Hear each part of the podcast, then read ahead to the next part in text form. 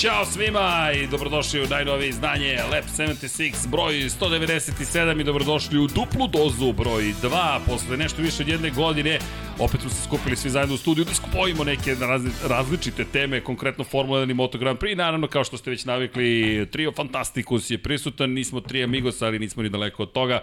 Gospodin Pavle Živković u plavi majici, gospodin Dejan Potkonjak u crno-plavo i kombinaciji sa crvenim bedžom i u čast Suzuki-a, moja malenkost u plavoj majici, nismo se dogovarali, sve smo u plavim bojama večeras, zato što igra Liverpool, naravno, i Deki je samim tim u studiju, to je bila neminovnost.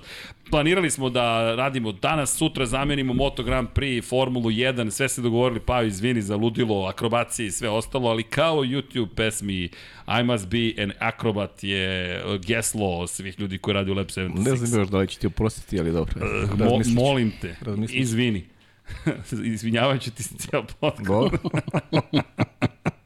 Ali, nadam se da ste nam dobro, mazite se i pazite se pre svega i vozite i vodite računa jedni u drugima, budite dobri generalno, radite neke lepe stvari, ukoliko danas praznujete i dalje, onda ste, jel te, na kraju četvorodnevnog, četvorodnevne pauze i taman dupla doza Lep 76 da biste se pripremili za tešku radnu nedelju od tri radna dana. I shodno tome mi ćemo se potruditi da vas zabavimo do sledećeg dana. Neko je rekao do pola dva. Nećemo trebati do pola dva. Večera ćemo se pozabaviti Formulom 1, Moto Grand Prix, doći će nam Filip Jenić malo u kratku posetu da ispriča šta se to dešavalo u prvoj trci u Portimao, jer mora da se priča o tome i drago nam je što je Filip stigao nazad u Beograd, pa tamo da nam kaže utiske ka šta je to bilo u predsezoni, kako je to rešio probleme koje je imao itd. itd. itd. itd ali naravno pre svega udrite like i subscribe. Šalim se, ne morate da udarate like, like i subscribe, ali to je postalo kao uzričica. Sreteš nekog na ulici i kažeš ćao, udari like i udari subscribe. A to Vanja kao ima i join dugme, to Petar i Vanja forsiraju join. Pozdrav svim našim pokroviteljima, svima, gde god da ste, šta god da radite. Nadamo se da imate da vam je lepo veče. Ukoliko pratite Ligu šampiona, po reakcijama gospodina Potkonjaka znaćete otprilike šta se tamo zbiva i tako. Nadam se da ćemo se lepo zabaviti. Zašto smo se mi ljudi danas okupili ovako i pomešali Formula 1 i Moto Grand Prix? Da, stiže velika nagrada Majamija, Nastavlja se šampionat sveta Formule 1. Da, završila se velika nagrada Španije u Moto Grand Prix. Da, imali smo neke neverovatne trke, uključujući i prve trke Moto E kategorije. Vanja je rešio da me malo poveća i nadam se da vam to ne smeta. Dakle, imat ćemo dosta tema, ali ono što je nekako vezivno tkivo za ono što će večeras da se dešava jeste zapravo trend koji ne mogu reći da smo baš nužno predvideli pre dve godine, pogotovo ne kada je počela era COVID-a, ali Formula 1 je juče dobila potvrdu iz Volkswagen grupacije zvaničnu, Audi i Porsche 2026. godine ulaze u Formulu 1 kao zvanični konstruktori. S druge strane, još nezvanično, ali danas su stigli prve zvanične informacije iz Dorne, Suzuki je rekao da napušta Moto Grand Prix. Godinama već pričamo o neizvesnosti trkanja u Moto Grand Prix-u i kako svaka trka je nova priča, mnogo pobednika, mnogo različitih ljudi na pobedničkim postoljima, odjednom prethodnog vikenda pola, polovina tribina je prazna u Herezu gde je tradicionalno sve bilo rasprodato, Suzuki odlazi iz sporta, Valentino Rossi otišao u penziju, Audi i Porsche s druge strane ulaze u Formulu 1 koja rasprodaje sve staze, što u Evropi, što u Americi, iako nam stiže još jedna trka u Americi, imaćemo ih čak tri od naredne godine.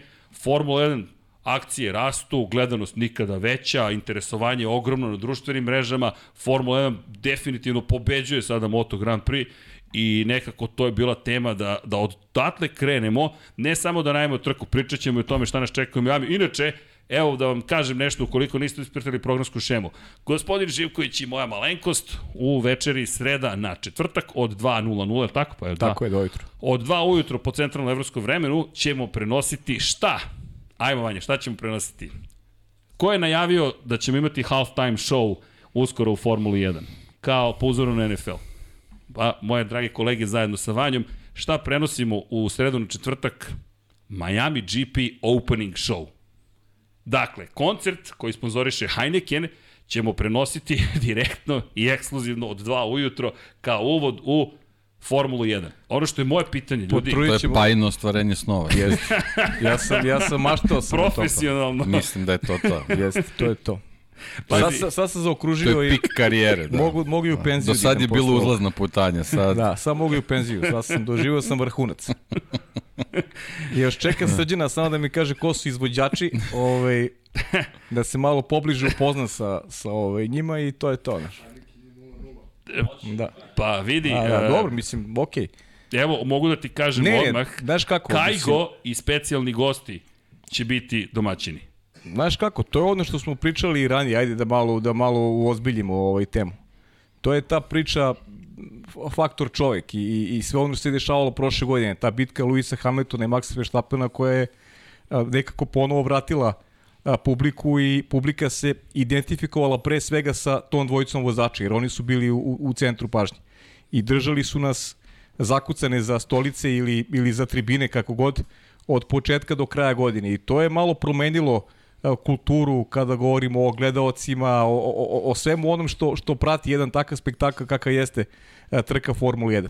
Uh, ove godine se pojavio i Ferrari. Ferrari koji ima najveću bazu navijača, dakle imamo sada nove aktere u borbi za šampionsku titulu i to Formuli 1 daje onako jednu dodatnu dodatnu draž tako da se tako da se izrazim i veću bazu navijača koji žele to da vide.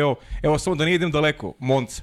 Sjeti šta smo pričali prošle godine za Montu, šta smo pričali generalno o percepciji Formula 1 u odnosu na MotoGP prošle godine. Kada je tu bio Valentino Rossi sa jedne strane, a kada Ferrarija nije bilo nigde, pa je Monza bilo potpuni promašaj. Pola, e, više polovine ulaznice nisu prodate za Moncu prošle godine, a sad imamo situaciju gde se za Moncu kupuju ulaznice jako je trka u septembru mesecu. E, Šta je, e, gde je otišao MotoGP zbog odlaska jednog čoveka? Redki su sportisti koji su veći od sporta. To mogu da budu Valentino Rossi, to je možda Ronnie O'Sullivan u snukeru. Snuker isto neće biti isti ni kada su pitanju sponzori. Uzo Sedmu, titulu, Ej, da. čestitam, vidim. To ne smemo da zaboravimo. Hvala, hvala, hvala svima koji slave. Dakle, A ali zbog pa, njega su ova četiri dana bile. Da. To, to, Znači- da može čovjek da iskulira da odmori malo. taj, spor, taj spor bez njega neće biti isti. E isto tako MotoGP bez Valentina Rosija, manje interesovanja, ni u Portimao nije bila poseta koliko ja znam na nekom zavidnom nivou, iako imaju i svog vozača. Pa, op, pa opet nisu bile pune tribine. Tribine. E, ovaj, ovaj, čovek, ovaj čovek donosi magiju. On je taj koji koji e, dovodi publiku na, na tribine, on je taj koji je identifikacija sa sportom. Ništa sa strane. Ti praviš sa strane događaje kada imaš e, centralnog aktera, neko ko je, ko je vezivno tkivo za sport, lako ti je da ti onda e, praviš i muzičke spektakle i ljudi će dolaze zbog, zbog čega? Pa zato što je neko to napravio.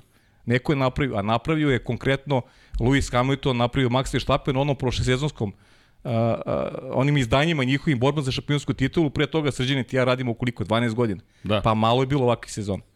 Čak ni 2012. nije probudila toliko interesovanje, toliko, Nije. kada su se borili Sebastian Vettel u Red Bull i Fernando Alonso u Ferrariju. Čak ni tada nije bila takva ludnica. Ja sam pristalica teze da samo događaj na terenu može da stimuliše sponzore, ne znam, ljude da gledaju, znači samo ti akti, oni su najvažniji. Sve ostalo je ide, dolazi, dolazi od onoga kako takmičenje imaš. E, ali to je moje sad pitanje. Vidi, ti u Moto Grand Prix imaš situaciju sledeću. A to je, bukvalno to je sledeće, da ti imaš stalno neizvesne trke u Moto Grand Prix. Neizvesne su. Dakle, evo sad se desila do nekle izvesna trka. I uprkos tome Moto Grand Prix osetno vidi mo pad u celoj priči. Dakle, bez obzira, na terenu se dešava nešto neizvesno. S druge strane, Formula 1 je deceniju celu imala situaciju koja nije privlačila toliko pažnju. Eri Bernie Eccleston imali smo zabranu prikazivanja videa po društvenim mrežama, nisi smeo da šeruješ ništa, nisi smeo da pričaš A, o tome. a sad ćete prekinem. Znaš Da. zbog čega? Zašto? A, ko su, ko su uh, Kvartararo i Banjaja? Oni su poznati ljudima koji prate. Treba vremena da oni se onako uvuku u glave uh, navijača i da počnu da pravi identifikaciju s njima. Oni pravi identifikaciju sa Rosijem i sa Markezom. Ti si danas rekao najbolju analizu, ne bih ja da citiram tvoje reči, to je najbolja moguća analiza koju si dao za MotoGP, ja se slažem potpuno s tobom, pa ti ako hoćeš podeli, neću ja da Misliš pripričavam. konkretno njih dvojicu? Mislim konkretno njih dvojicu. Ovako, Valentino Rossi, par stvari. Čovjek je legenda, apsolutna legenda. Harizma, harizma na plus 4000. Mark Marquez s druge strane, kao njegov najljući rival, mada tu ima zanimljiva karijera Valentina Rosija, definisana rivalstvima, ko uvek je imao rivale. Ako ne vozače, onda korporacije. Međutim, Mark, Mark Marquez, moje mišljenje, Mark Marquez je čovek u trenutku 2015. koji je postao antagonista zapravo svim navijačima Valentina Rosija. Voleli su da ga mrze. kažem u prošlom vremenu. Tako je. I ti si sada imao situaciju, njih dvojica na stazi, to je rat i mir. Dakle, će- voliš, drugog mrziš. Tako I je. obrnuto. I obrnuto. Navijači Marka Markeza koji govore, ma šta ovaj deda, on je iz prošlosti, kak, šta će nam on, i voliš da, da ga mrziš. S druge strane, ili možda prejaka reč mržnja, ali svakako da ga ne voliš. S druge strane, kada Rossi čak i nije se borio protiv Marka Markeza, koji je dominirao, Rossijevi navijači su posmatrali Moto Grand Prix i gledali Markeza, s jedne strane, nisu mogli da ga smisle, ali su mu se divili. S druge strane, gledali svog Rosija. A onda Markezovci slave i gledaju Rosija kako ne uspeva. Sada dolaziš u situaciju da Valentino Rossi više nije tu, a Mark Marquez nažalost je teško povređen. I šta se događa? Više nema osjećaja ne volim ga, ali mu se divim, već imaš osjećaj žao mi ga je, ali mu se divim. Ko želi da gleda superheroja ili antagonistu ili protagonistu kog ti je žao? Pa ja mislim da, je- da, da najveći, šta bi morala Dorna da uradi recimo, da, da kaže Valentino Rosiju evo ti pare i, i dalje si pojavljuju na stazama, vozi, trkaj se, budi mama za publiku, jer on sad promoviš jedan drugi sport. Da li bismo ti ja radili? Da li bismo ti ja radili i komentarisali na sport GT klubu? World da li bismo radili Sport GT? ligu? Ne bi radili nikada. Radimo ga zbog toga što Uz Valentino dužno Rossi. poštovanje. Ajde da budemo iskreni. Ajmo iskreno, surovo iskreno. GT3 kategorija, super je za takmičare, fantastično, poštujemo svako ko uzme volan u ruke. Ali, ali ljudi, između Formula 1 i Moto Grand Prix postoji ogromna razlika odnosno sve to. A tribine u Imoli pune. Ljudi tweetuju iz Engleske, prošao je G, u GT u Audiju je prošao Valentino Rossi pored mene. Pa kažete, ti, ne, ne bismo... Zvezdana ja, moć. ja verujem da naš direktor ne je bio baš ovaj, previše zainteresovan da, da, da, da tako kupuje nešto. tu seriju da nije Valentino Rossi. u njoj. Ali kažem ti, i taj pad Marka Markeza, što fizički, što u formi, je doveo do toga da čak nemaš sada mogućnost da kažeš čekaj, možda ga ne volim, ali ga poštujem. Jer ja ne znam ni jednog više Rosijevog navijača koji ne kaže, ej vidi, neću ga nikad voleti, nikad mu neću oprostiti, ali ga poštujem. Navijač ima identifikaciju samo sa osobom.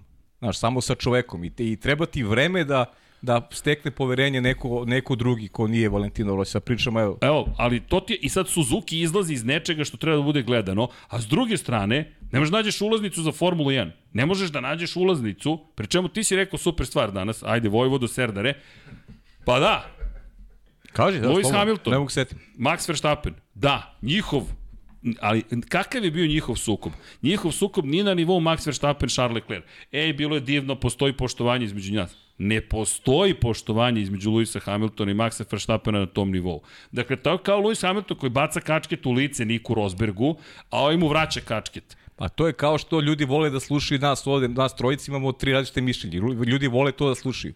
Ljudi ne vole da imaju, znaš, da sad kao postoji neka, neka uniforma, sad svi su isti. Ne, nismo svi isti, svako ima svoju glavu, svoj način razmišljati, tako su njih dvojice, bori se za, za veliki ulog i veliki su rivali, ljudi vole da gledaju kad postoje takve velika rivalstva. Jel? Max Verstappen se juče pojavio, to je momak koji je identifikacija za tinejdžere, za, za mlade osobe koje su, koje su uz njega zavole Formula 1. A opet imamo Luisa s druge strane koji je predstavnik malo starije generacije koja počela prati zahvaljujući Luisu, to je onako generacijski sukob, a vrlo onako a, dobar za promociju sporta. Realno. Pazi, ti ja imamo mišljenje. Deki još uvek kuva svoje mišljenje, da. Znači polako ali strpljivo, ali Neki skuplja samo... Skuplja, skuplja informacija, ali ovo rivalstvo je stvorilo našu generaciju gledalaca A, bukvalno. Formule 1. Ova, ova ljubav i mržnja. Pri čemu, kakva je tek njihova priča, inače, ovoga vikenda, bizaran vikend, 1. maj, a mi gledamo trke. A mi gledamo trke, pamtimo i Rolanda Ratzenbergera koji je život izgubio 30. aprila i Ayrtona Senu koji je 1. maja izgubio život. Alan Prost, s ove strane, izvinjam se, je nosio njegov kovčeg. Pazi, porodica ga je zvala da on nosi kovčeg Ayrtona Sene. I došao je. I došao je i nosio ga je. A njih dvojica, ne da nisu mogli da se vide, Prost je lobirao uživo kroz prozore u Suzuki da se oduzme titul Ayrtonu Seni. Bukvalno. Jean-Marie pa, Balestri i kroz, ostale. kroz, tvori, kroz tvori vasli patimo, i pratimo, pamtimo, tači, izvinjavam se, taj taj, period. period. Ali znaš šta, moramo damo reč Dekiju, znam da mu je teško Vidi. Liverpool gubi, to sam video. Jao, gubi, I zato jao, njega zato nema, učutao. zato on sluša samo I jao. i malo se i nervira, ali Deki, ajde, oslobodi Deki, ovaj... koliko ste pobedili u prvom? Samo vi opustite se, pustite Liverpool na miru. Pustite vi LFC. Pratite vi Formula 1 i Moto Grand Prix. napiti. Tako je. Ali, Da. vidi, ali stvarno mislim da je, da, je- da je, jer pričamo stalno o amerikanizaciji. Zvini, Vanja ima četvrto mišljenje. Šta si htio da kažeš, Vanja? Da li prosječan Hamilton šteti Formuli 1? E, to nisam završio pajnu misao.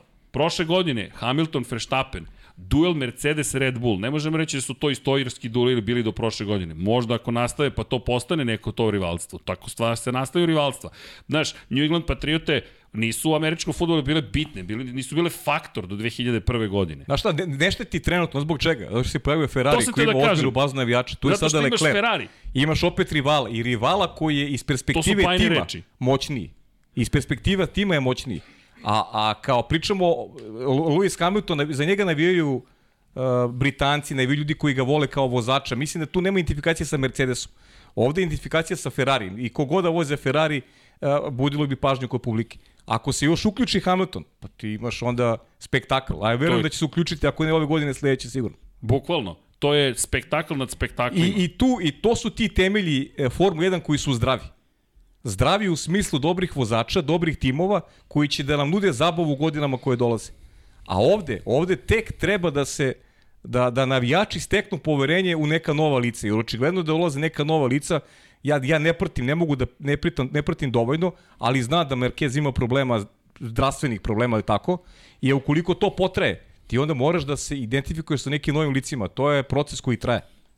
Evo ti izjava Bernie Ecclestona. Dakle, samo kratko, neću sve njegove izjave, ali jedna od izjava koju sam tek otkrio i fascinantna mi je, nadam se da ćemo moći više da pričamo o, o, o ovom citatu, ali pazi sad ovo, kaže, za, za konkretno Ferrari, kaže, možda će se iznenaditi uvod ide u sledeću rečenicu, da iz moje tačke gledišta mislim da trenutni šampion sveta, kogod on bio, nije toliko važan za Formulu 1, to govori bivši šef Formule 1, povlačim paralel, paralelu s Ferrarijem. Što se mene tiče iz poslovne perspektive, Ferrari je više vredeo ukoliko bi neko drugi pobeđivao.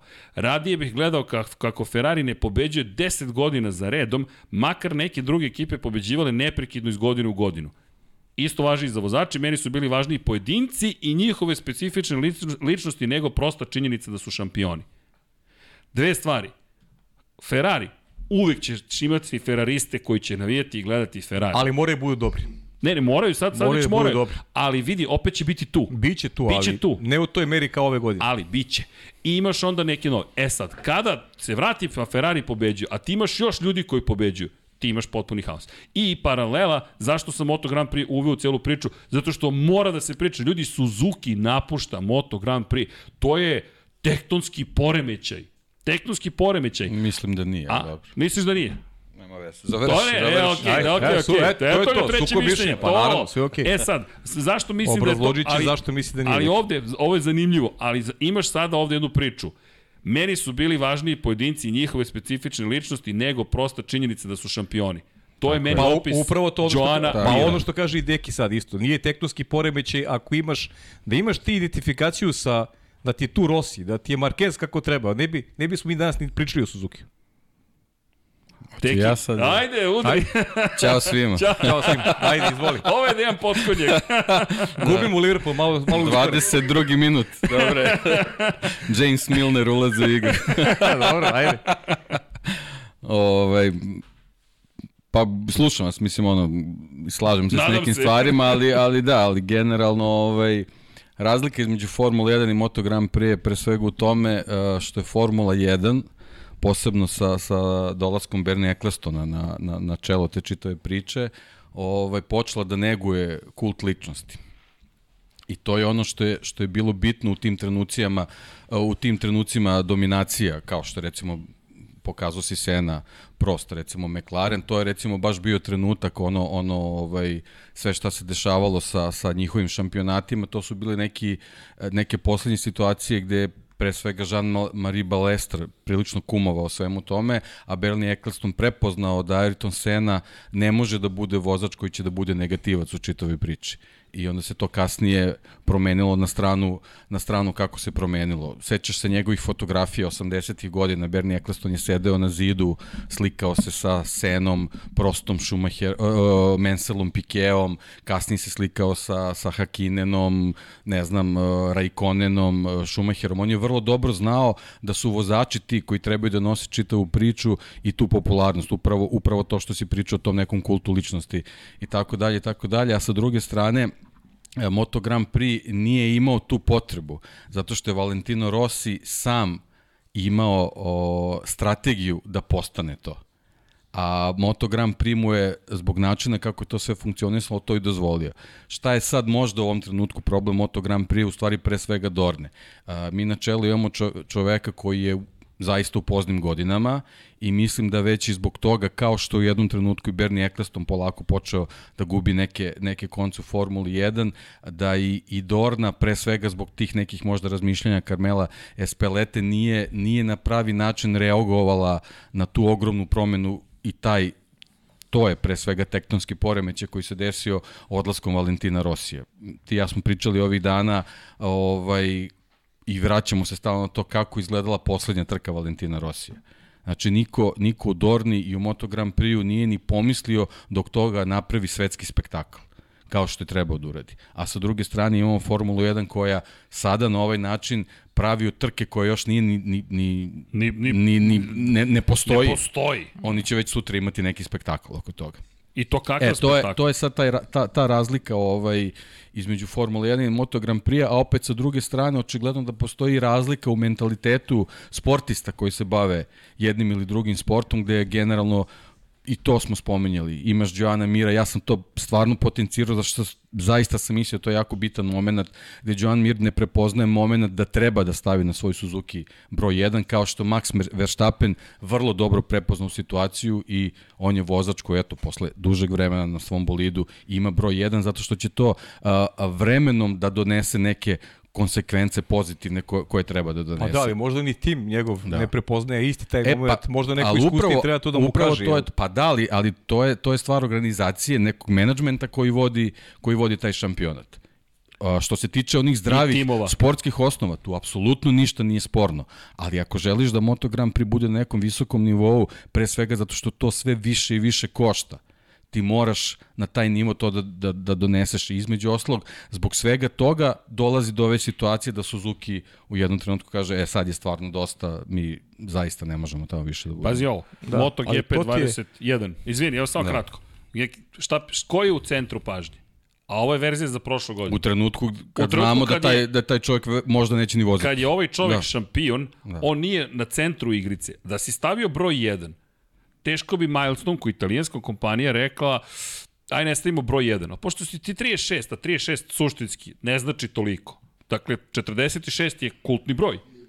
Tako je, 93, robna marka, tu nam je gospodin Srđan, dakle, tu nam je Večeras je tu i Dom Pablo, pozdrav za Dom Ali. Pablo. Tu i koleginici iz prodaje. Svi su tu večera. Tu je Filip Jenić. Zdravo Filipe, stigo nam je Filip, evo ga u posebnoj stolici. Pozdrav za Filipa. Nećemo te zvati nadimcima. Ima Filip da se zna, dok ne smisliš neki trkački.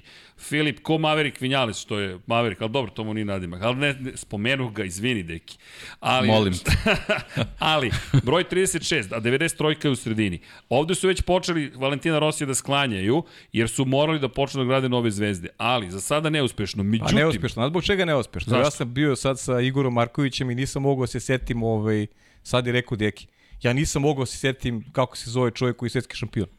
Ja ne pratim povnu, kao što prati velika većina koji gleda, ali, ali bih morao da Morao bih da znam šampiona. Upravo je to ja poenta. Ja bih morao se setim Joana Mira. Ja nisam mogu setiti kako se zove čovjek. treba da se pravi oko pristupa mainstreamu, a ne, ne ljudima koji su onako hardcore i koji stvarno koji, koji su onako baš, baš gledaju, pa žestoko gledaju. jezgru i to prate, nego ti širiš priču tako što uh, uvlačiš ljude koji nisu, nisu u, u svemu tome. To je, to je point. Ili ti kukao, ne kukao, na nove staze, stare staze, odsustvo njihove, Ja ću gledati Formulu. Uh, spomenu si Jerez. Jerez, tribine poluprazne. Tako je. Ali je zato parking za motocikle prepun bio. Svi, svi motociklisti su došli u Jerez. Ali oni koji su tu ne malo sa nekog oboda, da. oni nisu došli, nisu zauzeli svoje ja mesto na tribine. Ja mislim da se, da se nisu dobro pripremali za ovaj post period odlaska Valentina Rossi. Ma ne pripremali, oni nisu možeš, uopšte razmišljali o tome. Ti, ti možeš da ne pratiš MotoGP ili svi znaju ko je Valentino Rossi. To isto ja sad vraćam. Ne moraš da gledaš snuker uopšte, ali znaš ko je Ronnie O'Sullivan. I ne znaš nikog više, ali znaš Ronnie O'Sullivan. Tako je. I to je to. I onda mora da se pripremaš za period šta ja radim kada taj čovek ode. Jer on je identifikacija za sport. I mislim da, da je to najveći problem koji sad ima MotoGP. Da je to najveći problem. Pritom imaš Ma- Markeza koji je ranjen, koji nije, koji nije sad u naletu, uh, ne pobeđuje konstantno, ne, ne osvaja titule, već nema ga, već duže vreme ga nema na tim najvećim, ovaj, ne, ne dobija trke. Nažalost, verovatno ga neće ni biti. Pa ne znam, to je sad, vi vas dvojica bolje evo znate, ti, ali... Evo, Deki, evo, zviri, pa evo, Deki me spominje. Ha, dakle, ovako izgleda Mark Marquez dok baca rukavice u publiku. Dakle, on skida levu rukavicu, stavlja je u levu ruku i ovako je prebacuje preko ograde. Ovu ruku, ja ti garantujem... Kao da je tuđe, kao da je Kada njegov, je tuđe. Da. On ne može da na koš baci loptu. On je prošle godine u, Ne- u Americi kada je pobedio, ja tek sad počinjem da se divim njegove veštine, on pobeđuje sa jednom rukom praktično, ponekad. Dakle, on je, kada je prolazio kroz cilj, ovo uradio. Kao robot. Namestio ruku da bi, se, da bi ovako mahnuo. Onda je skinuo desnu rukavicu i opet je bacio levom rukom. Čovjek ne može da koristi desnu ruku više kako treba. I dolazimo do toga. Ako je on u nekoj galaksiji Jedi ili Sith, Luke Skywalker ili Darth Vader, ko želi da vidi Dartha Vadera koji je slab? Niko. Ti ga se više ne plašiš, nije ti više ni bitan. S druge strane, ko želi da vidi Luka Skywalkera koji ne može uprkos povredi ruke da se oporavi i pobedi tamnu stranu.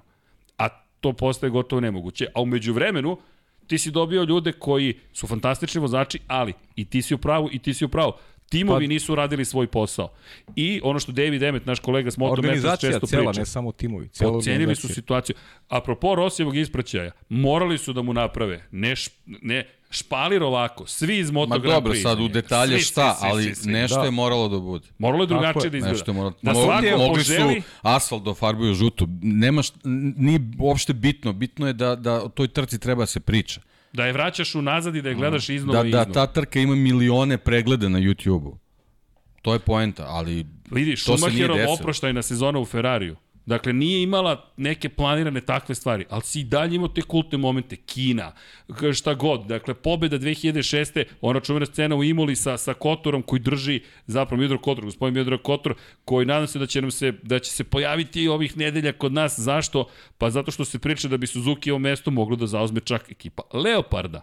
Ali doći ćemo do toga šta se tak tamo priča. Ali e, ajde, možemo i na to da se nadovežemo. Pazi sad ovo. E, navodno, KTM bi mogao da preuzme pozicije koje ima Suzuki. Šta to znači? Šest KTM-ovih motocikala, osam Ducatijevih motocikala i samo dve japanske fabrike. Prebacuje se upravljački moment ka Evropi. Pri čemu KTM kroz Gas Gas i CF Moto bi mogao da uđe u Moto Grand Prix, a već je prisutan u Moto 3 kategoriji sa toliko motocikala Šta to znači i za japanske vozače? Tako je. I još jedna stvar, šta to znači iz perspektive toga koliko moć će KTM kao fabrika, a KTM blisko sarađuje sa Red Bullom, imati u okviru celokupnog šampionata. Ti se uopšte nisi spremio za ono što dolazi. Dakle, ni, uopšte ni na koji način. A svi smo gledali ka Hondi, odjednom se pojavio KTM koji može da postane predominantna fabrika. Ne kažem ni da je dobro ni da loše, samo konstatujemo šta se trenutno sve događa, a ti imaš sport koji, šta će biti, kup takmičenje. Šta, 14 istih motocikala, to nam isto ne treba. Dakle, nije to poenta cele priče. Potpuno nespremni, ali svi sa kojima sam pričao imaju isto mišljenje. Nema rivalstava. A to je, ljudi, samo faktor čovek, to je ključna stvar u svakom sportu. Nemaš za koga da kažeš, Kvartararo je zvezda, ali mu nedostaje kontrateža. Ko je njemu, ko je njemu rival? Ja ne vidim da mu iko rival. Najveći rival mu je Yamaha koju je savladao. Pa da, jer ako pogledaš, Rossi uvek imao rivale. U nižim kategorijama manje, u Moto Grand Prix-u dolazi prva, prvi rival Max Biaggi. Mržnja između njih dvojice, još italijansko rivalstvo. Zatim, ko je sledeći rival Valentina Rosija? Honda kao korporacija, zla korporacija koja mu ne da da on radi šta on želi. Pobeđuje Hondu. Onda dolazi Sete Gibernau, njega pobeđuje. Onda posle Setea dolaze problemi u kojima gubi jednu titulu, gubi titulu, po, pojavljuje se nova generacija. Dani Pedrosa, Niki Hedemu nije bio klasičan rival. Nije. Da, ali već postoji ozbiljno uporište, ljudi koji njega vole i... i ali, ali se Znaš, pojačava, i- ima, izvini. ima oni koji ga ne vole pa navijaju za, za rivale. Jeste, ali- prosto se tako delilo. Ali imao je rivale uvek. Imao je, Došao je. Casey Stoner, to je isto bila mržnja. A onda dolazi Jorge Lorenzo, pa to je tek mržnja, onda misliš ne može više od ovoga, dolazi Mark Marquez. Da, sad Pa sam da, ali gledao. sve se, sve se to dešavalo pre svega zato što je on vremenom gradio svoj kult. Pa jeste, i to je I, tačno. I taj, taj psihološki rat sa svim svojim rivalima u stvari bio sastavni deo o, te strategije građanja kulta Valentina Rosija i to je ono šta je on doktorirao, zato jeste doktor. pa jeste. Pa ne, Pa da, a to ovde Tako nemamo. da to je, a ti u Formuli 1 to, to nisi imao, seti se samo recimo e, koliko je to Schumacher dobro radio i na kraju krajeva kad se Schumacher vratio u Formulu 1 pritiskanje barikela uza zid, e, parkiranje u, Bukvalno. u Monaku, U Monaku. obilaženje po žutim zastavom. Mm. On, je, on je uzdrmao za tih par trka s kojih se vratio da jednostavno nije, on, on je prvo, njegov ogroman problem su bili ta jednostavno nova generacija bolida. On je, on je napravio pauzu u trenutku kad se vratio, to je već bila neka sasvim druga priča. On jednostavno nije imao vremena i zbog njegove povrede koje, koje je vukao i tako dalje i tako dalje. Jednostavno nije imao prilike se Da, u potpunosti prilagodi, odsutan, da. prilagodi na te bolide, ali on je, on je u nekoliko trka koje je uradio, uradio neke stvari koje si danas pamte. Ali pazi, I to, to, je ta, ta, ta kult ličnosti, te, to, je, to je jednostavno to. to je ono, prođi, ako smeš. Ljudi, Ti znaš, i ku- kult ličnosti se gradi, tu treba godine da se da se izgradi Upravo kult to, ličnosti. Znaš, upravo ne to, može ali, ali, tako. ali mora, mora i taj sportista mora u tome da učestvuje. Jeste. Jer ovo jeste. su sportovi koji nisu, nisu samo puko takmičenje. E, poenta je što momci koji se sad nalaze u Moto Grand Prix, ništa nema loše u tome, mislim da ovaj neko ne, ne razume pogrešno. Oni jednostavno shvataju da su tu da se takmiče do maksimuma. Ali Moto Grand Prix zahteva još mnogo, mnogo nekih drugih angažovanja. Da, to je ono što sam, ja sam to skoro i čuo, zato ga iznosi taj podatak. Iskreno nisam, gledao sam ovu trku sada poslednju, ovu pobedu Banjaje, ali to mi Portugal mi je neverovatno da tribini Ja, nisu mislim, puni. ja neću, ja neću Miguel sad... Oliveru, ti, ti nemaš, ti nemaš pune... Neću sad imenovati, mislim, jer, jer nema razloga to da radim, ali recimo meni se na Formuli 1 nikad nije desilo, bez obzira u kojem god trenutku da sam radio intervju s vozačem, da li je nezgodna situacija, da li je super situacija, da li je nervozan, da li je umoran, kad krene intervju, on se ponaša maksimalno profesionalno. Znači, meni se na Moto Grand Prix dešavalo da dolaze vozači, znači, ovo je jedan od top 10 vozača u ovom trenutku, da dođe iz Eva na intervju. vidi, To se u Formuli tek se probudio i 1 ti apsolutno, pa da, da, Moraš da imaš razumevanje. jeste, ali to isto to se Da, da, dešavalo u. Formuli 1. Isti isti isti Šalim, vremenski da. period i Srđan zna, četvrtak kad dođe, četvrtak je dan za to. Očigledno da ne radi niko dovoljno s njima. I Ne, to ne, je ne, ne post, radi. pa, Pa- to je, to je to. Pa to je to je mislim kako bih rekao, ja to i razumem. Mislim Moto Grand Prix je koliko god to delovalo u ovom trenutku malo čudno zato što sad to intenzivno pratimo. Moto Grand Prix u povoju čitave priče. Do od nekih Srki, ispravi me možda ako grešim, 90-ih, recimo 2000-ih, a, što se mene tiče Superbike i, i Moto Grand Prix, to jest kraljevska pa, klasa 500 kubika, meni je to bilo izjednačeno.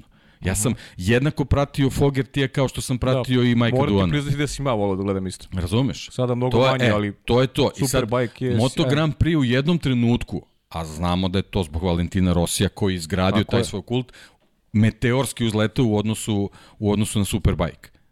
I Superbike je, bike je ostalo i dalje to vrhunsko sportsko takmičenje. Ali Moto Grand Prix, ako hoće da prati Formulu 1, mora da uđe u tu neku, neku drugu priču koja je vezana za spektakl i tako dalje i tako dalje i to, to i vozači moraju da shvate, a to je ono što je Valentino Rossi shvatio. Ali nikoga nije pratio. Casey Stoner koji je legendarni vozač, on jednostavno nije mogao to da izdrži. On, on nije Da, da, da, mogao znam, to da, da. prati. Pa evo ti, O tome se radi. Izvini, evo ti je situacija. George Russell je na utakmici Miami Heat, playoff utakmica, veliki ekran prikazuje George Russell, Formula 1 driver. Ti moraš da podučiš ljude šta se događa. I apropo, zašto je ovo tema s Formula 1? Pričamo dosta o tome. Amerikanizacija, da, ne i tako dalje. Sve ima svoje pozitivne i svoje negativne strane. S jedne strane, u opasnosti smo da izgubimo neke sta, klasične staze. S druge strane, što- evo, pa ja ćemo da prenosimo koncert, de facto. Pa, dakle, koncert, to nam je naš sportski, šta radiš, sportski komentator, šta prenosiš? Koncert. Koncert. Koga? Kajga. Možda, i, Molim? možda i zapavamo. Kajgo. Dva ujutru idealno za pesmu. vidi, idealno, e, vidi, ovo E, ali to je, to je sad jedna druga stvar i to može da bude ozbiljan mač sa dve oštrice za Formula 1. Formula 1 to je ta priča koju je gajio Bernie Eccleston, koja eto, možda može da bude preterano tradicionalna, zastarela ili ne znam šta. On je gajio a, tu priču da ti vozači, bez obzira koliko Formula 1 njih negovala, oni moraju da ostanu nedodirljivi da bi bili to što jesu. To je u ovom trenutku donekle Lewis Hamilton, ne u potpunosti, ali u velikoj meri i u nekoj meri Max Verstappen.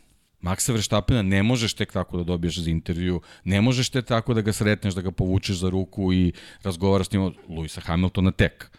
Ovi svi ostali, ide se na tu priču da su ni dostupni, da su E, to je možda nešto što može da bude mač sa dve ostrice, da Formulu 1 dovede u tu neku priču da to, to bude mlaki neki spektakl gde su svi tako, tako Ortaci. dostupni. Lewis I Hamilton drugari. je možda isto bio na toj košarkaškoj utakmici, ali njega niko nije video. A ne, Lewis Hamilton je bio na Good Morning America. E, Ne, ne, Eto, on je bio to je na to. najvećem, to je to. ali ne, na kom šovu? To vam je, ne znam, gde god da živite, dobro jutro, moja zemlju, pa sad utaknite ime gde god da živite i to vam Eto, nije super, nisam sportski znao, događaj. nisam znao za taj Ne, ne, podatak, ali eto, to je to. Ljudi, a Good Morning To je to. America, to je usto To je sam to. u pet ujutro. To je ono, usto sam u pet ujutro. Lewis Hamilton je došao, nasmejan, kakav jeste profesionalac i to je gledala Možda su snimili cela... ranije. da, vidi, to je, to je gledala cela Amerika. To nije specijalizovana emisija o Formuli 1 ili o sportu. Ne, to je cela Amerika. Ko je ovo? Vozač Formule 1. Da. I sada gledam kako NFL igrači počinju da tweetuju zašto ja nisam do sada pratio Formulu 1. Zašto ja do sada ovo nisam gledao? Zašto ja do sada nisam ovo? Zašto ja do sada nisam ono? Vraćamo se na Netflix, a umeđu vremenu Drive to Survive se snima, pričali su i sa njima, smanjite doživljaj sa fake uh, rivalstvima, lažna rivalstva, ali Moto Grand Prix, to je Dorna, je pauzirala snimanje MotoGP Unlimiteda. Čekaj, ti sada pauziraš svoj reality show koji si napravio, koji ni nije bio reality, ok, bio je više dokumentarac, sad svako voli nešto svoje, ali šta želiš? Gde ideš? Šta radiš? I to je sad Dobro, ali, pitanje. ali ja ću tebi sad postaviti kontra pitanje na to što si rekao. Gde ste bili 2016. Tako je. E, događaj, ti sad kad imaš, imaš u rukama nešto što je spektakl, sad svi hoće da budu deo tog spektakla. Tako je. Gde ste bili, gde si bio kad sam bio niko? Znaš, kad je Formula 1 bila, kad je Formula 1 bila, pratili smo ti ja. Tebe, Gde si pa bio kad sam bio Rosberg? Čekaj, pratili smo, Nije, nije, pre dve godine su počeli sa najavom za, za Ameriku. Lando Norris je vozio Jimmy Butlera po stazi, pre dve godine. Pa da, ali Vanja, sad se, sad se uzimaju rezultati. To počne ranije da bi došao do ovoga, da si ti uveo naslednika Valentina Rossi i Marka Markeza 2015. Mi danas ne bismo pričali o ovome. Ne možeš da uvodiš naslednika kad su oni otišli. To jest Mark Marquez i dalje vozi, ali je van, van daleko od svoje forme. Dobro, ali to je bilo neplanirano. Mislim. Ne, ne, ne, naravno. Ali, Realno. pa, sve ali ide, pa, da se vratimo na spektakl, ime. spektakl Pa ide, spektakl ide samo, nije to pitanje, to je, spektakl ide samo kad imaš sportski događaj kao ekvivalent onoga što, što ti, pre svega što želi publika da gleda. Jer ako publika nije zadovoljna, ti možda praviš kakve god hoće spektakle, nikog to, nikog to ne zanima. Zanima ih samo e, sportsko borilište. I to je, to je ono što prodaje priču. A tebi je Formula 1 sada e, takav proizvod da, žele, da, da svi žele da budu deo, deo tog spektakla. Jer tebi se sezona rešila u posljednjem krugu a, posljednje trke prvenstva. Nije važno epilog, nije važno, nije važan Michael Masi, imali smo zabavu koju su preneli svi mediji ovog sveta. I onda ti oko toga gradiš priču. Ja samo ne bih volao da se izgubi identitet Formule 1 i da dođemo u situaciju da Pa, da nam postane to ja rekao, to to je taj jedan. mač- mač e, sa dve To je oštrice, ozbiljan mač sa dve oštrice, oštrice, da da. izgubimo sada ne znam, Belgiju, da izgubimo neke kultne staze. Zamisli, ja ne mogu zamislim Formula 1 da nema, da nema Monte Carlo. Ja ne mogu to da zamislim. Pa treba da, ne znam, Los Angeles da zameni, pa to je, to je meni smešno. To je, to je budalaština koja bi, ne znam, ja ne, ne, ne, bi mogo to da progutam uopšte kao neko ko, ko, taj sport, ko taj sport prati i voli. Jer mora da postoji nešto što je tradicija. Pa evo, U upravo ova trka sa- u Imoli je pokazala kako treba da izgleda ta prava tradicionalna Formula 1, Tako koja je. jeste spektakl. Jeste, Eto, pravi to je spektakl. to. Sa onim, onim dolaskom, ona, onaj kadar, njihovo parkiranje na, na, na startni grid i ona tribina iza i to je u stvari, I to je ta Formula 1. za konferencije po Da. završetku trke. Je. To je nešto da. čemu mi možemo da prisustujemo. Nisu, ej, dođi da te pitam, ne, nego to je cool down room, takozvani, gde se oni smiruju, popuštaju i pričaju nešto. I ono je fantastična scena. Norris, Perez, Verstappen gledaju i pričaju o Leclerovom okretanju. Između ostalog, to, to je sve deo Formule 1. Tu nije bilo ničeg van da kažeš Formula 1. Ali, prosto, eto, ja stvarno moram da se dotaknem toga. Zašto se Audi i Porsche vraćaju? Pa prilično sam siguran ne zato što nema gledanosti. Ne zato naravno. što nema Pa interesovanja. imaju interes, Naprotiv. imaju interes. Tako, imaju interes. Ali sada pričamo da širimo neku Nećemo, priču ne, oko ne, toga samo- samo šta će biti za toliko godina, E. ko zna šta će biti tada i kako će stvari i- odvijeti. I da zaokružimo negde tu temu. Ajde. Da, Evo da vidiš, Vanja, ako možeš, ako si uspeo, ima I, tam, jedna I stvar. taman da uvedemo Filipa. I taman da uvedemo Filipa pre nego što krenemo u pripremu za Miami. E, šta? Uh, treći, ovaj poslednji. Poslednji, ako Vanja možeš da nam prikažeš, Google Trends.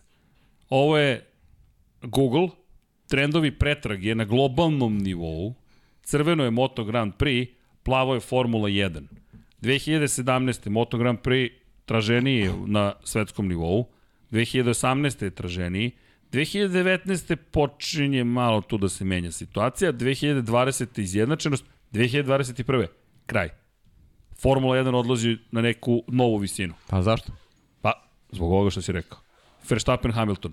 Da li će se tako nastaviti? Ko to zna? Ko to zna?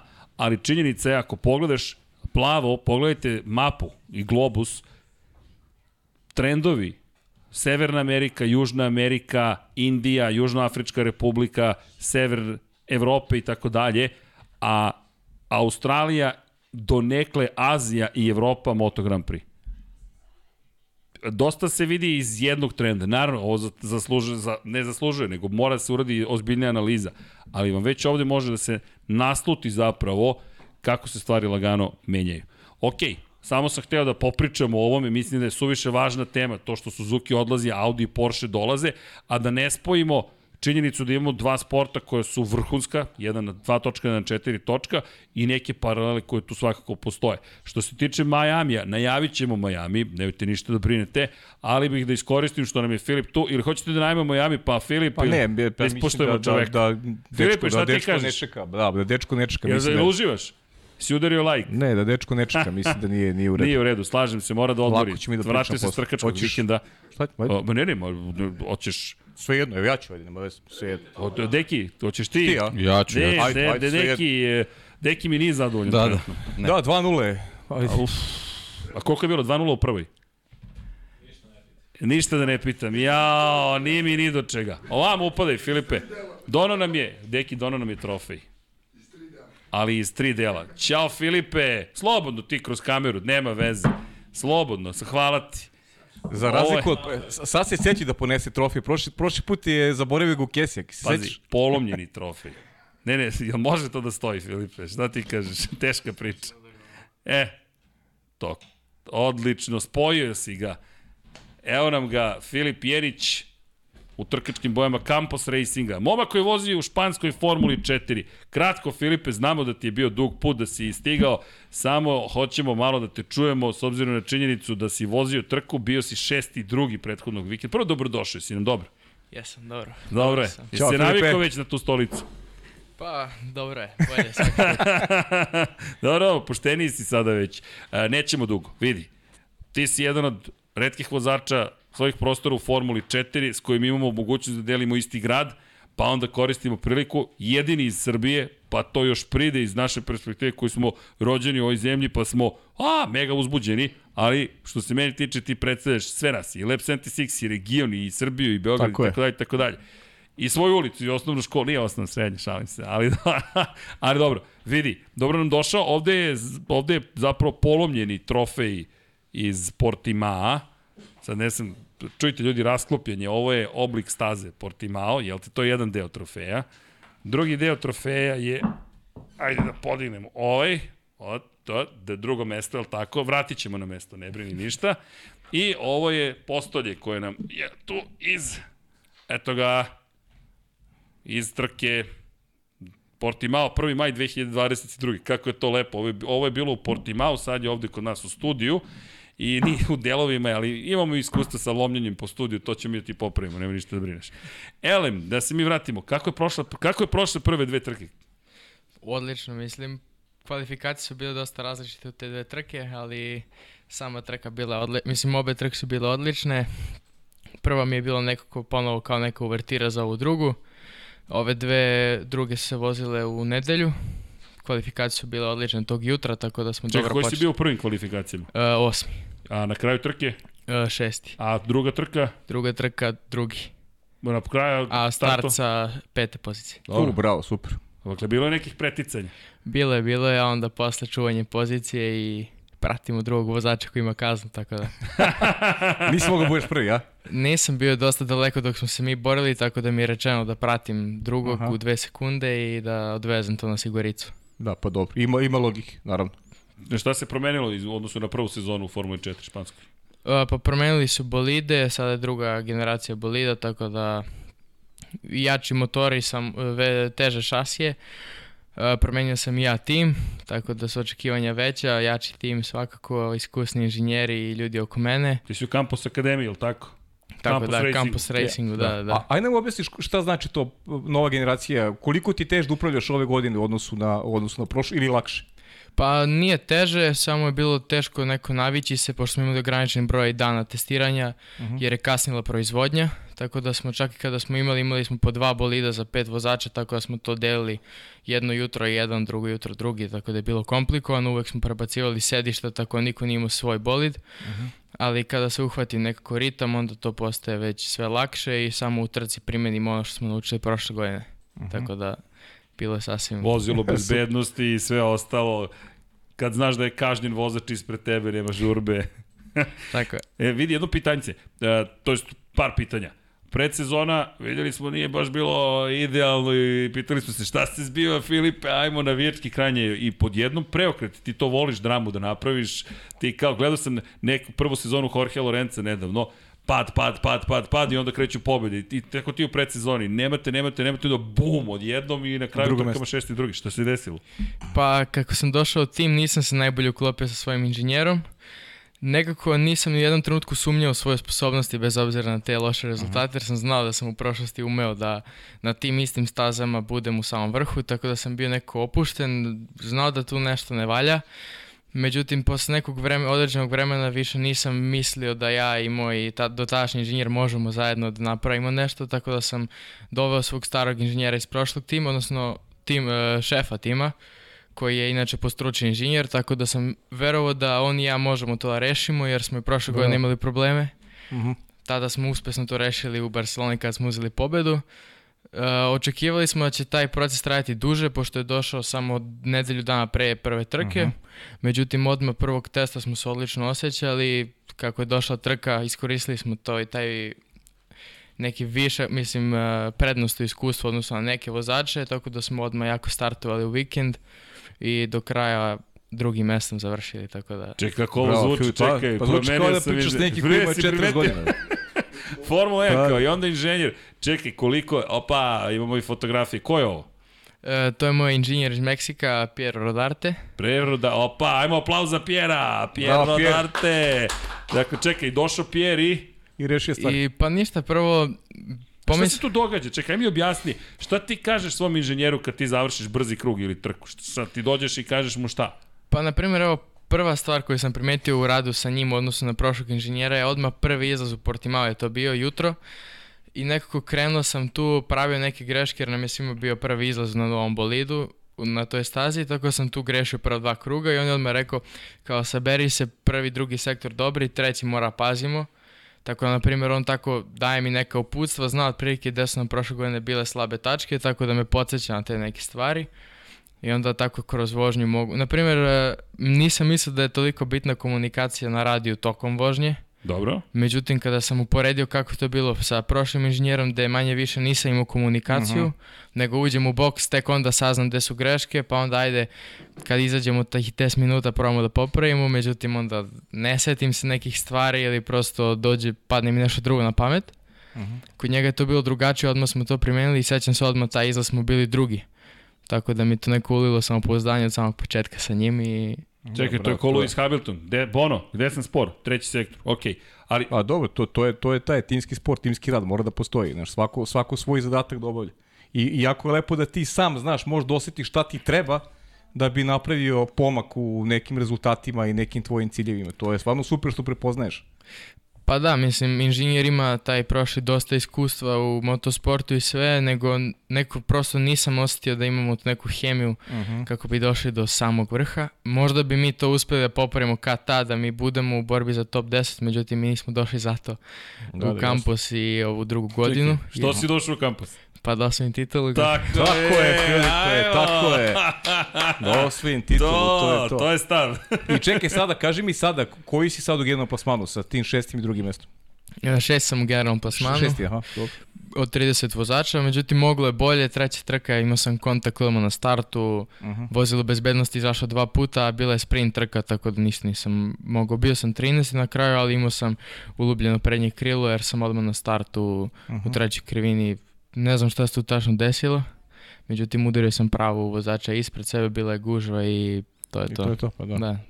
Dešava se. Pa to je to kad imaš tri trke, koliko ti je naporno to, tri trke za, za kratko vreme? Pa dobro, mislim, uh, subota je nešto lakše, imamo jedne kvalifikacije, imali smo i tu jednu trku, a pošto smo bili u sklopu DTM-a, TCR Evrope i ja mislim španskog GT šampionata, nisam siguran, imamo dosta vremena između.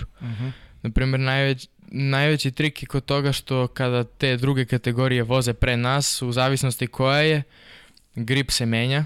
Mhm. Naprimjer, kvalifikacije su uvek super, pošto smo mi prvi u 8 i 30. Uh, mi smo prvi na stazi, grip je naš od uh, sinoć, od uh, da, večeri pre toga, tako da je staza koliko toliko čista, međutim onda dođemo u trku, pre nas su vozili DTM sa Michelin gumama, GT takođe, tako da to bude sve neki miks. A čekaj, šta se desi sa, sa prijanjem, sa gripom? Šta se dešava sa prijanjem? Jel proklizava više zato što je miks tih guma? Jel ti bolje prijanja? Prednji kraj, zadnji, oba? Šta se tu Pa desi? uglavnom prosto ima manje gripa i prednji i zadnji kraj, ali je pogotovo u trkama ako dođe do nekog obilaženja ili neke greške, one, kako se zove, uh, Kamer, uh, kao klikeri što su, da, da, kažeš, ajde. klikeri, da, klikeri, Od gume. da, od gume, koje se slepe, a Slepe nisu od prljavoj Da, da. staze. Naprimjer, ako su naši, odnosno ovi naši Hankukovi, to je ok, koliko toliko, to se brzo sjedini sa gumom. Međutim, ako bude Michelinova Pirelijeva, onda to kao kamenje stoji i dok se to ne skine imamo katastrofu. Da, Mhm. To mi se desilo u prvoj trci, pošto sam bio malo van staze u borbi. I onda izgubio jedno mesto, pošto sam ja skretao, prosto vozilo se, nije, se, nije mi se boli dodazvao, došao, prošao me je vozač ispred, ali na kraju sam ja to nadoknadio, ali Tako je. morao sam malo više se borim nego što možda trebalo. Dobro, neka. Ali lepo. Treba da iz tih borbi se vajde najviše uči, a? Pa da, tako je. Tako da nekad volim tako te trke kada sam po sredini. Međutim, sada kako se borimo za titul, nije to idealno. Prošle Lepo, godine da. mi je to dosta značilo jer eh, hteo sam svako da prikupim samo što više eh, iskustva. Ove godine mi je cilj samo da budem što više, da skupim što više poena, budemo tu konstantno u vrhu. Za sada je to dobro, mislim šesto pozicija, četiri, pozi eh, četiri poena od četvrplasiranog, Ok. tako da to je sasvim u redu za sada. Da, a ta- timski kolege, izvini, a timski kolege kakvi su ti, koliko ih imaš? uh, Ima nas petorica, Mhm. svi smo jako kompetitivni, im- trojica, znači od nas pet, e, druga nam je godina, tako da jedan je član Al Alpine Akademije, jedan je bio e, u Richard Milovom talent programu, Mhm. e, treći je iz Meksika i u, po- u bliskom je odnosu sa Sergio Perezom, Mhm. tako da su manje više svi baš jaki. Mislim, zbog toga sam i tu jer imam vozače s kojima mogu da se merim da, da se guramo, kako se zove, do samog vrha, jer ko od nas bude, uglavnom to bude slučaj, ko od nas bude prvi u timu, bit će na kraju prvi, drugi ili treći, jer eh, od tri trke na svakoj trci je bio bar jedan kampusov na podijumu, tako da. Super. Ne, ali zanimljivo, Super, da, da. vodeći je Tasanapol Intrapu, Intrapu Vasak, Da. čovjek koji je sa Tajlanda i koji vozi za MP Motorsport, oni isto imaju puno takmičara, on je baš imao dobar vikend, 51 poen, drugo mesto, peto mesto, prvo mesto. Da, on je imao dosta dobar vikend, međutim prednost MPO-ih vozača je što su oni vozili ove zime u, u Emiratima, Mhm. Tako Aha. da i samog tima je prednost, jer oni su i dobili bolide na vreme, jer su njih prvo dobili, kako se zove, tamo u Dubaji kad su vozili Jas Marinu. Mhm. Samo su ih prebacili u Evropu i oni su od početka uvijek imali vozilo za svakog vozača, dok smo mi morali da sklapamo naše Dobro, dolaske direktno u Evropu. Međutim, odmah, evo, odmah od samog starta MP i Campus se već bore za to prvo mesto. dakle ja mislim to je da će- ad acta. Pa bit će od staze do staze, ja mislim da se razlikuje, bit će tu prednost. I prijaće jedna staza bolje jedno, jednoj ekipi, druga drugoj, ali nadam se da će što više nama da pripada. Nama Dobro, bude korist. to su dobre stvari. Vidi, samo par stvari pre nego što te pustimo da ideš. Ovog puta nećemo, još samo minut, još samo minut, pa sat i po bude. E, pa dve stvari. Čekaj, ako smijem da, da znam. Šta kažeš svom inženjeru? Dođeš i kažeš mu ili mu kažeš, ej vidi, šta, kočnice, kočim, šta, šta ti se događa, kako, šta prenosiš, koju informaciju, Da. znaš, to je ta večita enigma. Inače, ja prvo što ja inače uradim lično, ja mu kažem kako sam ja odvezao. Znači, pre nego što skinem kacigu, samo kažem bilo je dobro ili pravio sam greške, čisto kao neki uvod, on možda razmišlja dok ispušta pritisak u gumama i dok ja odem do kamiona sve da skinem. Kada ja skinem sve to, otprilike dam mu neku širu sliku od toga št- tome šta sam ja radio, pošto on baš ne može to da zna, on vidi naravno prolaski kroz sektor, ali ne znam da li sam imao baš uvek gužvu, da li se nešto desilo, tako da ja njemu prvo kažem kako je to sve bilo. Inače, pošto on isto voli, na primjer, da šeta, ja volim da šetam i tako da ispoljim, ispoljim neke emocije. Dobro. Idemo u šetnju, ja mu ispričam sve, zatim se vratimo u kamion i tu onda pričamo kako se ponašao bolid. Inače dobijemo, na primjer, neki papir, imamo krivina po krivinu, kočenje, ulaz, sredina, izlaz i neki dodatni komentar koji imam. Ili prosto kao sumarizaciju utisaka iz te krivine. Ispunimo, ispuni svaki vozač to. Inženjeri nakon toga imaju neki meeting i naravno mi razgovaramo, pogledamo podatke. Mm. I na, na osnovu toga donosimo neke zaključke. Jel tebe zanima šta on menja na bolidu ili ne? Samo Pa ne baš, pokušam da mu verujem, da mu pokažem da mu verujem takođe, jer ne bi volao sad da uplićem prste u njegov posao, ali ali ponekad, se, ponekad me zanima, čisto ga pitam šta trebam da očekujem od bolida, jer nekad se desi da ja trebam da očekujem nešto, ali to bude zbog uh, drugačijih uslova na stazi, ne, ne desi se to, onda ja sad ne znam šta mi se dešava, ovako jako ga pitam, otprilike znam, na primjer u sedmoj krivini će mi se desi to i to, ja to osetim i kažem dobro, to je ta promena, pokušam da se izborim, da izvučem maksimum, ako ne funkcioniše samo mu kažem, ako funkcioniše odlično idemo dalje i to je to. E da te pitam, između 8. i 9. kakav je onaj prevoj? Kad pređeš? Prvi put sećam se, pošto nismo imali track walk prošle godine, nego smo morali kolima 15 minuta pre prvog izlaza, znači oko 7.45. Išli smo, išli sve polako, ono uzbrdo, nizbrdo, sve super. U jednom trenutku idemo na vrh beda i ja pogledam oko, gde sad? Gledam dole, kakav je osjećaj bio. A onda posle u trkačkom, kako se zove, uvek je neko, bar prve sezone, sada više to ne osjećam, ali neko u in lapu i out lapu svaki put kada se spuštam krenem neko da se terem, ne znam ni ja. Prosto se uživim u moment jer je stvarno dobar osjećaj kada se spuštaš. I onda u levo, u Craig Johnson. Da, onda levo. Mada kod nas to nije toliko neka velika brzina kao u nekim većim kategorijama, ali svako, sviđa mi se cela ta sekcija u drugom sektoru. Lepo, Sjajno. lepo. Filipe, sledeća trka, Jerez de la Frontera, jel tako? Tako je. 28. i 29. Vi pratite MotoGP do nekle, pa onda ide Katalonija, to jest ne, idete u Valenciju. Valencija, da? Valencija, pa Spa, uf, Spa. Tamo ste testirali dobro. Aragon, Navara i na kraju Barcelona za kraj sezone. Sedam trkačkih vikenda, 21 trka. Dobro. Svestan si šta znači sad ovo. To znači da ćemo te mi gnjaviti posle svake trke, da ćemo te zvati za vikend kada voziš, da ćemo te ma ispitivati šta se dešava, gde si, Filip kako je prošlo. Da, sjajan, sjajan svakom pogledu. Ja opet moram da istaknem jedan momak koji je sjajno vaspitan, koji je odmeren, koji zna šta hoće i baš je pravo zadovoljstvo pričati sa tobom. Hvala. Kao da si ovaj, onako već mator poprilično kada pričaš i o nekim obavezama svojim i o komunikaciji s ljudima, imaš svu moguću podršku. Ne samo zato što si odavde, nego zato što si pravi, pravi momak. Pravi dasa. Tako Hvala. Ne, hvala ti puno. Izvini što je kratko, ali treba da bude sreće što je kratko, ti znaš kako to izgleda, ali drago nam. E da, i zamolit ćemo ti još nešto, ali to posle imam neke ideje sa igricama, ako si, Naravno. ako si raspoložen. Uvek sam raspoložen. Da, za igrice, a? da, ej, A čekaj. što to ne uradimo odmah? Šta misliš? Pa da dečko ne sedi ovde da čeka, a? Ne, ne, Meni ne. malo zbog toga, a? Ne, čujemo se sutra. Jel može? Može, može. Filipe, hvala ti. Hvala A, vama. Deki, de, ne, hvala tebi. Vidi, uh, kažem ti, mi bismo te gnjavili, gnjavili, gnjavili, ali polako. Idemo trku po trku i imam jednu, kažem ti, ideju posle, ako si raspoložen da se dogovorimo nešto, ima veze sa Formula 1 igricom. Naravno. Hvala puno. Može, hvala A gde, gde nam je Liverpoolovac? Ne, ne, jel tu? Koliko je? Koliko je? 2-0 i dalje. 2-0. Auf, Nije, nije mu dobro. nije mu dobro. Deki, imaš ti neko pitanje? Smo nešto propustili? Ne. jel ti pratiš futbol, Filipe? Da. Koga- Isto navijam za Liverpool. Isto za Liverpool. I jao! Nego nemam interneta, provjerim rezultat. Ej, Cafe Babe 22 ti je šifra, samo se nakačiš i tako da, eto, to ti je to. To ti je inače čuvena šifra i gikova. Ej, Ne, neverovatno je. Dakle, ej, čekaj, nemoj da zaboriš trofej. Prošli put je ostao u rancu, onaj ceo trofej. Nemoj, Nismo ga- molim nismo te, ga ni pokazali. Da ti, ne, da ti ne ostane zauvek u studiju na kraju univerzuma. Mi to, ako dođe jednom obično, ne može se izvuče. ne, ne, hvala tebi. Filip Jenić, dame i gospodo, udrite Filip like Jenić. za Filipa, molim vas. Čekaj, ali ovo je stav, a? Pravi, I, pravi stav. I detektovanje problema. Čekaj, ovde nešto ne radi. A da je, momak, Ajmo da menjamo inženjera, ajmo da menjamo. Svaka čast na, na svemu. Dobro, Muk je. Muk je nastupio za našim Dekija. stolom Deki.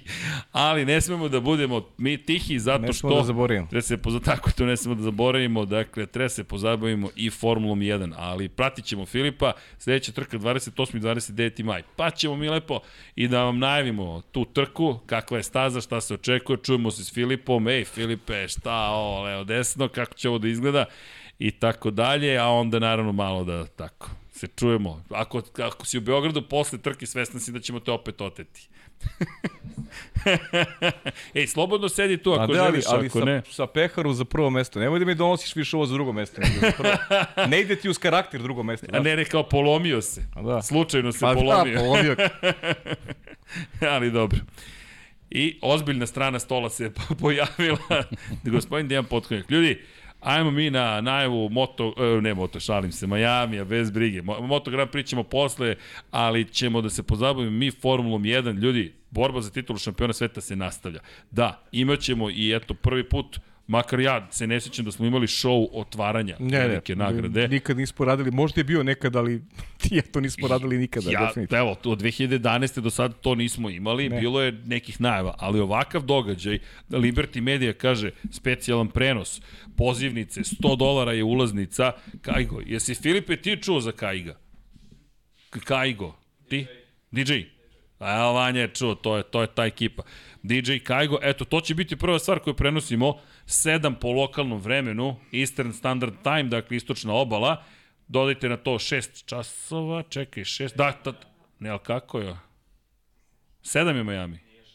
6 je Miami. Ne, u dva, znam da je u dva, vidio U sam dva da piše do dva ujutru. Ok, radimo. možda nešto sad. Vidjet ćemo. U svakom slučaju, eto, imat ćete show otvaranja što se tiče Majamija idemo na potpuno novu stazu. U ovom momentu u šampionatu sveta posle četiri trke Charles Leclerc u Ferrari 86 poena prednost. Max Verstappen branilac titule 59 poena, dve pobjede za Leclerca, dve pobjede za Maxa Verstappena, to je dve za Ferrari, dve za Red Bull. Sergio Perez treći za Red Bull, 54 pojena, četvrti dalje George Russell u Mercedesu, peti Carlos Sainz, 38 pojena, Lando Norris je sa 35 šesti i onda dolazi Lewis Hamilton, sedmo mesto, 28 bodova, Valtteri Bottas najbolji do ostatka sveta i tu ću stati, osma pozicija u Alfa Romeo i to je početak, to priprema zapravo za potpuno novu stazu. Ljudi, evo, u sklapu onoga što je bio uvod, Miami je dobio stazu oko Hard Rock stadiona, Kako? Hoću Brembo. Kaže Vanja, ajde, daj Brembo, Vanja. Ako ti kažeš daj Brembo, makar da imamo delić staze, ovo vam je najsnažnija tačka kočenja, čisto da znamo makar delić onoga što nas čeka. A to je ova pista 19, dakle, krivina, hvala Vanja, 4 tačke kočenja, dobro ste čuli. Inače, veoma snažna je ta najsnažnija tačka kočenja i srednje opterećenje na kočeni sistem na ovoj stazi. Uglavnom su brze, uglavnom su krivine. Krivina broj 17. Kao što možete vidjeti, oko 10% kruga se provodi na kočenju. Maksimalna brzina očekuje se da bude oko 326 km na čas pre nego što se pritisne pedala kočnice i krene u zaustavljanje. Brembo, naravno, jedan od glavnih snabdevača, zaustavni put 131 metar, zaustavno vreme 2,8 sekundi, negativno ubrzanje maksimalno 4,6 sila zemljine teže, to jest 4,6 G i spušta se brzina na 77 km na čas, delta brzina, to jest razlika između gornje i donje 249 km na čas i to bi bila krivina broj 17 u Majamiju koji je eto dobio privremenu stazu koja će se koristiti u šampionatu sveta Formula 1 mesto koje zapravo će biti oko Hard Rock stadiona, na kojem igraju Miami Dolphins između ostalog, dakle spaja se sa NFL-om, cijela priča. Miami Heat trenutno je u play-offu u okviru NBA, tako da je show kompletan na Floridi, postoji i dobrotvorni turnir u golfu, tamo će se pojaviti najveće moguće zvezde, inače C2, C3, C4 će biti gume koje će se koristiti u Majamiju, To su gume koje smo videli na prethodnoj trci i to su delimično gume koje smo videli i u Australiji. Dakle, u Imoli C2, C3, C4, u Australiji C2, C3 i C5. Iz te perspektive do nekle su nam već poznate, inače nije sprint vikend, i eto u Miami Gardensu ćemo imati na Miami International Autodromu priliku da gledamo petu rundu ovogodišnjeg šampionata. Ljudi, kada je reč o najavama, uvek je nekako nemoguća misija, ali bih rekao... Pa pogotovo sad ne Pogotovo misija, sada. idemo na, na novu stazu, možemo malo da, da pričamo o tome e, kako se timovi eventualno pripremaju i šta je sad šta je sad pozicija ovih vodećih Red Bulla i Ferrarija, kako se oni ponašaju.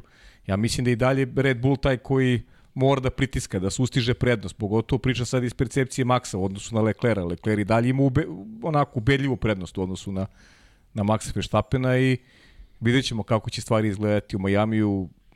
Uh, ono što Leclerc ne sme dozvoli da počne u kontinuitetu da gubi od po svemu sudeći najvećeg rivala ove godine, tako da mora da nađe neki odgovor na očigledne probleme koji su se pojavile tokom prethodne trke, a problemi su vezani za taj pritisak koji jednostavno on nije uspeo da u dve situacije da, da odgovori na pravi način i Max je to iskoristio, pobedio i sada, eto, dve nedelje kasnije na nepoznati teritoriji da vidimo kako će se Leclerc snaći, jer kažem, jako je teško ta, ta navika pobeđivanja u sportu ili gubljenja od od istog rivala može da predstavlja da predstavlja problem i tu je Leclerc za sada misli da se nosi jako dobro sa sa celom ovom pričom ovo sezonskom. Ljudski je pogrešiti ali već onako ne sme da, ponav, da, ne sme da se te greške ponavljaju i, i mora da odgovori na pravi način ukoliko želi da u kontinuitetu bude da bude takvac Maxu Verstappen. Inače Ferrari apropo toga šta spremaju, pričali smo o tome koliko će važna biti stanica broj 6 zapravo Barcelona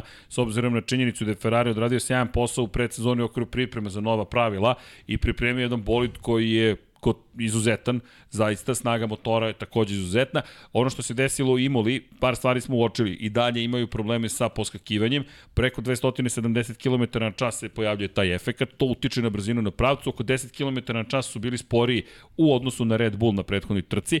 S druge strane, šta se još desilo? Desilo se da su zapravo imali sta, uslovčeno stari motor. Motor broj 1, Carlos Sainz ima motor broj 2, međutim greške u kvalifikacijama, greška u glavnoj trci, to je incident, nije ni greška, greška Daniela Ricardo u McLarenu koji ga izbacio sa staze Carlosa Sainca, dobro od toga da nismo ni videli šta može taj motor 2.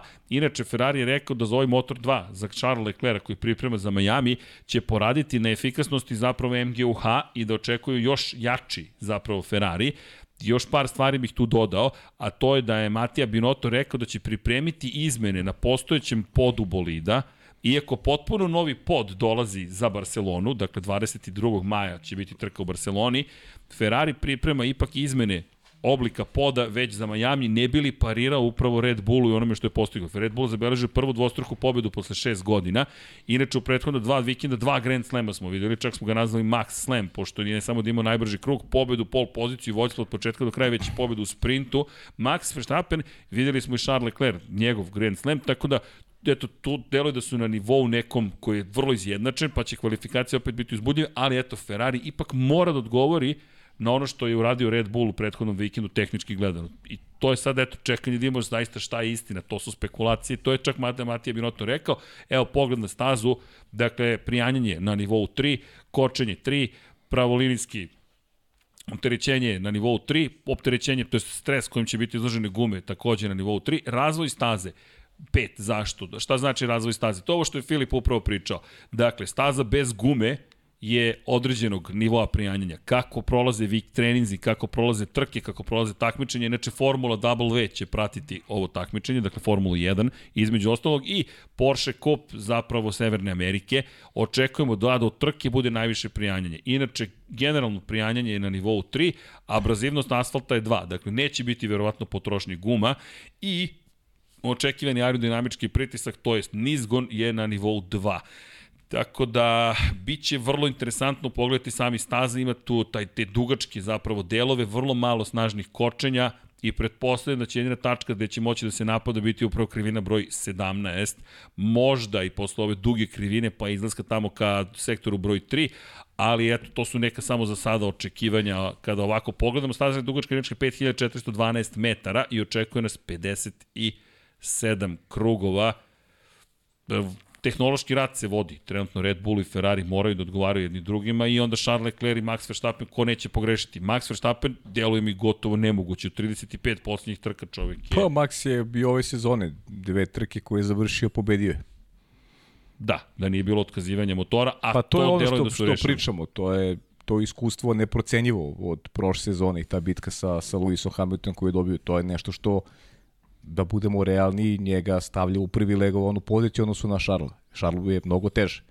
Nikad nije bio šampion, a očekivanja ogromna. Znamo šta sve ta, ta armija navijača Ferrarija šta očekuje, ima moćan bolid u rukama i da se ne ponavljam, ali prosto to je priča. Nekako, e, i, i, i češće ćemo je apostrofirati jer najvažnija priča sezone je su Max i, i, i Charles Leclerc.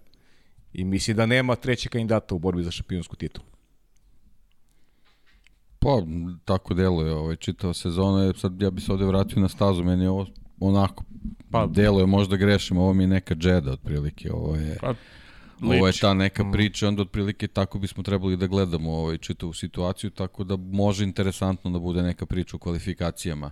Da li ćemo možda dobiti neki super pol kao što ga je ovaj, Čeko Perez izvezao, da li će možda neku drugu, drugi moći da se ubaci, ubaci u tu priču, ali ovde će isto, ono, bitan je faktor, pretpostavljam da je asfalt potpuno nov, ovaj, da da je tu dosta bilo rada u simulacijama, pa ćemo videti, tu je ono sad, sad uh, veliki ispit za Ferrari, koliko je on kao ekipa spreman da, da se pripremi za trku koju, koja se prvi put vozi, a Red Bull je u, u poslednjim godinama, onako dok je, dok je bio u borbama za titulu, imao te, te prilike da ovaj da, da dolazi na nove staze gde mora da, da izvuče maksimum, tako da su, tu su malo možda rasterećeni, pa ćemo vidjeti o, Ferrari generalno ima, ima taj pritisak zbog tog, tog jako čudnog izdanja u Imoli pomalo, pomalo i nesrećnog i onda malo, malo i brzopletog, brzopletog vezano za, za, za ovaj, onu, onu Šarlovu jurnjavu i, i okretanje na stazi, tako da eto, taj, taj pritisak ono, postoji na njihovoj strani i eto, malo je, malo je nezgodna situacija što se baš u ovom trenutku ide na potpunu nepoznanicu od staze, tako da mislim da može da bude da bude jako jako interesantno, ali generalno no, ne, bi, ne bih tu ništa menjao, samo bih i, i čeka Pereza ubacio u čitavu priču. Koliko ima DRS zona? Nisam... Jesi, jesi rekao to? DRS zone, ja koliko znam, jedna, Jedna, je. Da, Da, trebalo to bi da bude 16. i 17. Konfiguracije, da. Da, ali to eto, možda će opet biti malo igre kao što smo imali u Jedi, tako da eto, može, može da bude interesantno Da. i simpatično. Pa da, evo, apropo, samo da, ne, da budemo 100% sigurni da negde ne grešim, DRS zona zapravo, da vidimo, DRS Detection Zone 1 i DRS Detection Zone 2. Imamo dve DRS zone između 9. i 11. krivine i 16. i 17. Uh -huh. Dakle, moja greška, izvinjam se, kada sam se pripremao, ne, imamo tri DRS zone zapravo, između 19. i 1. takođe. O, wow. Pa to je već druga priča. Oslepeo sam pored očiju. To je druga ljudi, priča, već se. 3 DRS zone. Pa dobro, pa to je Jedi. Da, s tim što dobro, taj, ta poslednja sad što si pročitao, to je jako je kratko, ja mislim da tu ovaj, Mada dobro, interesantna ova prva krivina, možda, Pa, da. možda bude nešto zanimljivo. Kažem, poput, poput Jede, možemo možda da dobijemo neku interesantnu Pa priču. znaš šta je da. zapravo, evo Vanja mi pokazuje, ne, ne, nema tu DRS zona, Vanja, moja greška. Aha, Da, da, vidim, vidi, da, da, da, E da, da, da. ako se vidi, uh, Miš, ako možeš da pomeriš tamo gde je startno ciljni pravac, gde je strelica, tu ti zapravo treća DRS, a ti ne vidiš da. sorry, sorry. Sad malo gore, ga, malo, malo gore, gore, malo levo, još, da, još, da, još, da. gore, Da, gore, da, gore, Dođi s ove stop, strane, dođi i ustani da vidiš. pa malo ja? levo. Imao, Levo, levo. Eto, eto, to je ta prva krivina. Možda tu možda bude interesantno. Biće možda Top. sečenja i, top, Vanja, i ko top. zna sve, šta Top. sve. E, ali vidi, vidi, ovo je moja loša priprema, ja se zaista izvinjam kako sam ja zapisao jednu DRS zonu, ne znam, ali sam uspeo da je Pa promašam. nema veze, pa dobro. Ali slušaj ovo, ali vidi, zanimljivo je zašto, zato što zapravo od 17. krivine, kada prođeš 17. na izlazu iz 17. je aktivat detekcija zone broj 3. Tako da Pa ti lepo kad me kare- ispratiš, Lepo Da. rekao, lepo rekao Deki, Džeda. Može, može da bude igranja, a deluje mi da je, da je profil staze jako jako puno krivine, ima stvari koje nisu krivine, nek se voze punim gasom, tako da... Pa i smo i kokit. Nešto mi deluje kao taj profil. Isto 3, 3 DRS zone. Imamo 3 DRS zone, isto ali znaš šta će da. ovde biti zanimljivo? Zona detekcije DRS zone 1 je na izlasku iz osme krivine i onda ideš punim gasom kroz 9. 10. 11. Na 11. imaš, nemaš najsnažnije kočenje, ali dovoljno agresivno će biti. A de, zona detekcije broj 2 je na, na pravcu između 16. i 17. krivine. E tu će biti repriza Džede gotovo sigurno. Dakle, ako tu imamo dakle, detekciju DRS zone i ti na 16. krivini, ti izlaziš i ti sad tu ćeš biti zapravo ispred, a ona iza će moći koristiti DRS, Da, pa ne znam, kažeš, to izgleda neka, neki novi trend u Formuli 1, ali dobro. Da. Okay. Dobro. E, Ajde, inače, Miami, koliko god se nekome sviđaju ili ne, je jedna od najvažnijih trka za Liberty Media. Dakle, to što imamo show otvaranja, to što imamo veštačke jahte i veštačku vodu i bizarne neke scene iz te perspektive, sve nekako, ko, ko kad dođeš i na stolu je, znaš, lažno voće. Da, ali apropo tog show otvaranja, nije to njihov izum. Show otvaranja na Le Manu postoji mnogo, mnogo godina u nas. Liberty Media, šta radi? Ono što bih ja rekao da se uočava, to je prikupljenje čim vidi da nešto radi i nešto negde postoji, uzmi, primeni. Pa da, ali ono, to, to rade u Americi samo. Za sada da.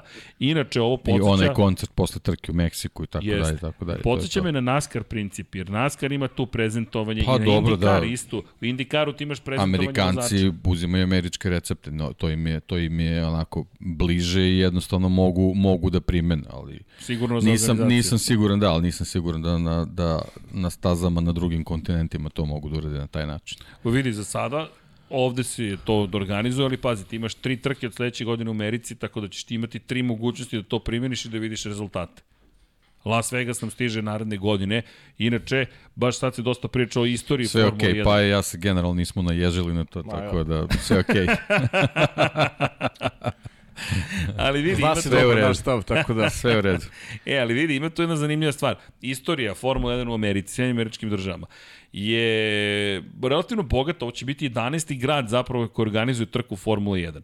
Watkins Glen, to je čuveni Glen, je jedno od najvažnijih mesta, međutim, ej, gdje je jedna posebna stvar, moram da spomenem jednog čoveka, ja se izvinjavam, Tony Brooks. Nažalost, danas je preminuo Tony Brooks, 90 godina imao Tony Brooks, možda se možda ljudi ne znaju koji ko je Tony Brooks, ne sećaju se. Spominjali smo ga prošle godine u jednom momentu zašto Tony Brooks je jedan od retkih vozača koji je imao šansu da postane šampion sveta Formule 1. I on je jedan od još ređih koji učestvovao u trostrukoj bici u poslednjoj trci da zapravo osvoji titulu i po čemu je specifična ta trka velika nagrada Sjedinih američkih država Sebring 1959. Nažalost, danas smo ga izgubili, ali pošto ima 90 godina, možemo reći jedan lep život.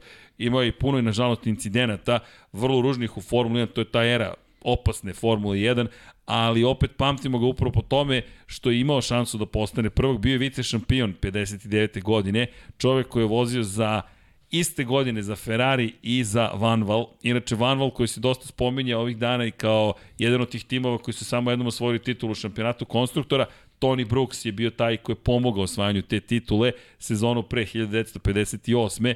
Pa eto, prosto da spomenemo Tonija Brooksa, s obzirom na činjenicu da je u Americi te godine bio treći, nije osvojio titulu, to je jedna zaista specifična sezona. Ne bih da ga zaboravimo, prosto da, da smo da pamtimo neke stvari. Jack Brabham je inače osvojio titulu, Brabham koji je dve krivine pre kraja trke ostao bez goriva i onda je gurao svoj bolid do cilja, ne bili postao prvak, eto, prosto nešto što, na, nadam se da ne zamerate, što mislim da treba zapamtiti s obzirom na činjenicu da je eto, došlo do, do, do toga da, da, da zapravo imamo i Jacka Brebama kao šampiona sveta, pa i Tonija Brooksa kao nekoga koga pamtimo. Inače, zanimljivo, to je trka u kojoj, makar i meni zanimljivo, Bruce McLaren zabeležio pobedu i postao najmlađi vozač i taj rekord je od 1959. trajao do 2003. godine, kada je na velikoj nagradi Mađarske Fernando Alonso zabeležio pobedu, bio 78 dana mlađi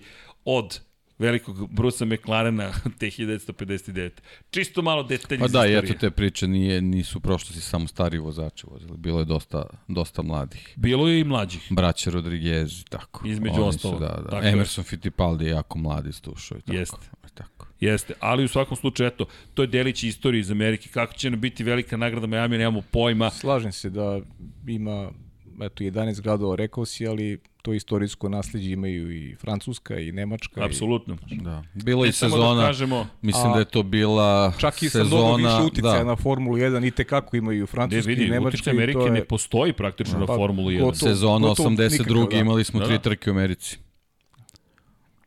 Tako je, imali Watkins smo Glen, Watkins uh, Glen, Long imali smo Beach i Long Detroit. Beach i Detroit, tako Da, je. da, da, tako da, je. da. Detroit koji je do 88. održavao se trke, ali ne Amerika. Treba da postoji trke u Americi, ali da, ih da budu u velikom broju, mislim da Ali to je pazi, apsolutno nepotrebno. ovo se nikad nije desilo da se Formula 1 uspe da otvori američko tržište. To je Lewis Hamilton rekao da je njemu zapravo neverovatno da je uspela Formula 1 da postane popularna u Sjedinim američkim državama. Ljudi, organizatori trke u Formuli 1, evo ovde Dekiju pokazuju da je 2-1, tako Pratim, da... pratim, gledam, gledam. Ali Deki, ne, pa nasmej se, A nas sve, evo na... Mislim da je mantra uključena na, na, na šesto u ovom momentu. Znači, ono, ako Tony Stark kaže voliš me 3000, mantra je 3001 u ovom momentu. Eno ga i Filip tamo. Filip isto čuti, ne, mr, ne diše, ne mrda se. Ok, ili crveni badge isto? Ćuti sve u redu, vozi, pričaj o Americi. Pusti se na Ameriku, pusti pusti Liverpool, mene. Dakle, kaže Lewis Hamilton, neverovatno je da smo otvorili Formulu 1 u Sjedinim američkim državama na ovakav način. I jeste.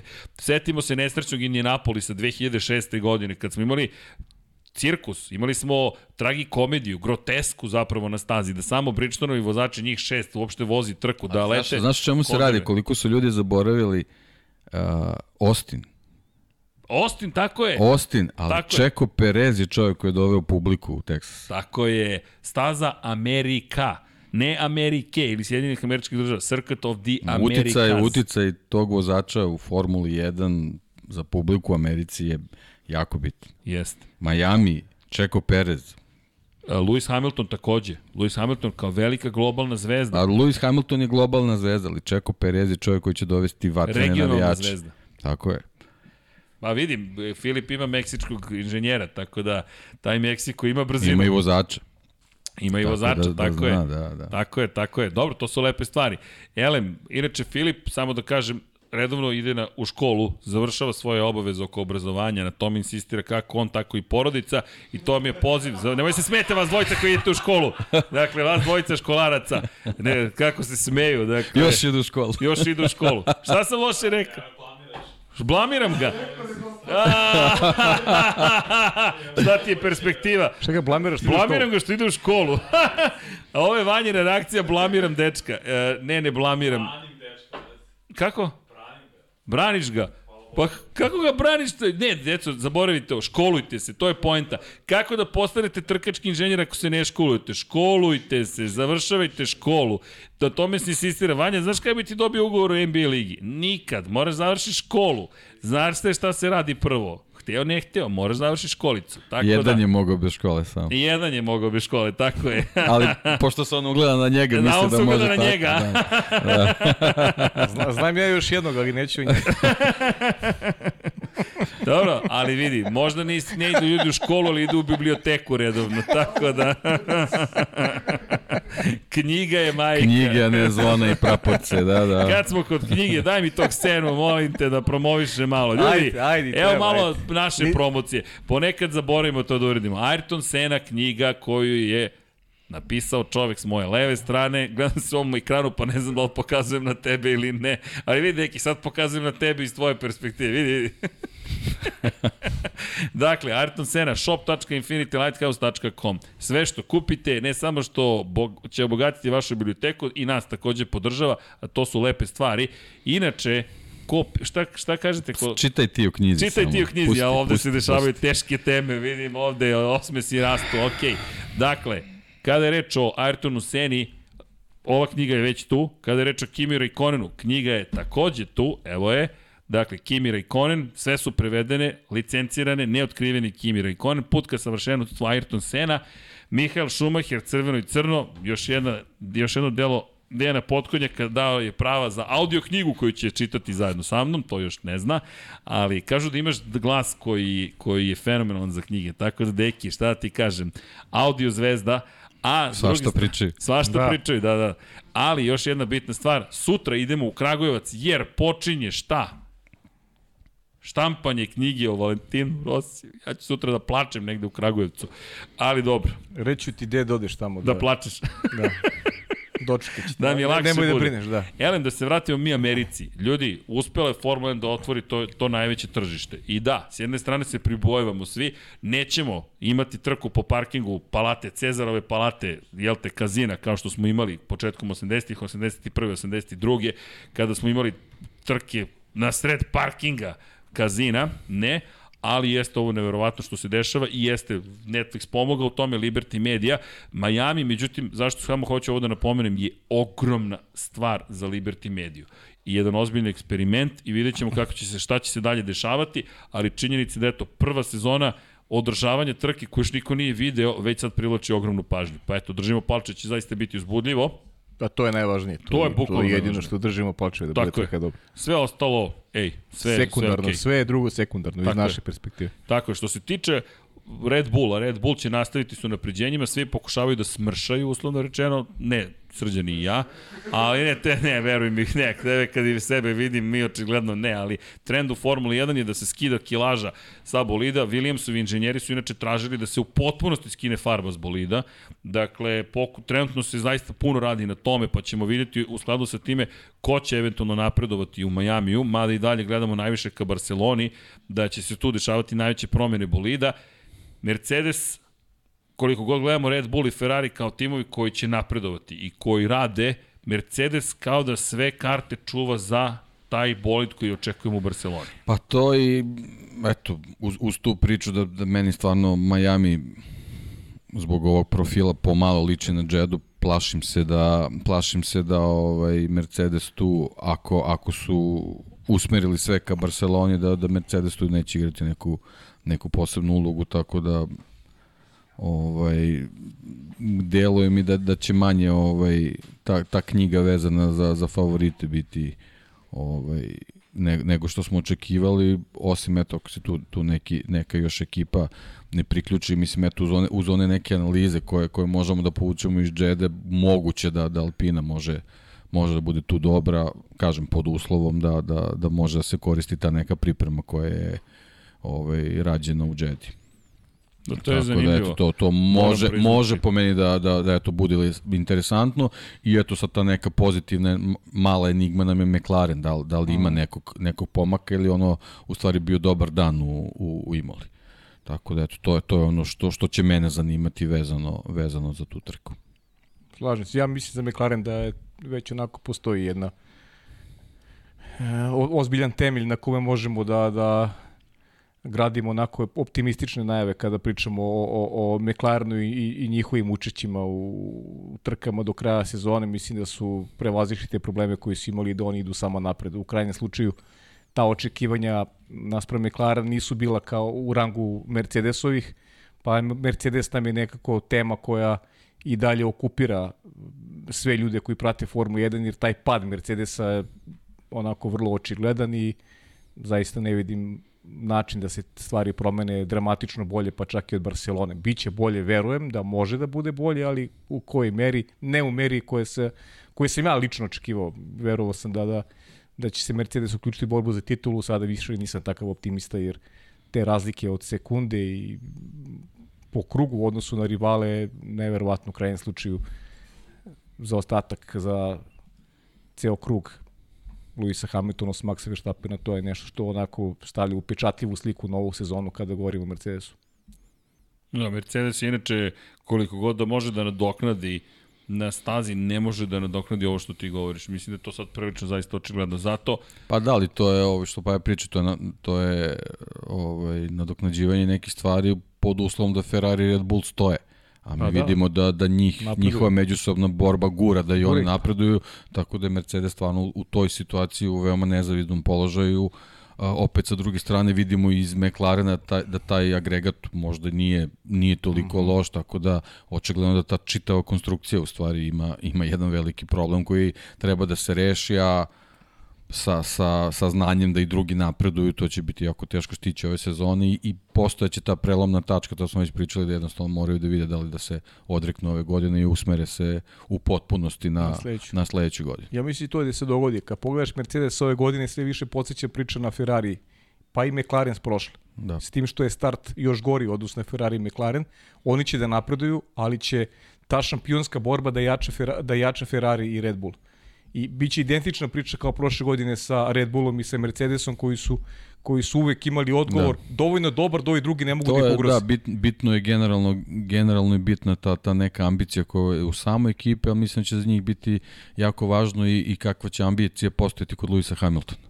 Pa to je ono što ako on bude, ako on da. bude ovaj čovek a na, naravno njegove sposobnosti su takve, ako on bude čovjek koji će gurati u nekom trenutku ekipu, možda, možda to bude ne, neki, neki dodatni napor ovaj koji može da se uloži, a ako ne, onda, onda stvarno može da bude neka situacija gde će morati da se opredele kako dalje, da li ono, gledati u sadašnjost ili, ili već krenuti u budućnost. Ja sam ubeđen da će Luis pobediti jednoj trci ove sezone. Da se neće završiti ni tekuće godine bez jednog njegovog triumfa. Da neće biti pasivan u toj meri da, da će se onako držati sa strane, već da će poboljšanje Mercedesa, verujem da će iskoristiti jednom momentu borbu koju će voditi Charles Leclerc i, i, i Max Verstappen, tako da eto, to je neka prognoza.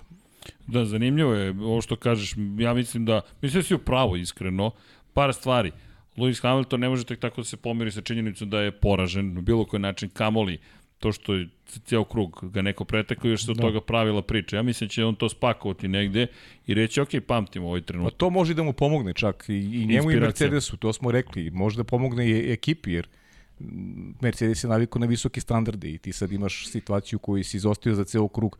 Možda zamisliš, znaš, Mercedes je ponos Nemačke, Mercedes je uh, neko ko je toliko bio dominantan u, u šampionatu Formule 1 da neće da neće ovo da prođe tek tako. Pa, u- u- u smislu njihovog Wolff na napretka. kraju trke i A kaže da. ti izvini za ovo što si morao da Naravno, voziš. to, tako. to se više neće ponoviti sigurno. to, to vidi, to je meni na nivou, ali za razliku od Yamahe, koja očigledno ništa nije promenila, mada je našla svog vozača Fabio Quartararo, mi pričamo, o- to, to Yamaha se izvinjavala svojim vozačima 2018. na Red Bull ringu, dakle u Austriji. E sad, Toto Wolff, verujem da sebi ne može da prišti da se ponovo izvinjava. Problemi sa poskakivanjem i dalje postoje. Šta to znači? Problemi sa poskakivanjem, ne viš... Deki, Deki, šta je to? 3-2? A dobro, sad morate izgubite 3-7, šta, 3-6, da... Ne, ne, okej, nemoj to da govoriš, ne izgovaraš. Nema stvar, to... je, stvar je samo u kontroli pneumatika. Ne možeš, ne možeš punim gasom prvi deo trke le- i posle rekao. ništa. Warp pet, Ne, konstantno. drastična, drastična razlika u statistici, evo sad se gleda. Ne, vidi, vidi, počne da vrti palčeve, za, zadovoljstvo je naraslo. Verite, A ljudi. Ne, progovorio, progovorio, progovorio. u krajnjem slučaju progovorio.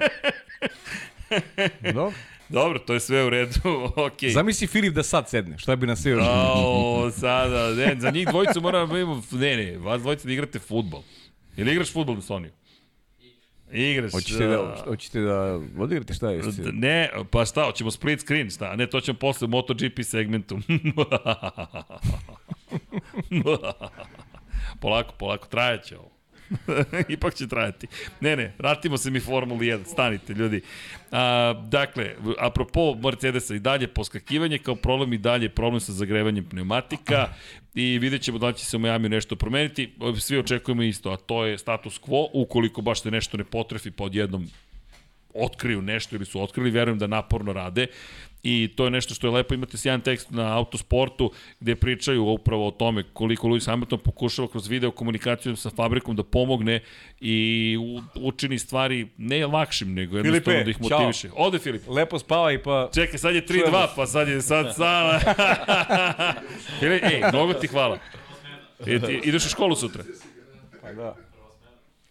Prva smena. Ja, nemoj da zvoni. A, Gdje nam je zvonce, Vanja? Ding, ding, ding, ding.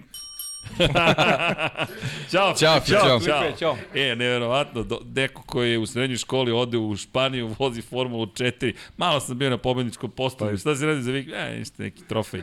I šta sad dajmo? Prvi školski čas. Pa šta će? Ništa da uči. Idemo dalje. Uči, Vanja, gledam te. Ne taj Krusty the Clown majicu, nego da se uči.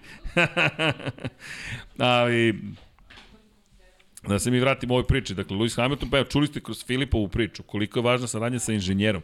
Sad zamislite koliko je nekom u fabrici važno kada se pojavi Lewis Hamilton, makar i na video pozivu kaže ajmo ljudi da radimo. Nema, nema, nema šta, idemo da radimo. Za sledeću sezonu varujem da će biti spremni, ali eto, da se ne vraćamo da vrtimo priču, čekamo Barcelonu zapravo iz perspektive Formule 1. Što se tiče ostalih timova za McLaren, to smo već rekli, ok, ajmo. Pazi, ovo je važan vikend za McLaren. Ljudi, McLaren veza sa Amerikom je izuzetna. Dakle, veoma snažna. Mi kada pričamo o Americi, mi pričamo o tržištu, ne samo o tržištu, mi sada pričamo o poslovno-emotivnim vezama. Pa on je prošle godine vozio NASCAR sa brojem 3, znaš, njemu je Zach Brown dao, Zach Brown koji je Amerikanac, izvršni direktor McLarena, dolazi iz Sjedinih američkih država, je pružio jednu vrlo ozbiljnu podršku zapravo u celoj priči, na primjer Danielu Ricardo i dalje mu pruža, on je dalje zvezda. I da, i to nismo spomenuli, šta se još desilo u Moto Grand Prix i Formuli 1. Moto Grand Prix je dugi niz godina imao praktično monopol e, u jednoj demografskoj grupi ne zamerite ni devojke, ni momci, ni ljudi, mi vas ne posmatramo demografiju, već kao ljude, ali kada se rade analize, podelite ljude po određenim demografskim grupama. Jedna od grupa koja se značajno istakla kod Moto Grand Prix-a je bila grup, grupa zapravo tinejdžerki, to jest devojaka koje su od 13 do 19 godina, koje su predstavljale jedan novi deo publike u Moto Grand Prix-u. I to je nešto što Formula 1 uopšte gotovo nije imala. Dolaskom, što? Maxa Verstappena, Charles Leclerc, Georgea Russella i Landa Norrisa pogotovo, to se takođe promenilo.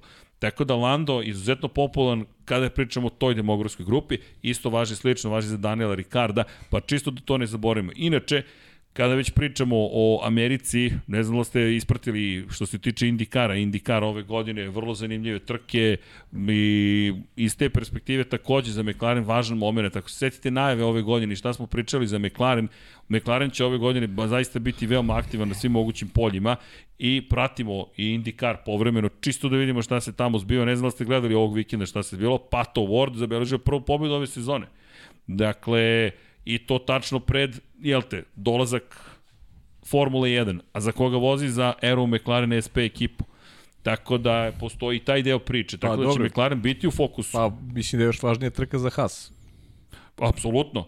To je sledeća ekipa koja dolazi na A, red. Oni To je njihova na, zemlja. na, domaći, na domaći teren i vrlo važno da neki poen upišu u Majamiju, to možda pomogne Ginu Hasu u nekoj, ajde da kažem, stabilizaciji i da vidimo u stvari kako će da se rasplete ta priča koja je i dalje aktualna vezano i za Andretija i šta će biti s Hasom generalno u budućnosti. Ovo je dobra polazna osnova koju imaju sa, sa Kevinom Magnusenom, sa rezultatima koji su, koji su dobri, koji negde priču čine izvesnijom kada pričamo o njihovoj budućnosti i naravno koga čekamo? Čekamo Mika Šumahira da ovdje smo govorili nekoliko podcasta unazad da i on upiše prvi poen da probije led što se kaže bilo je onako dobrih nastupa na u Imoli i dobre kvalifikacije nije to potkrepio sa nekim rezultatom sa sa trkom imao je problem na startu ali eto ja od Hasa očekujem da ovde ovaj, pokažu neku volju i jedan i drugi vozač i nadam se da će osvojiti poen. Bilo, bilo bi dobro, mislim, zbog perspektive tima, zarad neke njihove finansijske stabilnosti koja bi ih ostavila u, u priči i u godinama koje slede. Eto. Inače, kada spominješ Haas, samo bih napomenuo još jednu stvar, to je onako malo iz, što kažu, prošlosti, ali Roman Grožan će se takođe pojaviti tokom ovog vikenda, čovjek koji vozi za Andretti Autosport, to je za Andretti Motorsport, čovjek je koji, ne Autosport, izvinjam se, je čovjek koji će zapravo biti zvanični ambasador velike nagrade Majamija. Tako da, šta su uradili opet u Liberty Mediji, dakle danas baš pričam s prijateljima oko toga i on kaže, ej, si vidio ko je ambasador Majamija?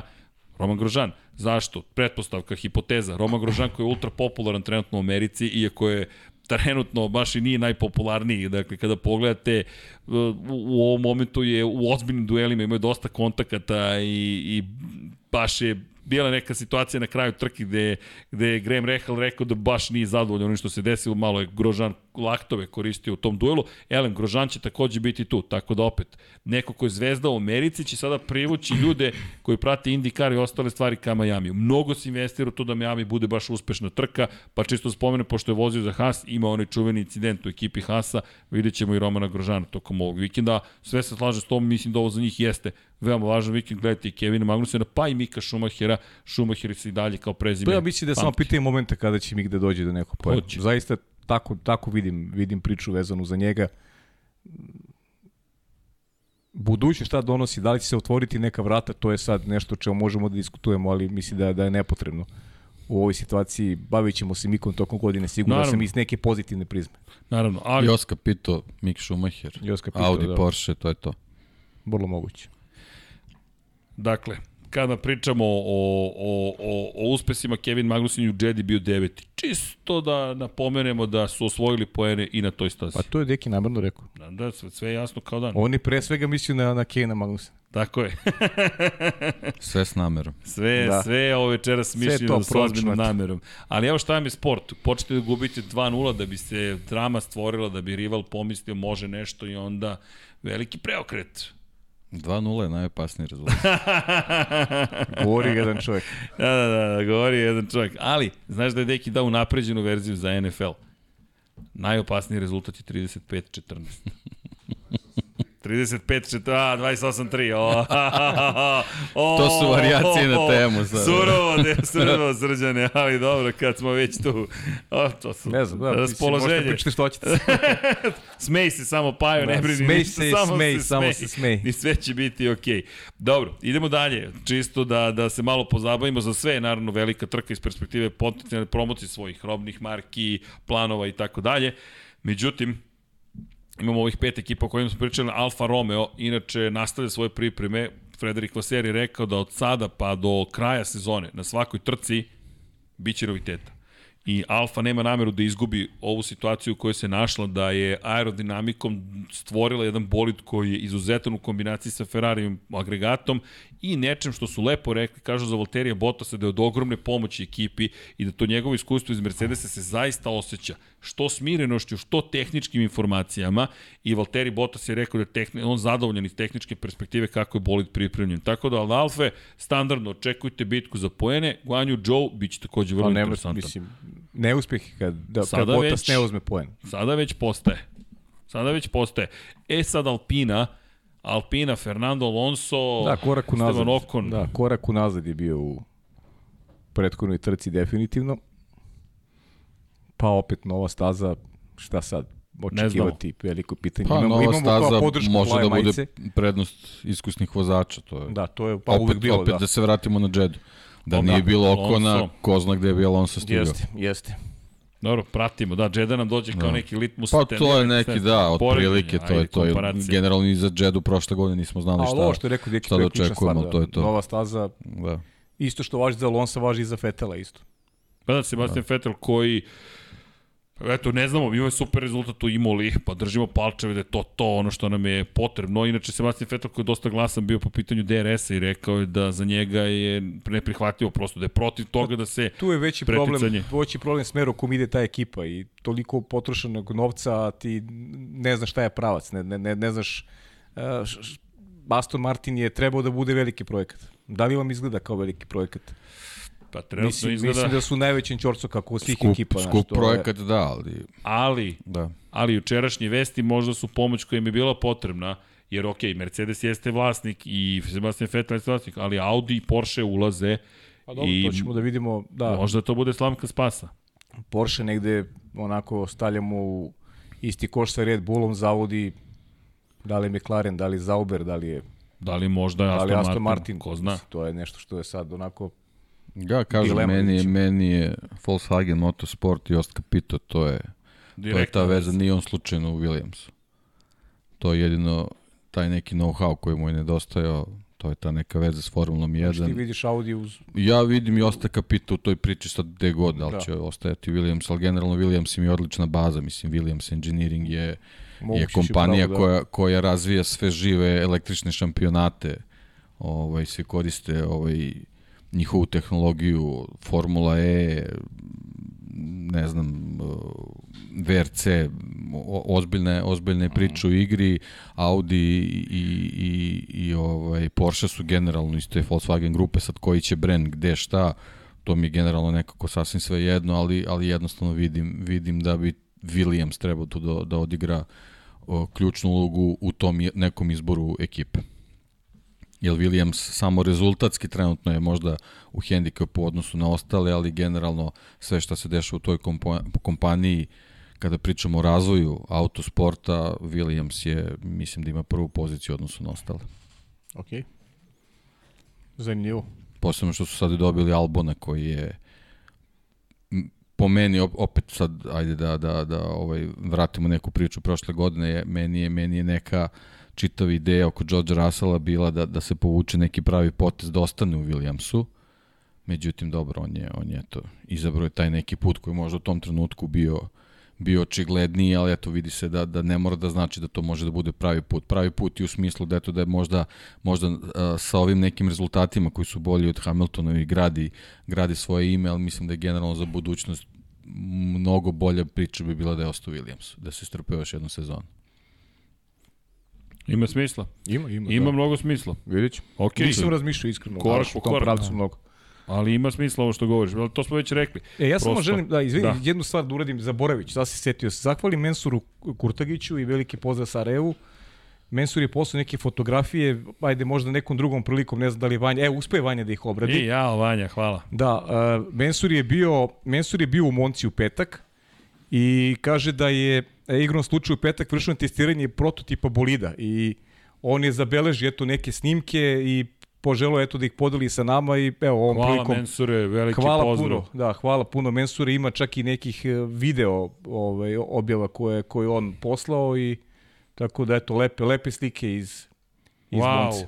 fantazija. Još Monca, Jeste. kraljica brzine. Eto. Hvala Mensuru još Hvala. jednom i, i pozdrav pozdrav Sarajevo.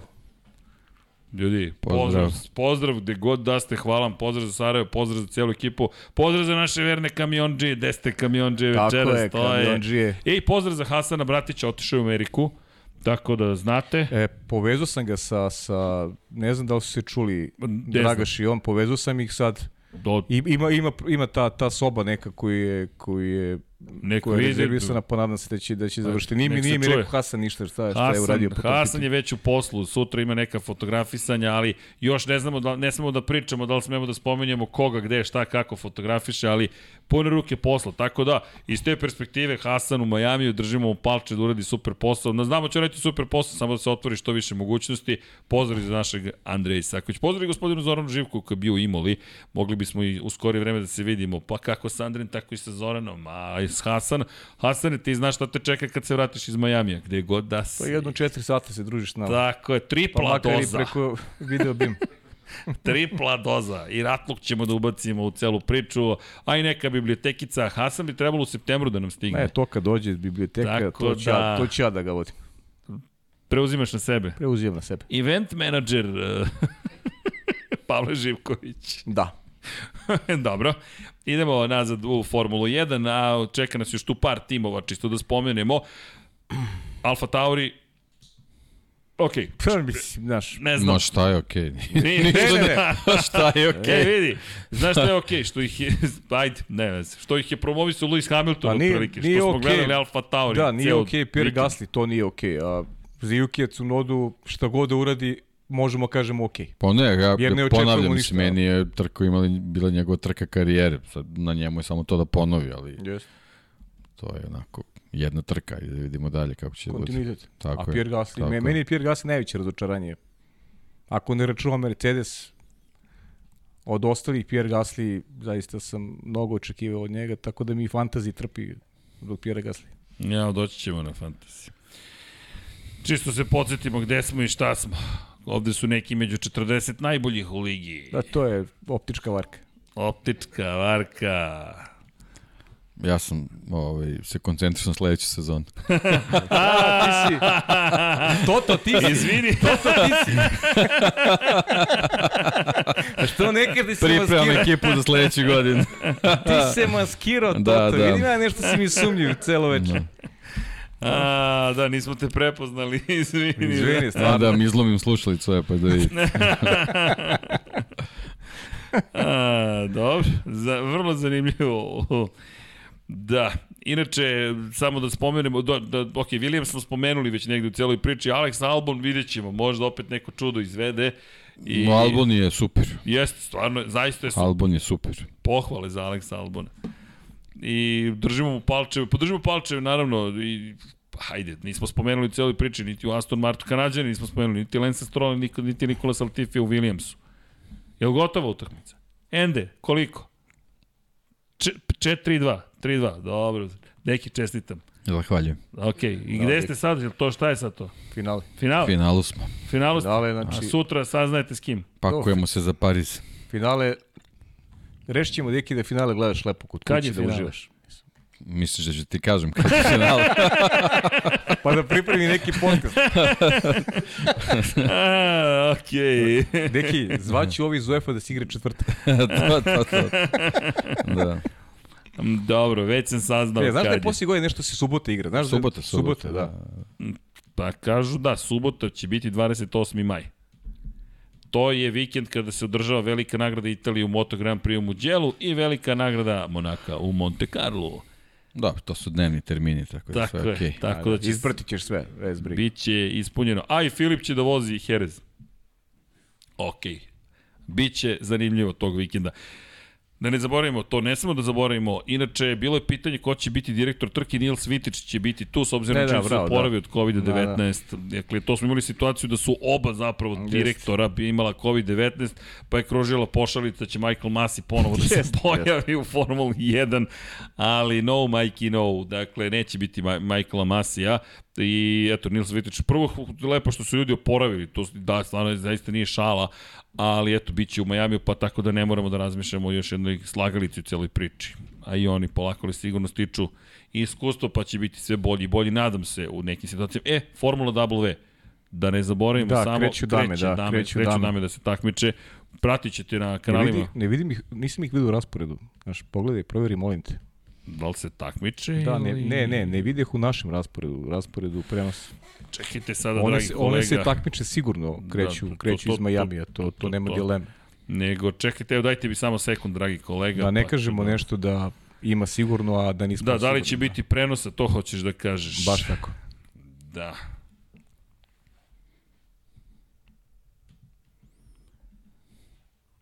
E sad, samo sekund, nemam potvrdu. Pa to ti kažem. Dobro, ništa, morat ćemo to da proverimo e, definitivno. Viš, nema, nema u... Da, zanimljivo. Dobro, ali biće... Ali kreću, dame kreću Tako sigurno je. to i trebalo bi da ima, ali moguće da je, da je neka greška u pitanju, ajde sad da, da ne prejudiciramo, ali svakako devojke kreću. Evo na wseries.com kaže Broadcaster Sport Club, tako da ne znam šta Znači, bi vam to je rekao. Ok, dobro. E, Ne, to je, to je sigurno, nego samo pitanje... Moguće da je Da, onako Ako one kažu da prenosite, greškom onda prenosite. Tako, ma da, nije sporno. dobro. Idemo Možda je dalje. zaboravljeno trenutno, ali svakako, svakako kreću i on, društvo manje više identično kao prošle godine. Nema naravno Sidorkove iz dobro poznatih razloga, Da. ostalo je manje više isto. Ima tu nekih novih lica, novih dama, ali upoznavat ćemo se s njima vremenom, kako odmiče sezona. Evo, pokušavam ovde da rešim pitanje. Ok, idemo dalje. Dakle, Formula 1, imamo nešto da dodamo. Hoćemo malo pitanja i odgovore za Formula 1 da iskoristimo pre nego što se bacimo malo i na Moto Grand Prix malo više. Pošto je tek 11 sati. Ali deki, je sad ok? Smo sad safe. Kad nije bilo. Kad okej. nije bilo.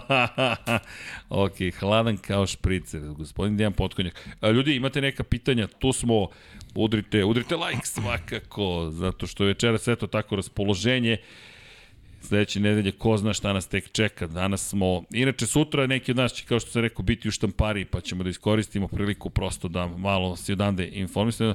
Znači ti štamparije pravo u kabinu, znači čekam te Tako je. tamo. Tako je. Bukvalno iz štamparije stižem u kabinu i onda ujutro za Niš imam predavanje na, na fakultetu Vanja, zato što sam se školovao.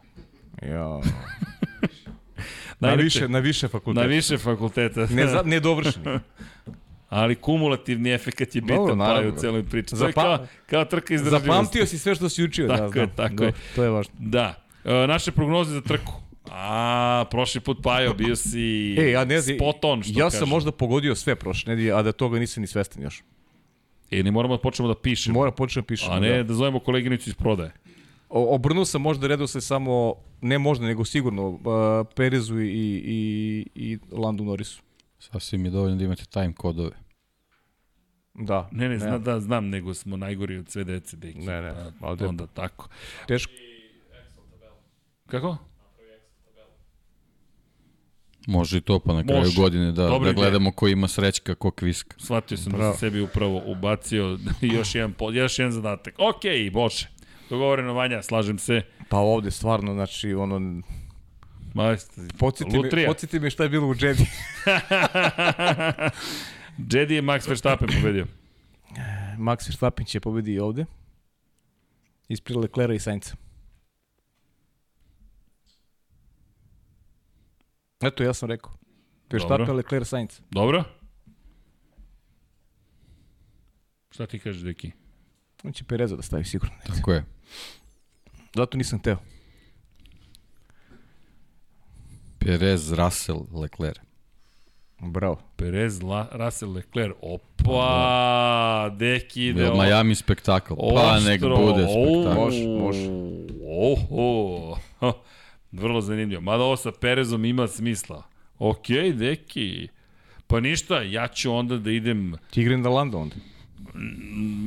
Ne, Leclerc, Lando, Verstappen.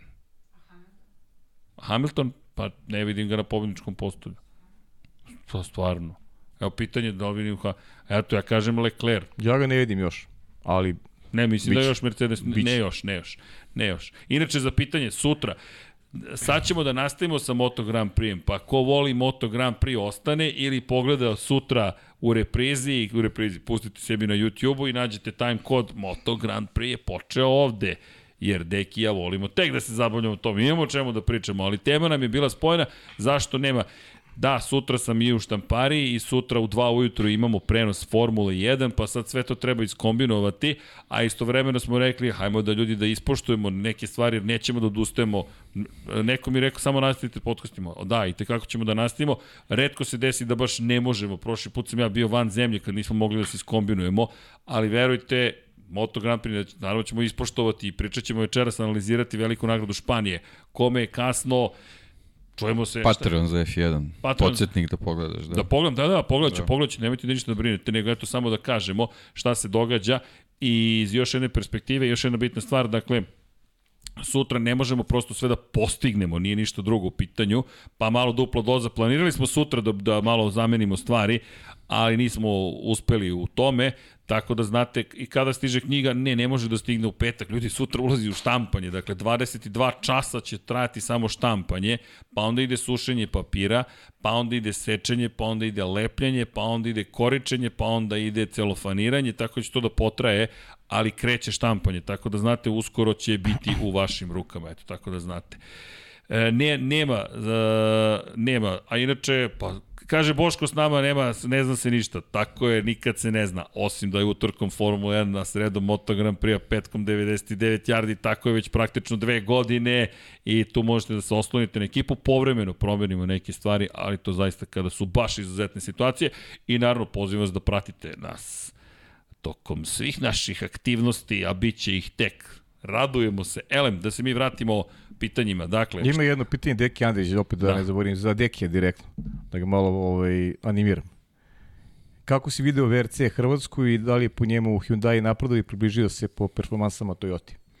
Pa Hyundai je generalno ok, oni su samo imali problem sa tom pouzdanošću, ovaj, tako da se nadam da su da su prebro- prebrodili te, te probleme. Mislim, generalno bi bio, bio i bolji plasman, eto da Oliver Solberg malo nije imao tih, tih problema i taj požar i sve, sve šta je imao. Generalno, ponovo zanimljiv reli, to mi je jako drago, ovaj, posebno što vidim da su se tako etablirali u tom VRC svetu i generalno, eto, vidim da tu ima malo nekih kako bih to rekao, nesuglasica vezan za tu organizaciju i sve to, stvarno bih volao da to prevaziđu i da, da, da se taj, taj reli onako ustali, ustali u kalendaru, ovaj, vidimo da i te promene etapa ne, ne, ne prestaju, u stvari itinerera ne prestaju neke, neke specijalne probleme, to je generalno zanimljivo, vidim, vidim te šale vezane za 50 nijansi asfalta, ovaj, koji su bile u, u Hrvatskoj, ali eto, ako je za utehu našim, našim prijateljima odande, ovaj, i, i na Tari nije ništa, ništa drugačije. Ovaj, tako da svako ko dođe sa strane bude zatečen koliko ovaj,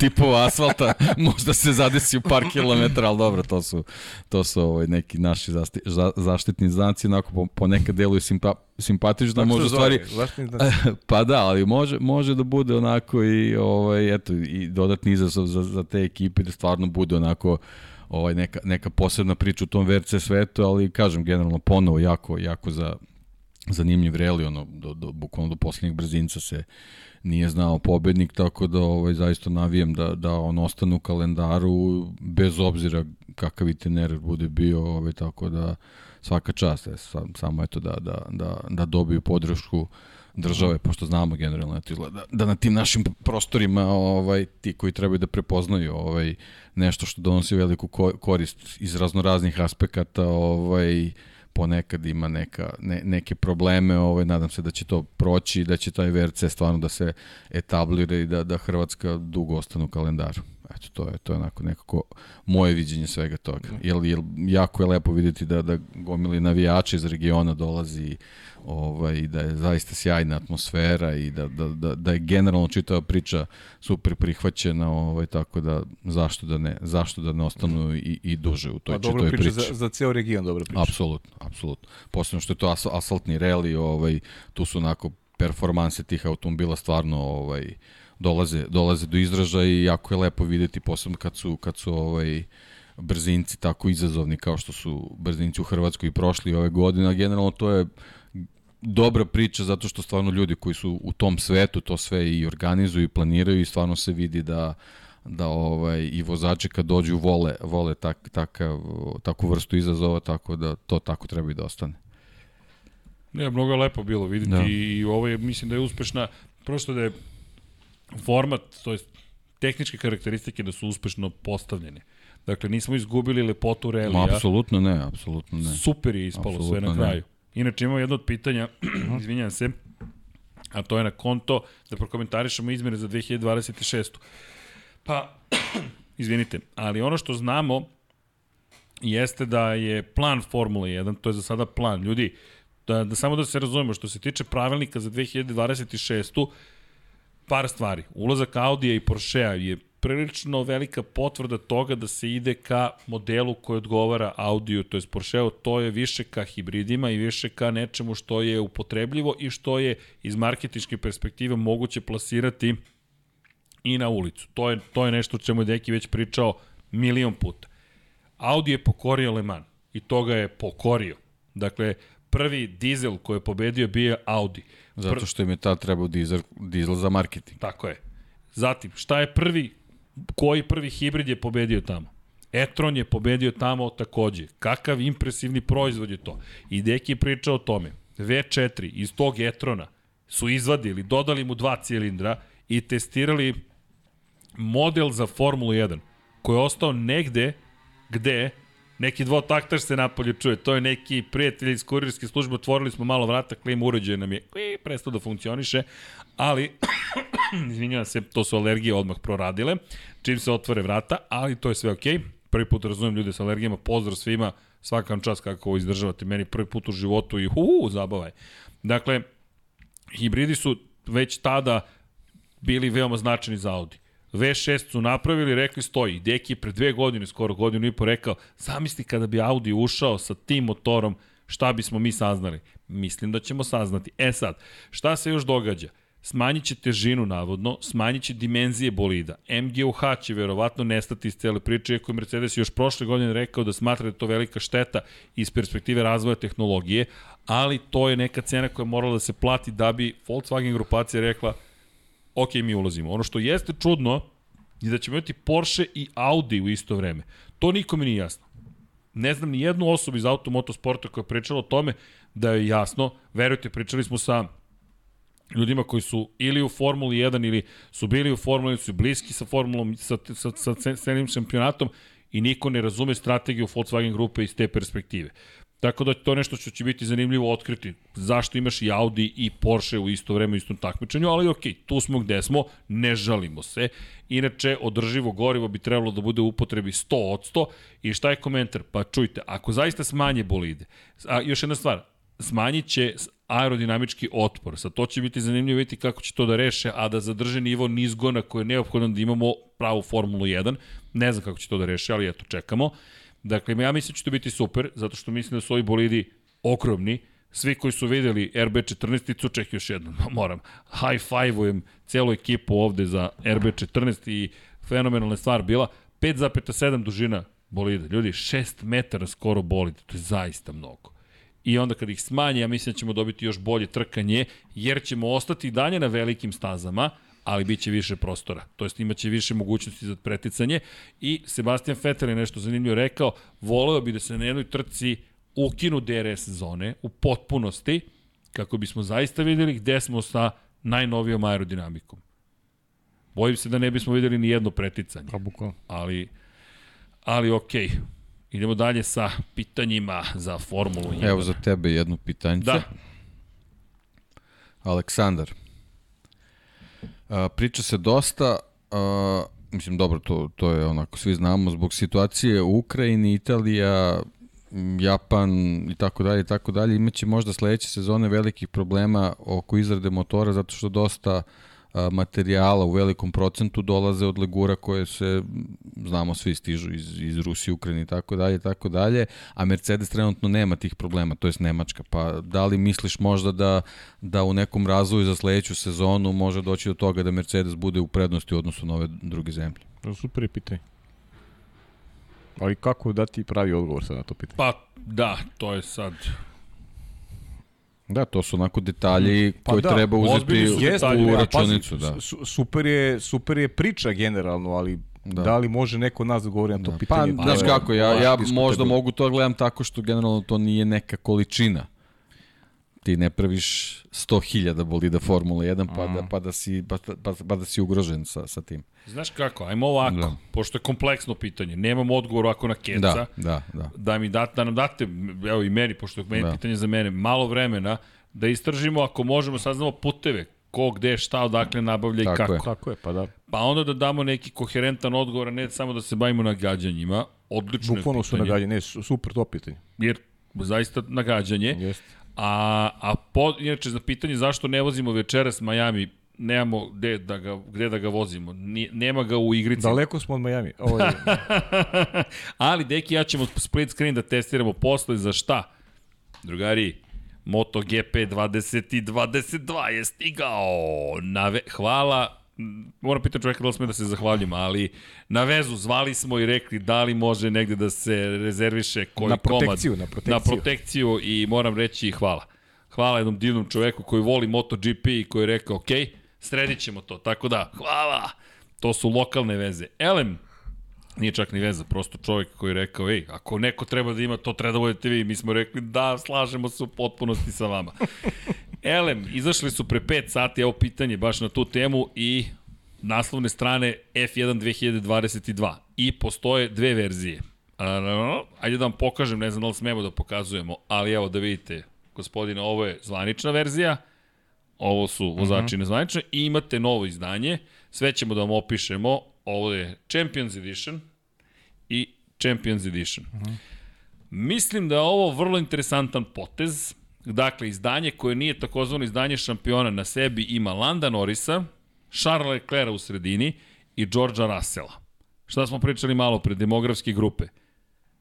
To je ta nova generacija. S druge strane, na, u, na, u izdanju šampiona se nalazi ko? Max Verstappen, ispred Luisa Hamiltona, Sebastijana Fetela i Fernanda Alonsa. o, šampioni. I još jedna stvar, pokrivaju sve nas. Ko se seća Alonsa, ka, a, Alonso mi je na naslovnoj strani, super. Ko je Lewis Hamilton, kaže, a, Lewis Hamilton mi je na naslovnoj strani. Max Verstappen, evo mi ga na naslovnoj strani Max, tu mi je Sebastian Vettel. Ispostavio si, i sad si uspeo sedam vozača od 20 da staviš na naslovnu stranu igrice. Okej. Okay. Vanja, šta ti kažeš? E, ne dopada ti se to. Šta, koga bi ti stavio? Jedan vozač da bude. Meni i to ima smisla, kao NFL Madden nekada. Jedan koji je Pa zaslužio. kao i FIFA. Kao i FIFA. I ko bi ti bio? Max. Šampion. Slažem se. Ali onda ti je uvek šampion na naslovnoj strani. Da, da, ako ponavlja osvajanje titula. Ali dobro, lepo izgleda svakako. Inače, dopada mi se MotoGP 2022. Za mene značajan napredak odnosno na 2021, pogotovo na PlayStationu 5, s obzirom na činjenicu da da na R2 i, i, i L2 način na koji upravljate je mnogo bolji. Imate otpor, otpor raste kako pritiskate praktično dugmence. Tako da znate zašto trenutno ne igramo, zato što nemamo, šta, da- nemamo gde da vozimo Miami. Vrlo je, vrlo je jednostavno. Inače, pozdrav svima koji su koji su tu. Ako može komentar Deki na Suzuki, nekako ga je Liverpool poljuljao u prvom polovremenu, pa je ostao nedorečen, to je preozbiljna tema, trenutno doći ćemo, Pa, sad će to- drugo Pa da, polovreme, Sad ćemo, da. sad ćemo Da. drugo polovreme. Da, Paju ćemo da pustimo, ako se slažete. Pa ja idem na poluvremenu, da. Tako je. E, Alex, bit će bolje, ja, ja idemo. sam igrač za 45 minuta. Toliko imam snage. Villarreal. Da. Villarreal, Villarreal, bravo, deki. Bravo, deki, Villarreal. Da, evo Aca Ristić kaže 35 do 40% vrlo letkih regulanih mehana dolazi iz Rusije, zato sam i pitao, čuo sam priču o tome, a Nemačka nema zabrane za svoju automobilsku industriju. Već ste i dali odgovor, ko zna koja rupa će se gde primeniti da bi se nešto završilo, uradilo i tako dalje. Ali da ne bismo vam davali odgovor koji je ovako, istraživanje uživo, dajte nam malo da se raspitamo, pa ćemo da vidimo šta može da se desi. Ivan Vujasinović kaže, mislite li da je produženi odmor Hamiltona između dve sezone jedan od uzroka lošeg Mercedesa i to što je Russell bolji, pošto je ipak učestvovao u izradi bolida za 2022. godinu? Russell je svake godine učestvovao u izradi Mercedesovog Da, tako bolide. U zadnje četiri sezone. ja mislim. kad je Pet deo projekta. U stvari, uh, to je bila poslednja sezona bez halova. Kad je otišao, pa kad, kad je Ili- ušao, kad da. je ušao iz Da, Formule da, da. 2, bukvalno. Manje više. Da, mislim, mislim da je on poslednjih pet sezona uključen u razvoj jeste. bolida. Mercedesovih, tako da ništa oni tu nisu ovaj, izgubili.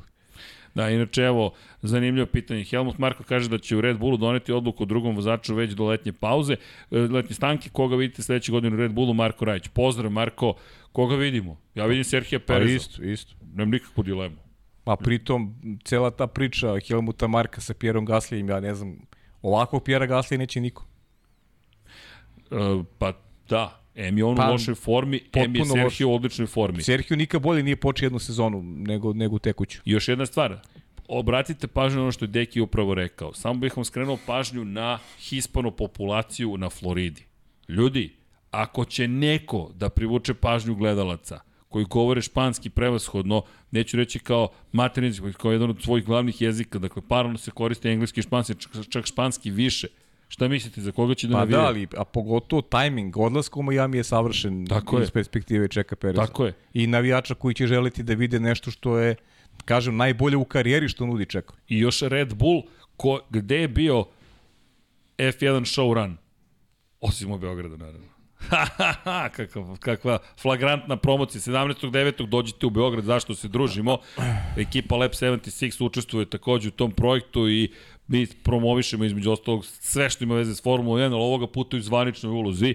Tako da, znate, bit ćemo tamo 17. 9. september, nema trkačkog vikenda za Formulu 1, vozi se velika nagrada Aragon u Moto Grand Prix, ali je subota, dan kada će David Coulthard RB7 da vozi ulicama grada Beograda, tako da ćete moći, moći da čujete osmocilindrični atmosferski motor od 2800 kubika. Čućete ga gde god da ste.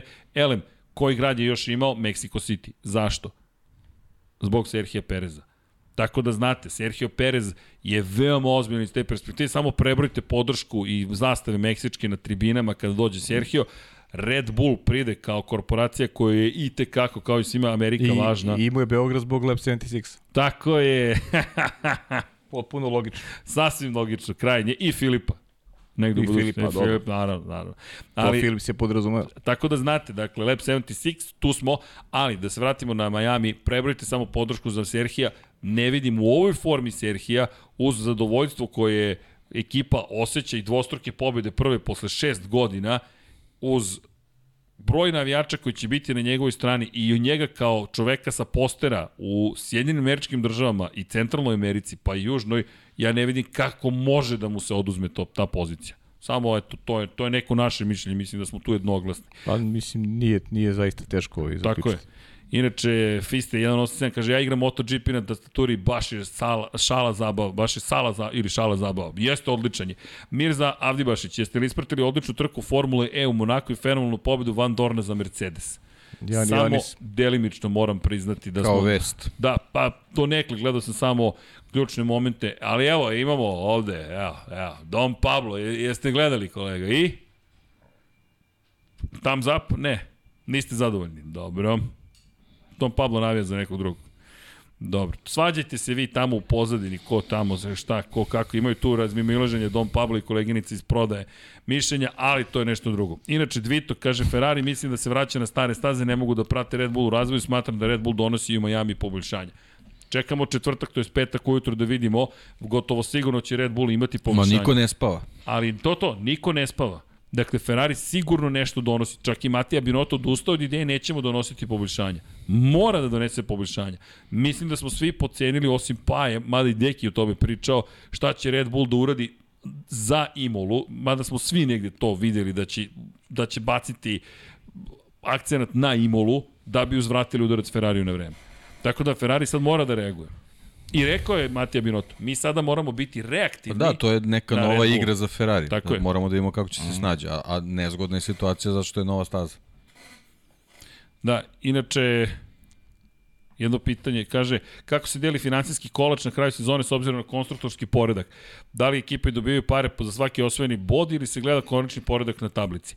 Gleda Konačni se, poredak. Da, konačni poredak. Vi dobijate određene bonuse i nagrade na svakoj trci. Za svaku trku imate neke, ali onaj, onaj kolač, onaj mesnati kolač koji se deli, o kome pričate, samo na osnovu pozicije u šampionatu sveta. I ne samo financije, već dobijate i vreme koje, kojem raspolažete prili, prilikom izra, pro, za računarsko vreme, bukvalno computational power dobijate, osvajač titule dobija najmanje vremena da u CFD-u, dakle Computer, Computational Fluid Dynamics koristi software i bukvalno im mere procesorsko vreme. Dakle, procesorsko vreme vam je ograničeno ako ste šampion.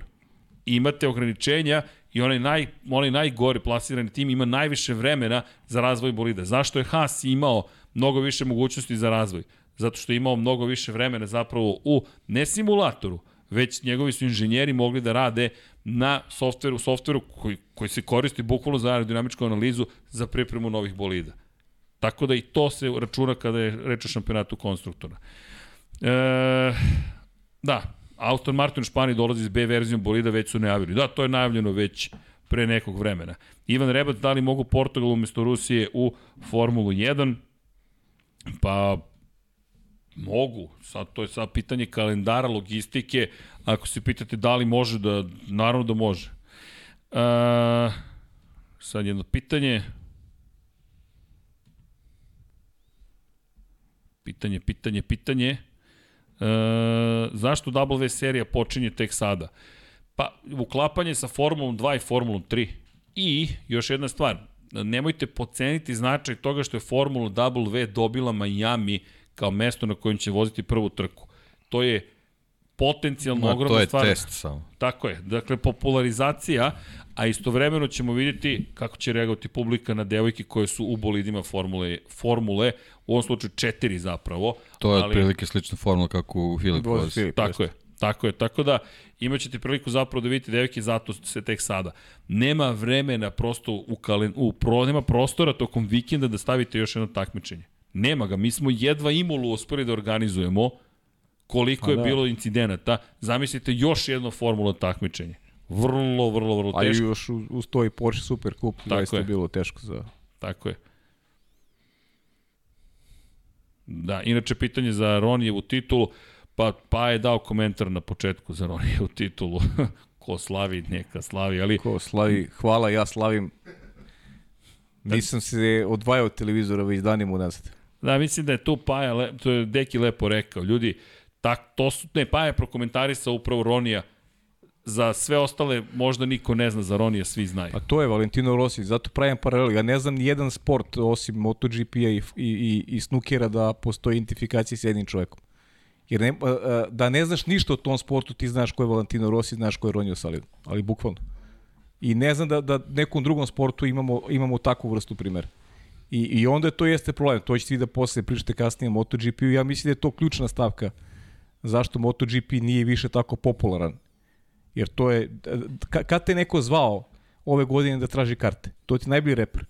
A, a nikad nas više ljudi nisu zvali iz ulaznice za Formulu 1. Ja ovo nisam doživeo, to, toliko poruka da pitaju kako mogu da nađu ulaznice, e, koje opcije da gledaju osim zvaničnog sajta. Nikada za ovih 12 godina toliko ljudi me nije kontaktiralo vezano uz ulaznice. Što mojih prijatelja, što ljudi koji pišu na, na Instagram. I sve trebaju za, zahvale Latifiju. ok, kako god, kako god, ali, ali, ali je tako. Da, da, i, pre- i pre A, a toga je sećaš se počelo. ranije godina koliko je bilo za, za, za MotoGP da se, da se ode, ljudi su da vide Rosija uživo, to je, to je poenta cele priče. Da, inače, evo pitanje, da li mislimo da će Miami biti vrlo sličan Džeda, Korniće stazi, Mr. Luxo, pa to je upravo rekao Deki na početku, dakle da, da ovo zaista podsjeća na Saudijsku Arabiju, da tu možemo da pravimo Pa da, neke podsjeća, ne mora da znači, ali delo je, delo je da će tako biti, da. Da, inače, kada je reč o MotoGP-u, puno ljudi je zvalo koji ide već na stazi. Da, Samo da se razumemo, ljudi koji vole MotoGP ili Formula Da, 1... da, koji uvijek će voleti, Tako, i koji su volili prethodnih godina, voleće i to. Iz te perspektive mnogo ljudi zove da pita ko gde ide i s obzirom što ćemo ići na trke Moto Grand Prix-a da, da se prosto organizujemo i nađemo tamo. Pri čemu Moto Grand Prix, možda, možda je loša gledanost u Portugalu i Jerezu zapravo zahvaljujući činjenici da su te dve staze na 200 km jedne od druge, 230 km i da su možda Portugalci ranije odlazili u Jerez, jer do COVID-a Portimao nije bio u kalendaru i imali smo situaciju u kojoj ljudi iz Portima, možda, to iz Portugalije, odlaze u Jerez da bi gledali trku. Sada ti imaš svoju trku, ali ono što je Paja rekao, frapantno je da Miguel Oliveira koji je tu i pobeđivao vozi ne privuče svu publiku moguću. Ali u rasponu od samo 7 dana možda su ljudi rekli, ej, idem na jednu ili drugu. Šta se još desilo? To je zanimljivo. 138.000 ljudi je gledalo trku u Brnu pre samo 8 godina. 7, 8, 7, 2015. 138.000 na dan trke je bilo. Ušao je Red Bull Ring 2016. u kalendar, 50.000 manje je došlo na, na Brno sledeće godine. Prosto, i Dorna o tome mora da vodi računa. Pa ne možeš da organizuješ dve trke. Da, ali jak, jako je teško ovaj, sa sadašnjim obimom kalendara da ti sad usaglasiš da na nekom Tako je. geografskom području u kratkom vremenu nemaš, nemaš dve trke. Sad je to baš nezgodno. Ranije je to bilo sa 15-16 trka, bio si siguran će sve biti rasprodato zato što uh, različite su geografske pozicije bile, različita grupa ljudi dolazila na trke, naravno da, da je sve bilo popunjeno. Sada sa, sa 20 plus trka, Formula 1, Moto Grand Prix i onda još neki drugi šampionati, mislim, da se razumemo, nije to baš jeftina zabava. Nije. I ima još jedna stvar, pitanje, a kakvi su vremenski uslovi, to nismo rekli, to je mnogo za, važno. Najavljena je kiša za ovaj vikend u Majamiju. Miami nije baš mesto gde kiša ne pada, gde je uvek sunčano i sve je suva zabava, ne. Tako da kiša bi mogla da pada je samo u serijama. samo u Da, serijama. palm, palme i roze neon sad. Palme, da, da, da, ali, ali kada pričaš o, o roze, boje, o, može purpurna kiša. Purpurna kiša po kiši, princ, najbolje izvođenje za mene, Super Bowl, halftime show kada je bio, to je to, je to, to potražite i pogledajte. Misliš da će ovaj reper moći da ga zaseni? Teško. Te, A znao si da je reper, a? a, Pa ne, evo sad je rekao. čuo sam. Norveški Gde kažu sam ljudi. znao? e, Ne, zato te pitam, ali... ali- možda, možda si... Ne, možda DJ, šta, izvinjavam DJ, se. DJ. Možda si muzički jedikovan DJ, toliko da... da je, da je, A da je, a? da je. Da, inače... Dragan Jovanović. E, evo ja hoću ulaznici za MotoGP za tri dana mi je rođen, hoću da se upoznam sa kvartararom, Andreja David. Andreja, u tom slučaju, evo sad malo da, ne, sad nemamo, ne organizujemo sada, ne, ne, ne, e, ne, raz, molim vas, mo- molim vas, ovo su ozbiljne teme sada. Gospodin Sava Dugi nam je poklonio dve ulaznice, do sledećeg Lab 76, to će biti 199, opa, hoće to biti specijalo Jorge Lorenzo, deki, a? 99, a to je 99. Ako je 28. maja, neće. Ne, 199, dakle ne, ali onda A napravimo ima jedan tu još specijal neki, sad ću ti reći Jorgea. datume, čekaj, samo sekund. Pazi sad ovo, pazi sad ovo. Sledeće nedelje, dve Šta? ulaznice poklanja Sava Dugi, mi ćemo samo da pomognemo za veliku nagradu Nemačke u Moto Grand Prix.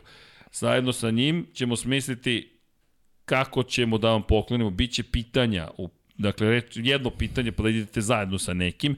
Gospodin Sava Dugi, čisto da vas pripremim, je inače veliki navijač Valentina Rosija. Nemoguće. ok, hvala Pajo. Tako da sledeće nedelje zaista neko može da dobije dve ulaznice.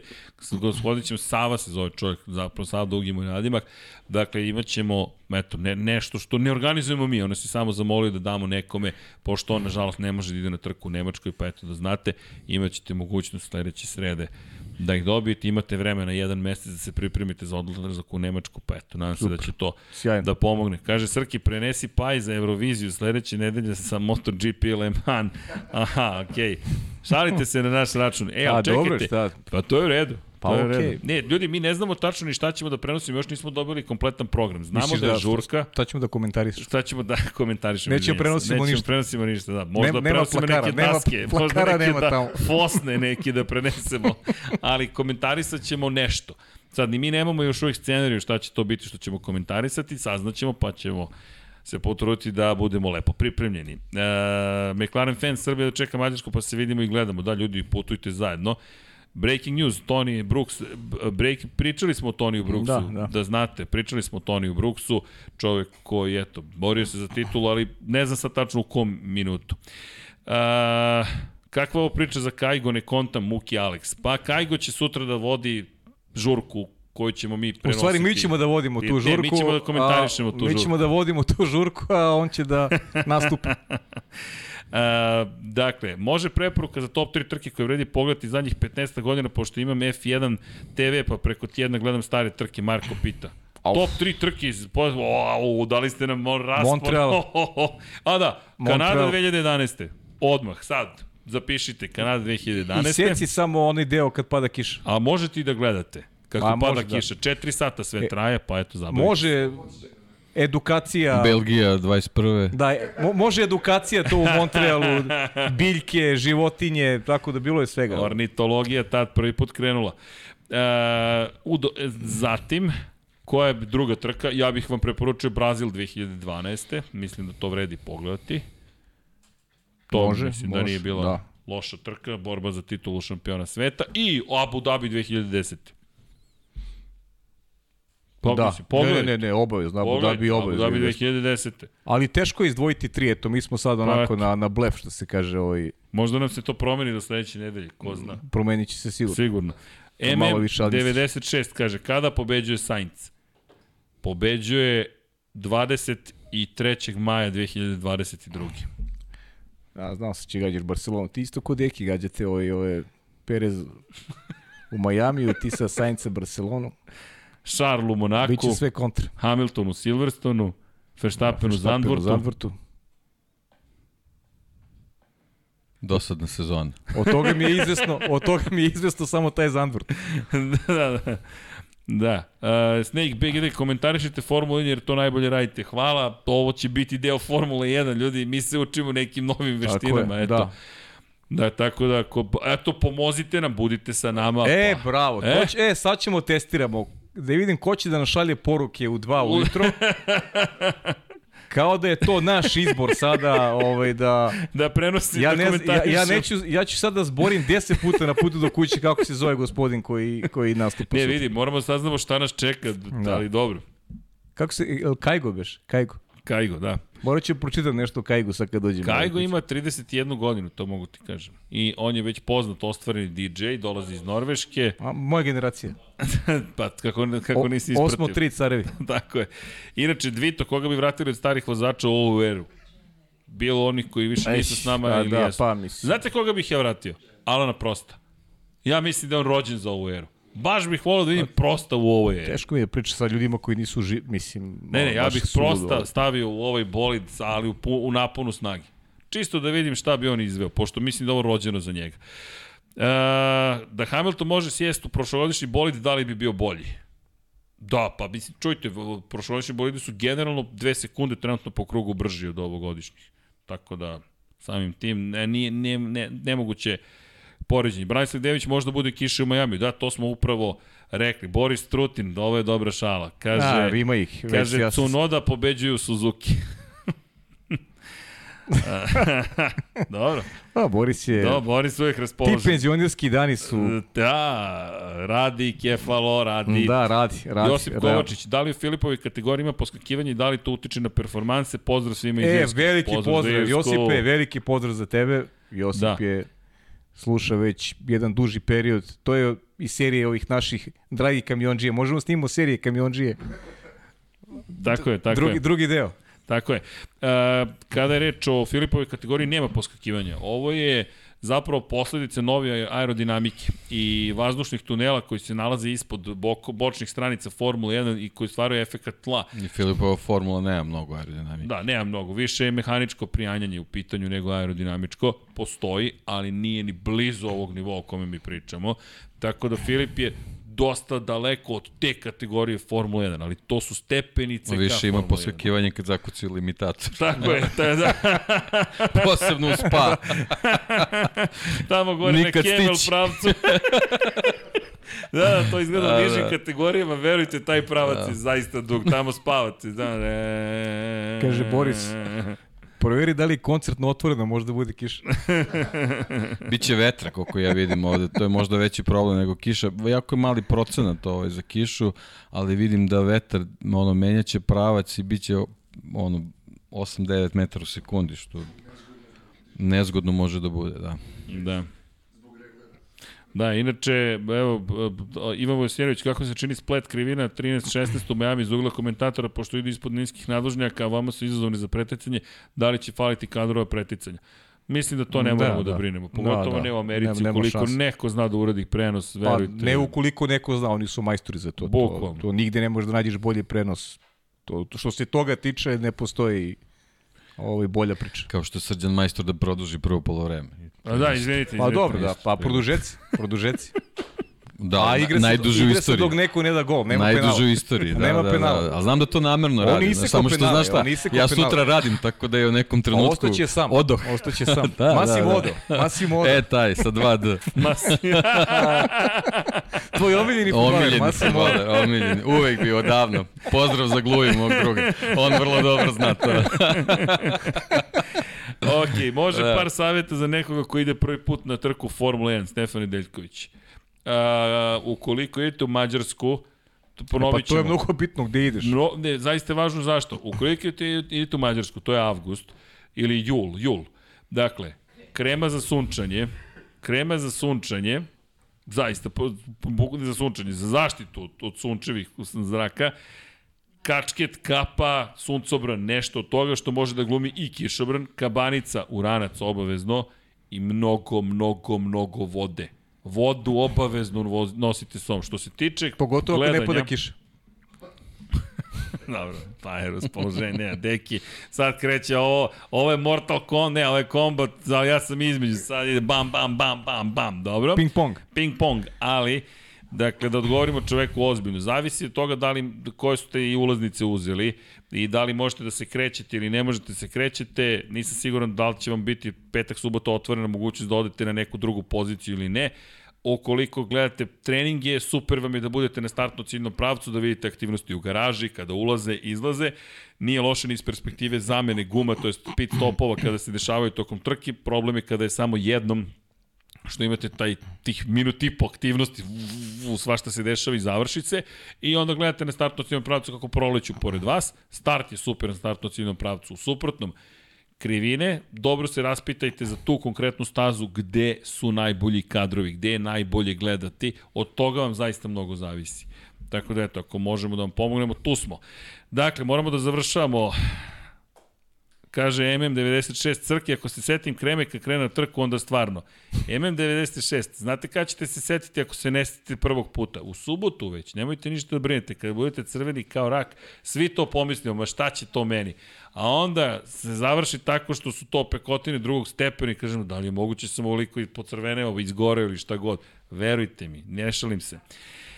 Ako pada kiša, kaže Ivan, bolje gledati kod kuće kako Paja komentariše. Hvala ti. I tako. Dobro, Deki, dakle, hoćeš da počne drugo polovreme, je li tako?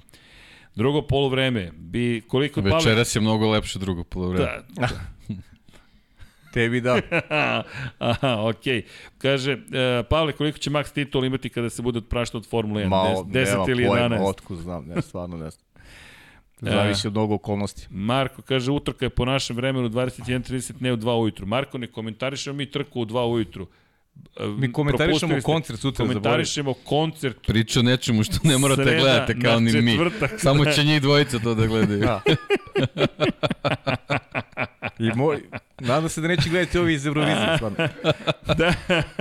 ne, ne, mi u dva ujutru, bukvalno, moramo da komentarišemo pro, opening show, show otvaranja. Ne znam šta će biti, možda će prezentovati vozači, niko nemamo ne još uvijek će biti. scenariju. Da super ako bude prezentacija mi, vozača. ali ljudi, ne možemo mi da komentarisamo DJ Kajga, ne možete koncert da komentarišete, onda ćemo samo da čutimo i slušamo Tako muziku i to će biti ceo naš komentar.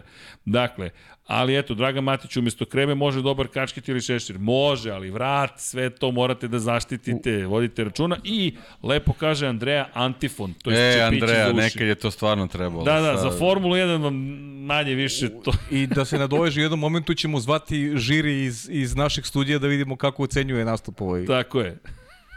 Duspuma. Tako je. Evo ga Marko Stanković, kada mogu očekivati nagradu za MotoGP Fantasy, Hajduk, Uskok? Tokom maja ćemo to završiti. Jel može? Koleginici iz prodaje, maja 2022. Evo, A, da. ove, a ove godine, već se Tako mislio da sledeće. Zoran Cimeša kaže DJ Kajgo nije baš nešto popularan u Norveškoj. Ne, Zoran, ovo je pobjeda. Ovo je, Zoran, Nije- vaš komentar, ne, kraj. Kraj. Nije popularno Udrite Reškoj. like, nije. Zoran Cimeša koji stalno donira. Nije popularno na Reškoj, ja. A vidiš, u Miami izgleda jeste.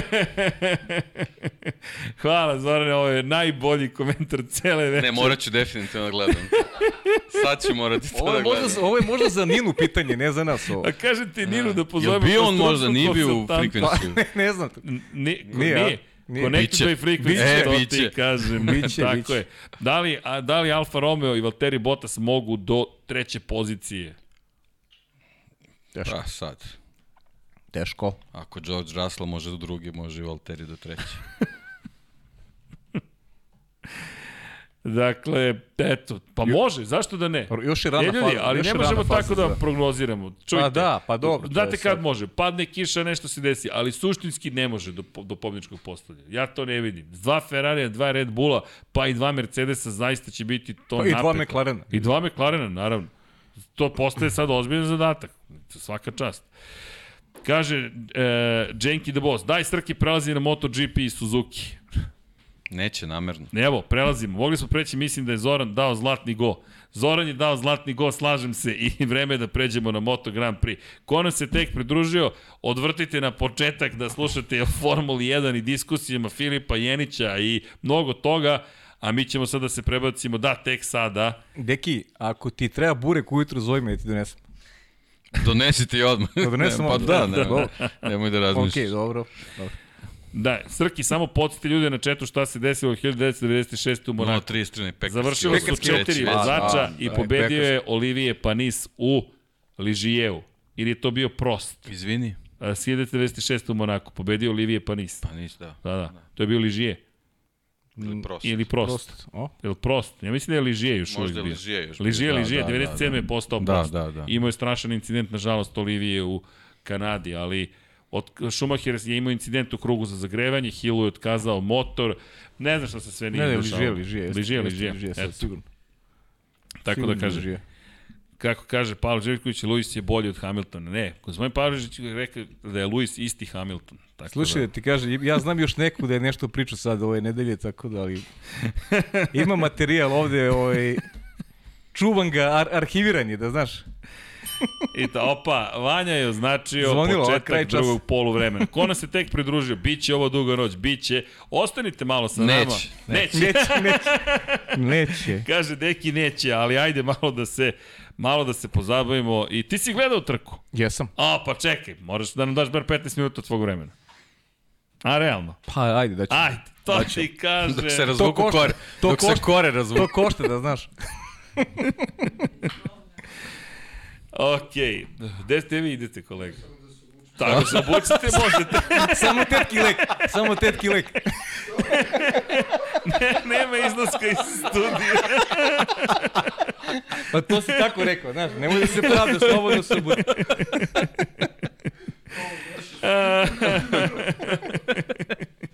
Dakle, večeras testiramo F, Moto, ne, F, F1, Moto, šalim se, MotoGP 22, 2022. Zašto? Krećemo sa Moto Grand Prix, jer smo duplu dozu 2 napravili, pričali smo o tome, Suzuki izašao, dolaze Audi i Porsche, Formula 1, analizirali Miami, pričali sa Filipom, sad malo da se pozabavimo velikom nagradom Španije u Moto Grand Prix-u, koju je gledao čak i gospodin Pavle Živković. A dobro, ja pogledam ponekad, nije sporno, sad je u zavisnosti od, od obaveza, ali gledao sam, gledao sam trku. I? Pa, znaš da je epilog Zadovoljavajući za tebe. za mene, da. Ali ono što recimo ja primećujem kao neko ko tako pogleda rezultatski, ako ne pogledam trku, nema te konstantnosti. Sada ti kažeš da postoji tu neko rivalstvo između između Pa nema. Kvartarara i Banjaje. Njega nema nigde do... Evo, ko je ovo trka sad po redu? Šesta. Šesta nema ga nigde u prethodni pet trka. Mora da postoji neka konstantnost da bi se ti borio za, za, za šampionsku titulu. Kao što je momak što je pobeđivao Bastianini, njega isto nema. Prvo ga je bilo, pa ga sada nema. I, i obrni okreni, neko mi se svodi na Kvartarara kao neko ko je sigurno najbolje pozicije da se bori za titul. I naravno ono što je i Vanja negde do, dobacio za stolom, Marquez koji je zaista super ovaj, s obzirom na stanje kome se nalazi i jedna odlična trka. Ona završnica, ona, ona borba, treće, četvrto, peto mesto je možda bilo i najinteresantnije kada, kada pogledaš. Da, da nije bilo onog proklizavanja i spašavanja, onog spektakularnog Bio bi podijum, treći. podijum je bi treći, već da. skoro viđen. Pa da. Jer nekako i Miller i Espargaro su bili onako prilično zadovoljni svojim pozicijama. Espargaro tu iskoristio u stvari najbolje i Pa dobro, da. profitira. Da, da. Da, pa videli smo par stvari, kada pričamo o razvoju tehnički sporta, videli smo koliko je, to smo i najavili u podcastu, bukvalno preslika ono što smo najavili, a to je taktika koja, mo, koja mora biti za Fabio Quartarara na relativno slaboj Yamahi, kada je reč o maksimalnoj brzini, to je snagi pri maksimalnim brzinama, pa reč je o tome da se pregreva prednja guma kada pratite nekoga i njegov jedini osnovni cilj moraju da bude osvajanje pol pozicije ili osvajanje prvog mesta u prvih nekoliko krivina. U prvoj krivini. Prvoj, Prvoj krivini, to je krivini. to. Ljudi, Prva krivina je bila ključna. Šta ste da vas pitam? To sam generalno htio vas pitati, a manje koristim priliku sada.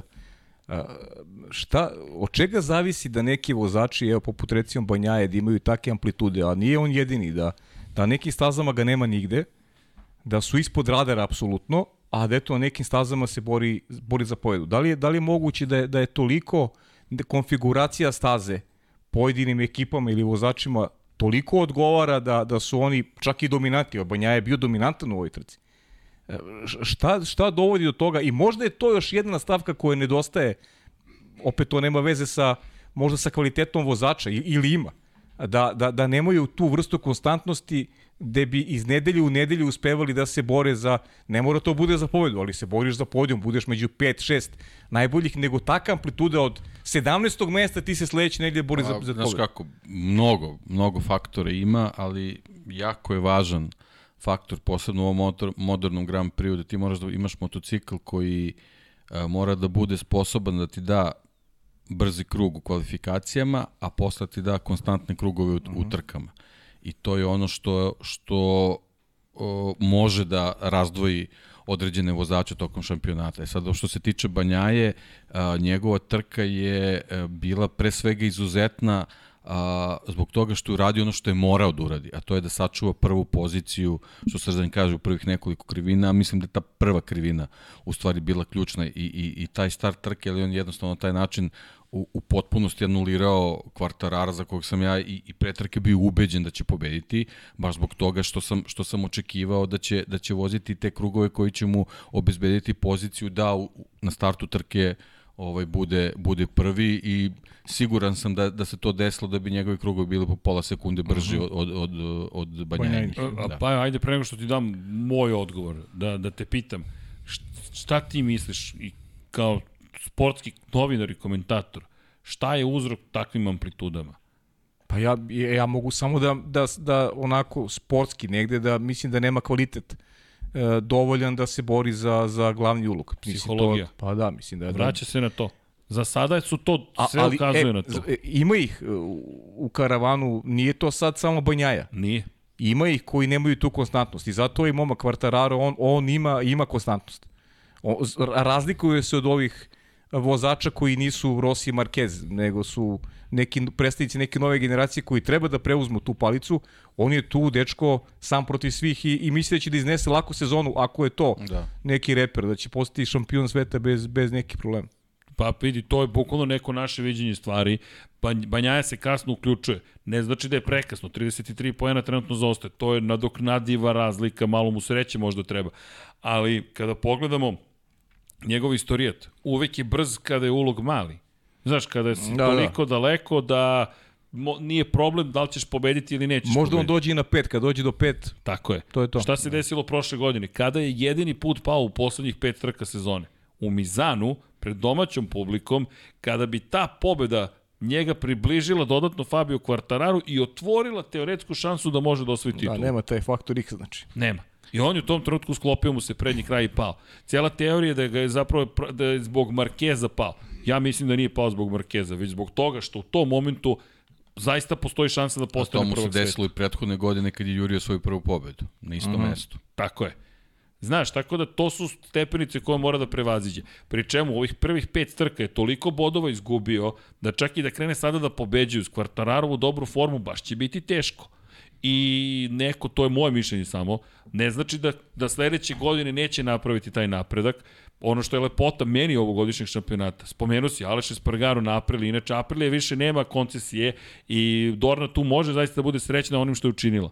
Uvela je koncesije pre par godina, šta su koncesije? Toga nema u Formuli 1, ima kroz to vreme koje imate dozvoljeno zapravo u razvoju bolida i kroz budžet na kraju godine u šampionatu konstruktora.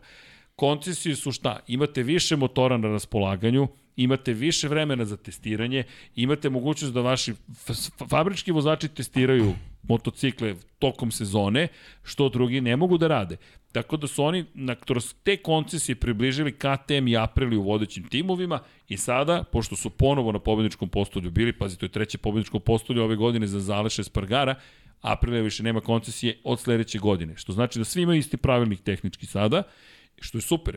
Ali Aleš Espargaro je pokazao, pazi, on skoro 15, više od 15 godina se E, takmiči. ali vidi sad, ja, ja sad Da. pričam, evo sad govorimo, vraćamo se na početak teme, ja ću da vas ostavim posle. naravno, naravno. Sad govorim kao običan gledalac. Uh, lepota MotoGP je što imaš više različitih pobednika.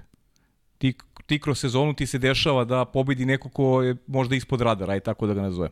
Ali meni kao, kao nekom ko to gleda sa strane, kao nekom navijaču, a, više želim da postoje momci koji su tu u kontinuitetu. Ok da pobedi neko sa strane, ali da imaju tu konstantnost. I kad ima više vozača koji imaju tu konstantnost, tebi je to interesantnije za gledanje.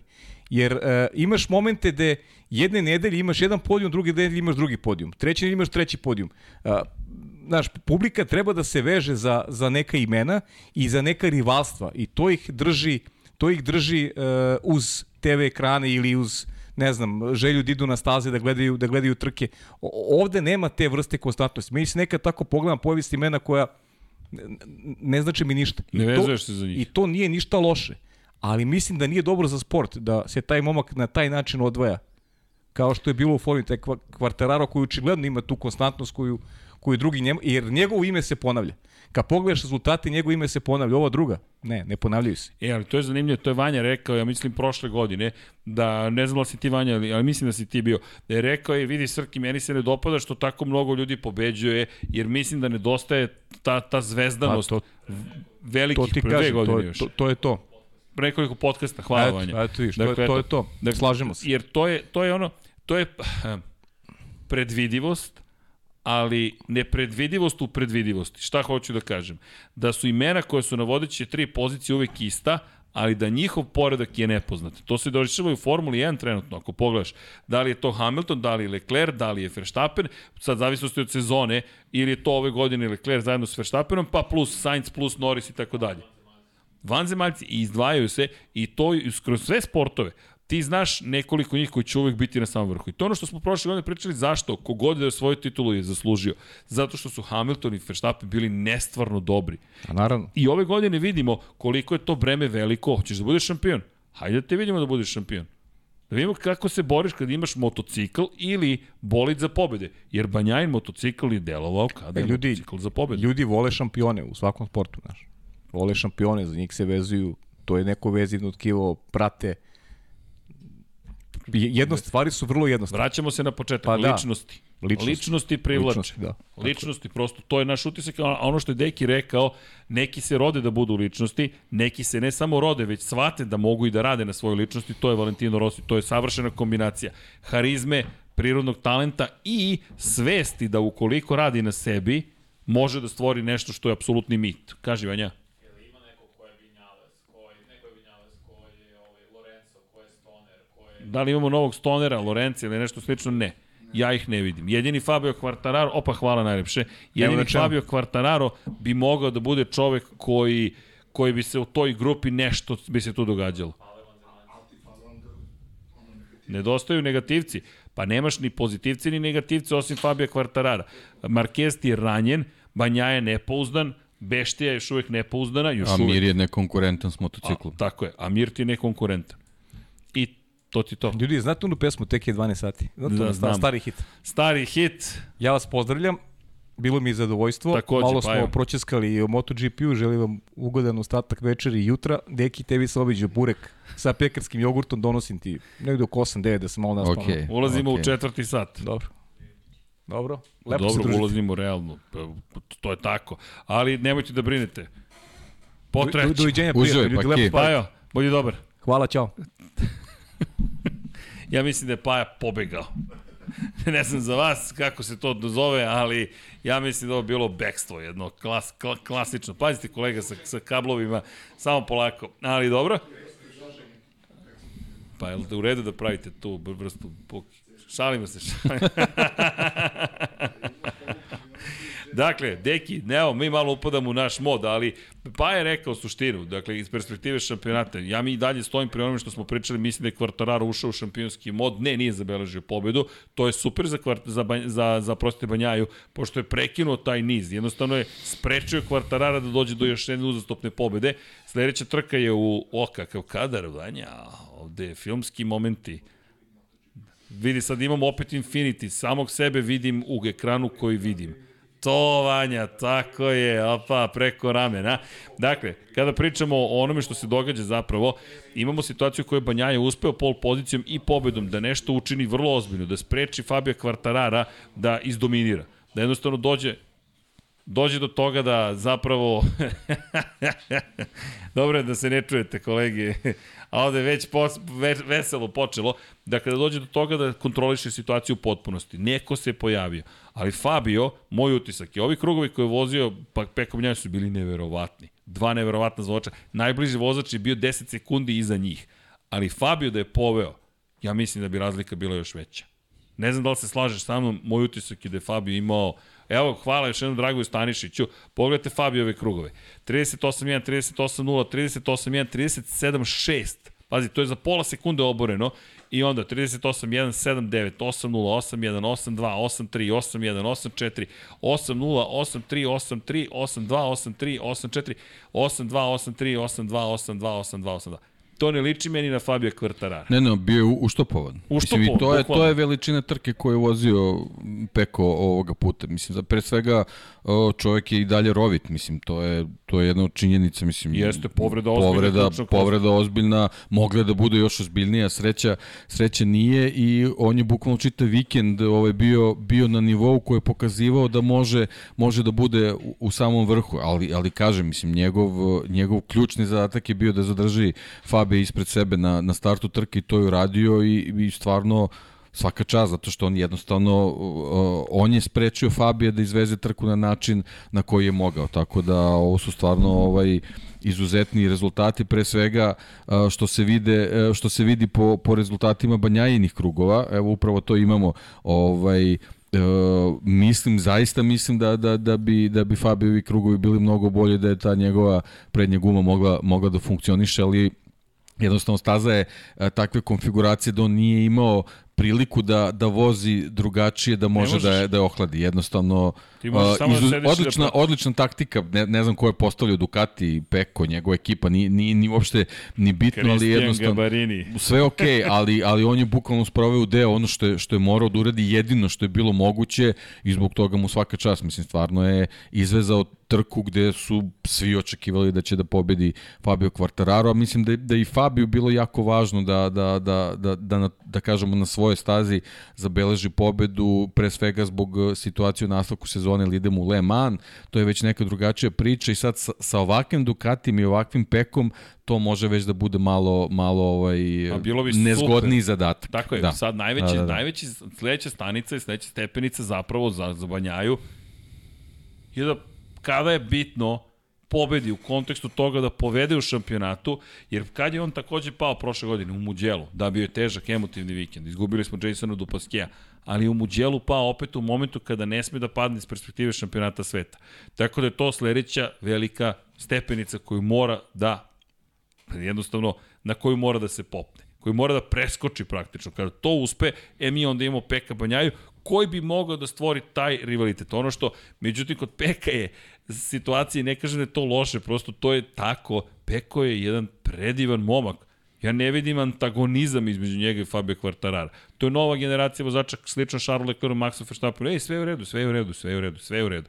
Nema kao sa Lewisom Hamiltonom. Hamilton dolazi iz neke druge generacije. dobro, to su vozača. drugi, drugi sportovi, Tako druge je. su discipline, mislim, vozači u Moto Grand Prix imaju svoje kodove, to, to nema veze sa, sa, Sa Formulom je vrlo automobilistima malo, generalno. tako je. tako je, tako je. Drugačije, mnogo To je potpuno drugačija priča. Tako da, ne vidim tu vrstu razvoja rivaliteta, ali vidim da ukoliko Peko to prevaziđe, e onda imamo neki novi šampionat. Za sada, da. međutim, to se još nije Da. desilo. Pa eto, sad taj Le Mans, ajde da ga ne najavljamo, mislim, stvarno može da bude interesantan trke da vidimo da li, da li Peko može ovako da nastavi, a sa druge strane to Fabio može da bude mnogo nezgodna trka zato što tu će sigurno još neki vozači da se priključe u borbi, u borbi za sam vrh, pre svega zato što je o, konfiguracija staze drugačija. Jeste.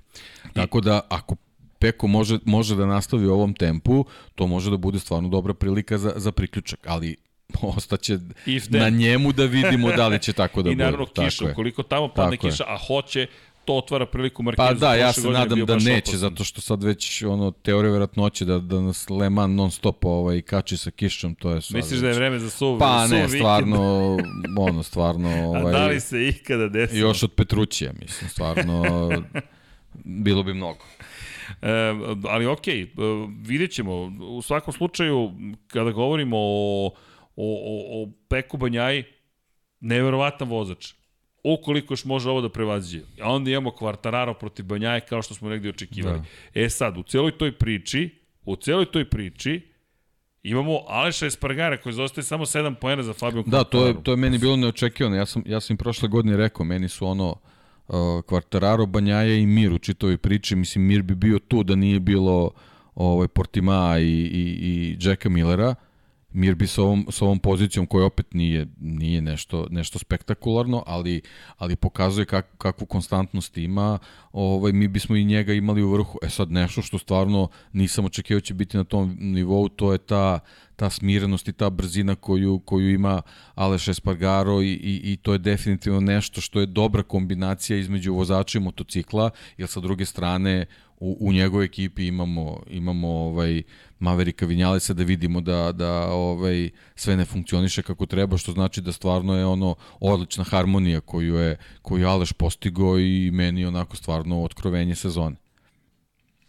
E, Da, Venečeva po- pogleda, apropo otkrovenja sezone, 38-1, 8-2, 8-3, 8-3, 8-2. Pogledaj, to su njegovi krugovi. 8-4, 8-6, 8-5, 8-8, 8-5, 8-6, 8-8, 8-6, 8-6, 8-6, 8-6. Inače, ovo je praćenje. Ovo je u momentu kada on prati grupu. Da, pa hoću kažem, I... ništa to nije impresivno upravo zbog toga. Verovatno i on morao prilično da vodi računa Tako o, o svom pneumatiku. Je sad, ovo samo pokazuje njegovu možda neku stabilnost da je u, u takvoj situaciji uh, on uspeo da vozi Tako toliko izjednačene krugove. Tako. Ali generalno rezultati kao takvi nisu ništa Tako, spektakularni. evo i da odgovorim na par pitanja što Fabio nije pretekao. Pa evo vam i odgovori za... Tako je. Ljudi, u Herezu se ne preteče tek tako. Pa prva rečenica kada je sišao s motocikla, Tako guma, pregrevanje. To Tako su je. dve, Tako dve je. ključne reči. I bile. polako s tim teškim rečima gluposti. Nema Da. ovde gluposti. Molim vas, možemo budemo pristojni kulturni kada komuniciramo. To nisu gluposti, po, preporučujem poslušajte prethodne nedelje šta smo Deki ja rekli. Bukvalno se desilo sve što smo najavili. Zašto? Uradili smo analizu ljudi vrlo jednostavno ove godine. Prednja guma kada ste iza nekoga pregreva. Joan Mir je imao taj problem, svi su imali taj problem. Zašto? To je prosto problem modernog Moto Grand Prix-a. Da li je veština preticanja postala još važnija? Apsolutno. I zato kada vidimo sada preticanje, to postaje još vrednije. Šta je uradio Mark Marquez? Pokušao, dao je sve od sebe da pretekne, na trenutak uspeo da bude ispred Jacka Millera na trenutak. A onda ide nešto što je novi glagol u srpskom jeziku, nisam ga ja smislio, neko od gledalaca je rekao takozvani, ili smo možda pričali nekada, nepad. To vam je pao je, ali zapravo nije pao. dakle, Mark Marquez je izveo nepad. To je nemoguće, ali to samo on trenutno može da izvedi dalje i da. samo levom rukom kada je pao, motocikl mu je pao već, lakat, koleno. To je taj trenutak, bukvalno ono, kao, kao da na neki način ume da sabere sile koje deluju i na koju tačku treba da deluje da, da se motocikl e, ispravi. Stvarno poluga. verovatno, da. Ti imaš polugu na 70 da. pa km da, ali to Je, to je nešto instinktivno, to nije, to nije stvar to koja, koja, koju on sad neko može da prenese. To je jednostavno Tako nešto je. što je jedno od njegovih vrednosti i uveren sam da, da nije bilo te situacije da Da bi završio na podijum. I tog momenta Ducati više ne može da se vrati. Obratite pažnju, vrlo malo preticanja. Ne znam da smo videli jedno preticanje. Prosto staza u Herezu ne dozvoljava u Moto Grand Prix previše preticanja. Gotovo savršeno sve morate da pripremite, da skockate da biste to izveli. Quartararo, ne imao šanse. Kao što sam siguran da Banjaja takođe ne bi imao šansu da pretekne Yamahu. I to nema veze sa slabošću motora ili ne. I ja stojim pri mojim rečima. Peko mora još jednu stvar da savlada To je, kada je u prilici da povede u šampionatu sveta, da iskoristi svoj motocikl do maksimuma. To će biti najveći test. Ovo nije test njegove sposobnosti da vozi motocikl brzo. To znamo da je položio davno. Kao i uvek, lako je dati i slobodno bacanje kad je teren prazan. Kada je poslednji sekund i kada tvoja dva bacanja zavisi da li vodiš ekipu u finale NBA play-offa, a 20.000 ljudi urliče pored tebe, tvoja ekipa te gleda i svi, sve je na tebi, televizija kompletna, milijonski auditorijum, e tad treba pogoditi bacanje. Ja mogu da ih pogodim koliko hoćeš sada, ali da uđemo tamo, ajmo da vidimo tamo. S tim što, imate Aleksandra Đorđevića koji se tome raduje, želi to, daj mi loptu da ja pogodim u poslednjoj sekundi i imaš ljude koji ne žele loptu u tom trenutku. I jedni i drugi su potrebni ekipi, problem u individualnom sportu je što tamo nemaš ko na koga da se osloniš osim na sebe. I zato je toliko teško uspeti i u motociklizmu, a i u Formuli 1.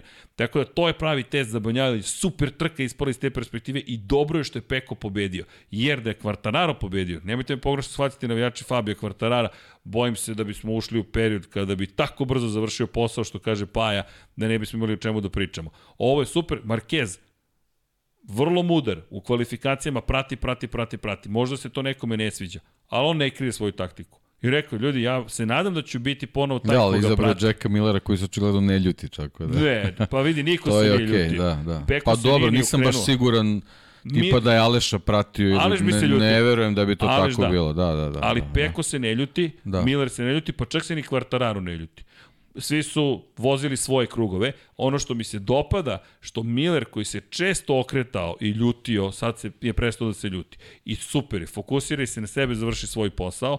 I Jack Miller koji baš dobro izgleda. Ali da se vratimo ovoj dvoj, pozicijama 2, 3, 4, Fabio odradio standardno dobru trku, gde se prebacuje sada težište bitke na kvalifikacije. Ljudi, sada subota popodne postaje podjednako važna kao u Formuli 1. Bukvalno postaje to podjednako važna i onda kreće start. E sad, što se tiče Aleša Espargara, ja mislim da mi sada imamo Aleša i Apriliju koji svugde funkcioniš. Ako možeš da vratiš onaj kadar sa njegovim krugovima, obratite pažnju kada je uspeo da pretekne kako su se vremena promenila. Možete tačno da vidite 22. krug kako je vozio. 38-3, 38-3, 38-4 to je moment kada nema nikoga ispred njega. I koliko da, i on je rekao, to je bio trenutak za doviđenje. Za bye bye. Da, da, da. da. Sjajan je da. bio. Bye bye. I baš je odradio bye bye. Ne, ali bukvalno je to ta situacija s njim. On je, on je zabeležio tu pobedu koja mu je bila onako ogroman teret u karijeri, ne, ne, ne samo u ovoj sezoni. On sad više jednostavno nema razloga za bilo kakve rizike ima motocikl koji može da mu omoguće da se bori za visoku poziciju, znači nema, nema nepotrebnih rizika i on sad bukvalno samo može da, da skuplja ono, ono što mu se pruži bez, bez potrebe da, da, da dolazi u situaciju da, da ne završava trke, tako da ono, ako, ako neko u ovom trenutku ima idealnu situaciju, to je Aleš Espargaro. Nikakih pritisaka nema, a, a sve što uradi može samo da bude dodatni bonus. Meni se i dopada ono što on emituje, a to je pozitivna energija. Kaže, ja Pa sam bilo je vreme, sećaš se njegovih izjava Tako je. ranije i stvarno onako, onako prilično negativna je i priča bila i, i, i, i stalno, stalno neka kukanja i ovo je sad neki drugi Aleš i ono stvarno uživa u čitoj priči, to je super. Va- U svakom slučaju Aprilija na svakoj stazi od tada će biti konkurentna. Iza toga možemo, rekao bih da stanemo. Možda se još neka anomalija desi, ali mislim da neće. Amerika je bila ta u kojoj smo imali situaciju da su i prošle ove godine zaista imali velike probleme. Toga nema. Mark Marquez, ranjen, ali on čovjek ne posustaje. Meni dalje, de, neki zastrašujuća scena kada on samo levom rukom baca ka, rukavice u publiku. Krugovi, ne možemo pričati o nekoj neverovatnoj konstantnosti, ali ovo u velikoj meri je zavisilo od Jacka Millera. Jedan dobar period se on pripremao da napadne Jacka Millera. Od momenta kada se desila greška, nije on naglo ubrzao, on je samo radio koliko je potrebno da zadrži Millera iza sebe i da bude na poziciji zapravo ne broj 3, ali poziciji koja donosi opet pristojan broj poena. Mark Marquez, da li će ikada više biti oni stari? Ne. Da li i dalje može nešto da uradi u Moto Grand Prix? Da. E sad, mnogo će zavisiti od konkurenata i bojim se da je propustio jedan voz ove sezone koje je mogao da uhvati eventualno pa da se nada nekom uspehu. Uz razvoj Peka Banjaje bit će sve teže i teže, bojim se, ali ono što je lepo vidjeti, ne odustaje. I to sada da vidimo i Hondu šta može da uradi, Honda i dalje je poslednja u šampionatu konstruktora. Ne znam, ne, ne deluje mi Honda kao da ima rešenje zapravo za to što želi da postigne, to je da ima više vozača koji će nešto postići. Ja i dalje vidim samo Marka Markeza koji nešto može sa Hondom. Pa da, videli smo tu isto na trenutak se pojavio i Taka koji mislim i u prošlosti pokazivao da mu leži herezi, da on tu može da napravi neke dobre rezultate, ali kako je trka odmicala, to je to je onako baš, baš, baš bilo loše i, i, i to je sad taj neki začarani krug koji ne znam, ne, ne deluje mi uopšte da, da vodi ka nečem dobrom, a, a, a čitava ova priča sa Markezom je eto, pre svega taj neki njegov kvalitet, kvalitet kakav, koliko god da je sputan u, u ovom trenutku, eto on, on donosi te neke rezultate, ali definitivno ovaj, u, u, u nekoj globalnoj priči ta, ta Honda, mislim na kraju krajeva ti bodovi i, i, plasman u, u šampionatu konstruktora najbolje govori, tu, tu ne, nema, nema šta puno da, da se priča i da se, da se izlače neke analize bez toga, jednostavno to, to ne funkcioniše kako trebaju i, i potrebne su ogromne promene. Mark Marquez, šta ti misliš?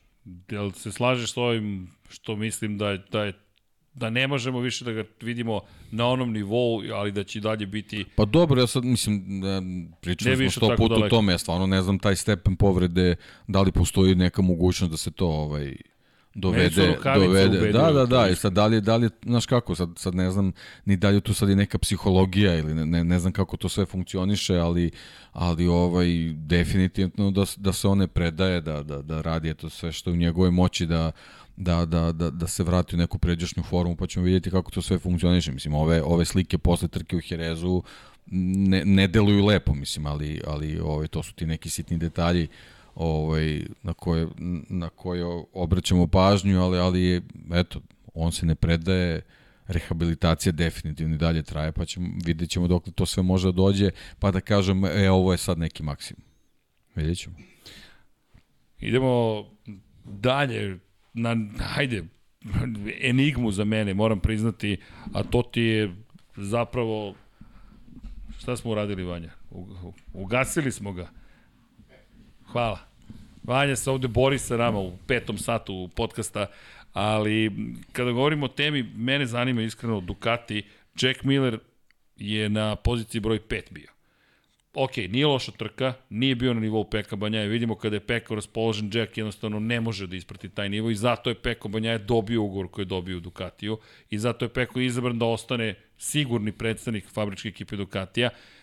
Luigi Dalinja, šef ekipe, je rekao posle trke, što se tiče Enea Bastianinija i što se tiče Jorgea Martina, treba nam još vremena da odlučimo ko dolazi u I fabrički slažem tim. se, slažem se ja. Mislim, mislim da je ovo suviše mali uzorak da bi se da bi se tu neke, neke odluke donosile, ali, ali definitivno u ovom trenutku Enea je zbog te čitave situacije ovaj, na, na boljoj startnoj poziciji, da, da to tako kažem pre svega zbog toga što je Martin stvarno u, u, u nekoj lošoj formi nikako da izađe iz, iz, iz tih loših rezultata da, da bi on psihološki se učvrstio i mogao da, da pruža ono za što znamo da je sposoban. Mislim, definitivno ne, ne, nema, nema šta. Ali evo, mislim, Enea je pokazao da, da, da ume da, da vozi te trke ovaj, do kraja i da, i da ovaj, uradi nešto. Međutim, on i dalje imate neke mogu da kažem neke žute minute što u kvalifikacijama, što, što u samim trkama koje mu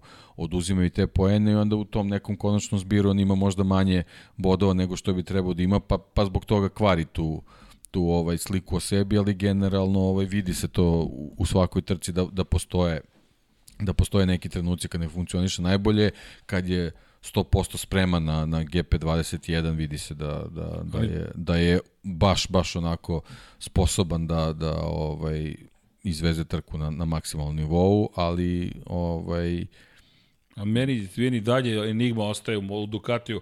Ko će tamo da zaista bude svetski šampion? Peko Banjaja deluje kao najtalentovaniji od cele te Peko, grupe. Peko Banjaje delo je najtalentovaniji i u ovom trenutku mislim da Ducati treba da, da se usmeri na njega. I samo jednostavno da radi na njemu da bi da bi on ovaj mogao da iska, iskaže svoj maksimalni potencijal pre svega anulirajući te neke neke ovaj psihološke barijere koje se očigledno tu pojavljuju koje mislim nisu preterano velike ali jednostavno u ovakvom tempu i sa sa ovakvim šampionatom on jednostavno ne sme ne sme da dozvoli te padove. O, ova trka u Jerezu je pokazala da da i i na stazi gde recimo ne važi za, za, za favorita kad je trka u pitanju i taj, taj neki trkački tempo, on uradi ono što treba da uradi i, i, i sprovede sve kako treba, ali da bi bio svetski šampion ti iz vikenda u vikend moraš to da radiš. A sad je bukvalno iz vikenda u vikend zbog, zbog broja trka koji imamo. A Basterini koji da. je osmi, Jorge Martin koji još jednu trku nije završio i ti dobiješ opet Ducati osam vozača, od toga Luka Marini, ja ne znam, on ne postoji čovjek. 14 poena posle šest trka. Pazi, to je na GP-u 22, to je šta god da je problem neprihvatljivo je. Ne možeš da. da imaš 14 bodova na najnovijoj verziji Ducati, budeš 19. u šampionatu sveta, ne možeš, jednostavno to ne možeš sebi da priuštiš. Nema izgovora, ovo je druga sezona. Ovo je druga sezona. Fabio Quartararo u drugoj sezoni pa je bilo pobede, borio se za titulu šampiona sveta. Takav je Moto Grand Prix postao. Jorge Martin, 13. mesto u šampionatu. O čemu pričamo? Ovo završio je trku, ali to je de facto izgubljena trka. Da, ali, ali znaš kako, mi smo nekako krenuli sa tom pričom ovaj, kad, kad, kad slažemo tu listu vozača, mi bukvalno svakom pronađemo neku, neku pozitivnu priču gde malte ne svako njih može da bude svetski šampion. Ne Nije može jednostavno, ne, jednostavno ne može, ne može tu, tu kad se oni svi nađu na jednom pored, poredku nijanse odlučuju, a mi smo imali dve, tri sezone unazad gde smo videli, mislim, jeste to bio Fabio, ali bio je i Morbidelli, znači ti i, i kad voziš motocikle koji su neki stariji generacija, ti na određenim trkama, na određenim stazama možeš da budeš favorit, a možeš čak da uđeš i u seriju koja te dovodi do toga da, da možeš da budeš svetski šampion. Znači imali smo Kvartarara, imali smo Morbidellija, sad imamo Bastianinija, znači ništa ne znači to što si ti na motociklu koje neke, neke starije generacije. To, to nije jednostavno presudno. Postoji postoji mnogo, mnogo faktora koji moraju da se slože da bi ti na određenom trkačkom vikendu bio najbolji. Pa pazi, a, ali Luka je još pride na najnovijoj verziji. Znaš, to da. je poražavajuće. Martin koji ne može da završi trku, Luka koji ne može da osvoji poene, Joan Zarko. Da. Ali znaš kako, već, već i ta fama od Ducatiju, znaš, koji onako uh, za klasu ispred svih po snazi, po svemu. Mi smo sad imali trku u Herezu gde, gde je Peko ozbiljno morao ozbiljnu energiju da uloži da bi se branio od Fabija koji ima motocikl koji je deklarativno 15-20 km na sat spori, spori na pravcu što se tiče maksimalne brzine. Ne, Peko je morao savršeno da odveze da bi se odbranio. Tako da Bukvalno. to su, to su ovaj, te neke, ne mogu sad kažem fame, ali, ali, ali te, te, ta neka uverenja, preduverenja koje dolazimo, sa kojima dolazimo na trkački vikend, koji jednostavno bukvalno iz vikenda u vikend padaju. Znači pa milion, milion, bezbroj faktora postoji koji moraju da se uklope za svaki trkački vikend da bi određeni vozač pobedio. I Fabio Quartararo da. koji pokazuje još jednom da je neverovatan. Iz koje perspektive? Apsolutno da. I na Yamahi, Ovo postizati je nestvarno, ali to je Quartararo i tu je kraj priče. Da. Što se tiče njegovih kvaliteta, apsolutno ne znam šta bih rekao. I sada, u celu tu priču, čisto da ubacimo proizvođače, Yamaha koja nije napravila vrhunski motocikl, ali ima vrhunskog vozača, se bori za titulu. Tako je. Yamaha se muči. Andrea Doviciozo, bez poena na ovoj trci. Franco Morbidelli, jedan poen, da. 15. je. E, sad, sad u tu priču bacujem možda kao odgovor na tvoje, tvoje pitanje Luku Marinije. Zašto, zašto njega trebamo da gledamo negativnije od Andreja Dovicioza i Franka. Morbidelija? Ne treba. Franco. Morbidelli i Luka Doviciozo su vice šampioni sveta u Moto Grand Prix. Luka Marini i dalje momak koji za sebe ima 20 trka u Moto Grand Prix. Ovi ljudi imaju mnogo više Tako toga. je. Znači, ako oni nisu uspeli da otključaju najnovije motocikle koji su dobili, Što bi zašto, bi on morao da otključa? I, I onda dolazimo do Suzuki-a. Meni je ovo uvod u Suzuki. Suzuki koji ima Aleksa Rinsa koji je sada imao prvu lošu trku, loše kvalifikacije, pad, bilo je neminovno da se desi kad toliko jurcaš da, da nadoknadiš pozicije, dve greške, na kraju se ostao bez bodova, Joan Mir koji opet, kao početak sezone, šesto mesto kao u prvoj i drugoj trci, ali ne možeš da nađeš čoveka koji će da ti... To je sad ono što ste rekao, kombinacija. Joan Mir je svetski šampion, nije tek tako postao svetski šampion. Alex Rins je odličan vozač. Suzuki nije našao svog Fabio Quartarara. Nije našao svog Peka Banjaju. Nije našao svog Marka Markeza. Ako pogledamo pravilnosti, deluje mi da smo došli do situacije da bez obzira na broj proizvođača, Svaki mora da nađe jednog svog vozača koji nekako razume taj motocikl. Aleš Espargaro na aprili briljantan. Maverick Vinales ne može da se sastavi, čovjek pada na 20. poziciju na E pa, startu. što se tiče Suzuki, moja teorija je malo drugačija. Oni Da. imaju dvojicu dobrih vozača, ali imaju loš motocikl. A, Suzuki jeste motocikl koji očigledno dobro funkcioniše na svim stazama, ali tom motociklu a, u, u, u, nek, u, u Nešto nečemu je nedostaje. nemoćan. Jasno. I to njih dvojica ne mogu da nado- nadomeste.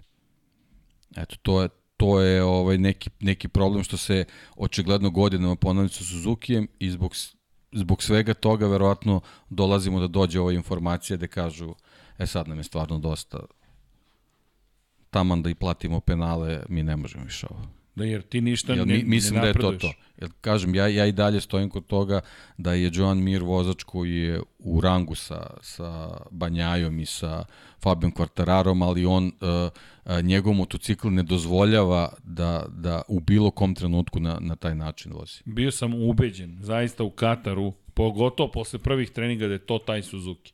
Da je to taj moćni Suzuki, da će to biti mašina koja nosi njih dvojicu do, do toga da se bore za pobede. Od Rinsa nisam očekivao ovu konstantnost, iako je sad bio loš, ali od Mira sam očekivao da se bori za titul. Toga nema. Ne samo pad Jacka Millera i to košenje kada je pok- pokupio Mira u Portugalu, već generalno, ali mislim da si u pravu da zapravo smo došli do toga da je Suzuki svestan ok, ovo sada zahteva mnogo veliku investiciju da bismo se mi vratili u samu u vrh igre. Pazi, ogroman je uspeh da ti 20. budeš šampion u konstruktorima, da imaš vozača, ovaj, i to je nešto što je jako teško ponoviti. Ja mislim da je ovo sad već neka faza gde su oni svesni da, Da je to da to. dodatna neka ogromna ulaganja u ovom trenutku kad je Moto Grand Prix stvarno postao skup, uh, Ali gde imaš. Ducati koji, koji ozbiljan novac ulaže, gde imaš Yamahu i Hondu koji tek očigledno trebaju da ulože nešto da bi se vratili gde su, gde imaš Apriliju koja se dobro etablirala i ti kad staviš sve na papir, to, to je stvarno, stvarno ovaj, nešto što je jako nezgodno i mislim da su oni se ono, pogledali u ogledalo i shvatili da da imaju vozače kojima ne mogu da pruže ono što, jel, jel ti imaš dva najkonstantnija vozača praktično ove sezone, znači ne računamo Mirov pad i ovo loše izdanje Rinsa, ali oni dalje od pozicija na kojima su uz, uz jedan blje- bljesak Rinsa, to je jako malo. Oni jednostavno ne, mo, da budeš- ne mogu da se bore za podijel. Oni moraju da budu na nivou Peka Banjaja ili da se ne bore za pobedu, već da se možda nađu na pobedničkom postolju.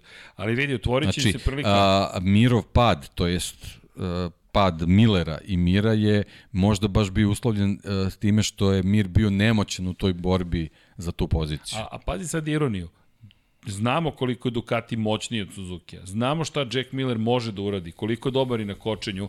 Jedva je uspeo da napadne Suzuki, a gledali smo tabelu prošle nedelje, Drugi najsporiji vozač na stazi u tom momentu je Mir. Ti si došao do onoga što si Pa, ti e, upozoravao. da jeste, se dobili su, dobili su očigledno a, dobru situaciju vezanu za, za sistem spuštanja na pravcu, ali očigledno da tu još nešto nedostaje da bi, da bi to sve moglo da, da, da funkcioniše na način da vozači ne moraju da se bore za život bukvalno pri svakom napadu. Ja, deki, sad si mi dao...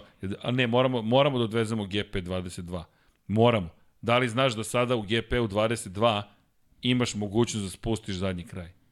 Sad imaš... Ja nemam sigurno, ja, ja samo dva prsta koristim. tako Ne, ali da, razumeš, to je u igricu ušlo. Ti imaš opciju trouga, klikneš da bi se na pravcima spuštao zadnji kraj. Vožnja je inače bila kompleksna na Sonyu, makar za Ma, mene. okej. Ne, sad smo došli do stadijuma, ne samo što izlazim iz krivine, već moram da takođe pritisnem trougao, spustim zadnji kraj i dodam gas, to je u igrici. Sad zamisli, ali šta sam htio da kažem, došli smo do kompleksnosti koju si, na koju si ti upozoravao da prošle godine i pretprošle, a to je Formula 1 i da ćemo doći do toga da je vrlo teško preticati aerodinamika, sistemi za spuštanje, razvoj motora koji dolazi do toga da su basnoslovno skupi zapravo, daju ti minimalno napređenje, ali ta minimalno napređenje vode ka šampionskoj tituli potencijalno i generalno sad stvaramo brdo nekih problema. Dakle, Moto Grand Prix mora rethink da uradi. Gde su zvezde, šta radiš sa tehničkim pravilnikom i kako pomažeš, na primjer, Kawasakiju da uđe. Jer vidi, Audi i Porsche ulaze u Moto Grand Prix. Kada ćemo mi da dobijemo informaciju Kawasaki želi da uđe u Moto Grand Prix? Ma, to je jako, jako teško. Vrlo teško. Drugi, drugi načini su razvoja. Mislim da to ne, nema generalno dodirnih tačaka. Mislim, mi pore- poredimo Formula 1 i Moto Grand Prix zašto su oni perjanice svojih sportova, ali mislim da, da to u, u ovoj situaciji mislim da je, da je jako teško.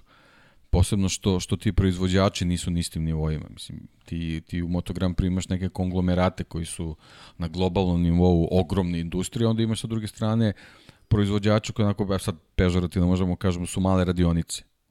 Mislim, on, oni jesu u nekim svojim okrivima, tipa i Kawasaki, Suzuki, za njih stoje neke velike korporacije, tako dalje, tako dalje, ali oni kao proizvođači motocikala u odnosu na neke druge su mnogo mali.